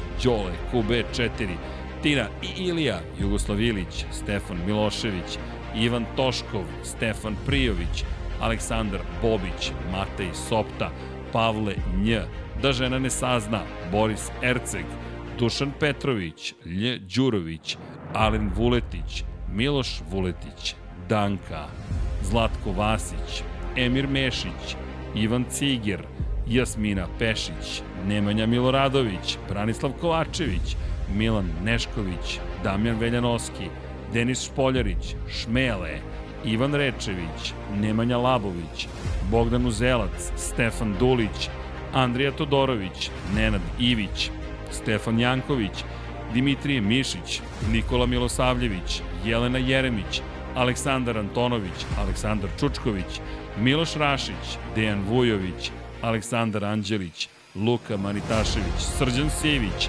Branislav Marković, Ivan Milatović, Daniel Kolobarić, Dorijan Kablar, Neđo Mališić, Aca Vizla, Sead Šantić, Đurđica Martinović, Vladimir Mutić, Josip Kovačić, Miroslav Cvetić, Mladen Tešić, Vukašin Vučenović, Vladimir Jovanović, Grgo Živaljić, Jelena Veljković, Armin, Vladimir Stojadinov, Đerman, Miloš Todorov, Vuk Korać, Aleksa Lilić, Saša Ranisavljević, Jeca and Stefan, Jelena Mak, Borislav Jovanović, Marko Blagojević, Milan Ristić, Vanja Radulović, Filip, Igor Gašparević, Branislav Milošević, Branko Rašević, Uroš Ćosić, Resničanin, Bojan Gitarić, Ejhel, Stefan Škrbić, Slaven 84, Marina, Aleks Vulović, Saša Stevanović, Maksi, Igor Ilić, Ivan Hornjak, Future Graciano Rossi, Branislav Dević, Jelena Jeremić, Domagoj Kovač, Krorobi 00, Bakadu, Alen Jesenović, Ivan Božanić, Nikola Vulović, Zlatko Marić, korespondent, korespondent, Goran Mrđenović, Mađar 007, Vlada Ivanović, Miloš Zed, LFC, Nikola Božović, Nemanja Bračko, Vladimir Subotić, Vladimir Vujičić, Ivan Magdelinić, Nikola Grđan, Škundra, Din Stero, Milanka Marunić, Ivan Vujasinović, Ljiljana Milutinović, Mateja Nenadović, Marko Bogavac, Dejan Janić, Vladan Miladinović, Tomić Miloš, Uroš Čuturilo, Ivana Vesković, Pavle Lukić, Aleksandar Kockar, Divlji Bučak, Blagoj Ačevski, Đera 7, Marakos, Igor Ninić, Sejdo Mujčić, Nemanja Miloradović, Anonimus Donatorus, Vladan Đurić, Ada Sokolović, Milan Knežević, Vuk, Kosta Berić, Nikola Niksi, Aleksandar Nikolić, Galeksić, Nemanja Cimbaljević, Almir Vuk, Penđer, Aleksandar P, Bojan Markov, Ivan Vincetić, Omer Sarajlić, Đorđe Janjić, Drago Veković, Dejan Plackov, Plackov, Nikola Adamović, Oliver Nikolić, Mensur Kurtagić, Žika Su, Nemanja, Jovan Bojanić, Bruno Jurić, Josip Buljovčić, Marko Stojilković, Nedžad Mrakić, Milorad Reljić, Almedin Ahmetović, Pujo, Nikola Grujičić, Miloš Stanimirović, Nikola Kojić, Petar Bjelić, Vojislav Tadić, Srđan Ćirić, Toni Soni 76, Bojan Stanković, Ivan Doko, Žiksi, Tatjana Lemajić, Lazar Milentijević, Vukašin Vučenović i živnuli smo, pustio nam je muziku Vlada. Dobro, deki, i opet smo uspeli. Krenuli smo 8 i 15 i opet je prošla ponoć. Nisam, ja sam opet ja produžio. Pa dobro, ovo je nekako brzo prošlo. Ali jeste brzo jeste. prošlo, meni je bilo lepo i zabavno. Ne znam, ne. Pa dobro, nadam se da je sve u redu, ali okej. Okay. E, da, evo, poručuj nemoj da me naribaš previše. A nisam, nego ne volim te stvari, izvinjam se i kogod da je u pitanju, prosto ne treba ni ja tako da... Evo, Oskarova tetka iz bosanske krupe. Opa, nisam znao. Dobro. Dakle, kada je reč o tim stvarima, da, reagujem i tu, to je moja slaba tačka, prosto ne volim kada smo manje ljubazni jedni prema drugima. Ne, ne, ne treba tako da pričam. Treba malo da vodimo račune do drugima i to je to. E, možemo još jednom ovu muzikicu. Vladu sam šokirao da nisam završio u okviru muzike, ali da, te stvari mene potresu. U svakom slučaju ne zamerite i ja sam samo čovek. Tako da znate, deki, uvek zadovoljstvo, ajmo Takođe. mi lagano da spamo. Ej, daj, te ljudi, ovo su lepe stvari, dobili smo ovaj neverovatni poster, ljudi su bili na Red Bull ringu, svi su se lepo proveli, bile su super trke, ovo ovde je jedna od najlepših stvari koja se desila, Vlada mi uporno stišava muziku, voli to da, voli da mi to uradi, Pa pusti muziku, zabavljamo se, toti, kažem, atmosfera za kraj. To je ono što je najvažnije. Idite na trke, družite se, oprostite u krajnjem slučaju i vašem podcasteru i ovom drugom ne morate čisto da opraštate, ali želimo vam lepu i laku noć i da budete srećni, zadovoljni, sanjate neke dobre trke, sanjite 76 krugova neke fantastične staze, uspavajte se i probudite se kao šampioni. A mi do tada vam kažemo 1, 2, 3, 4, 5, 6, 7, Ćao čao.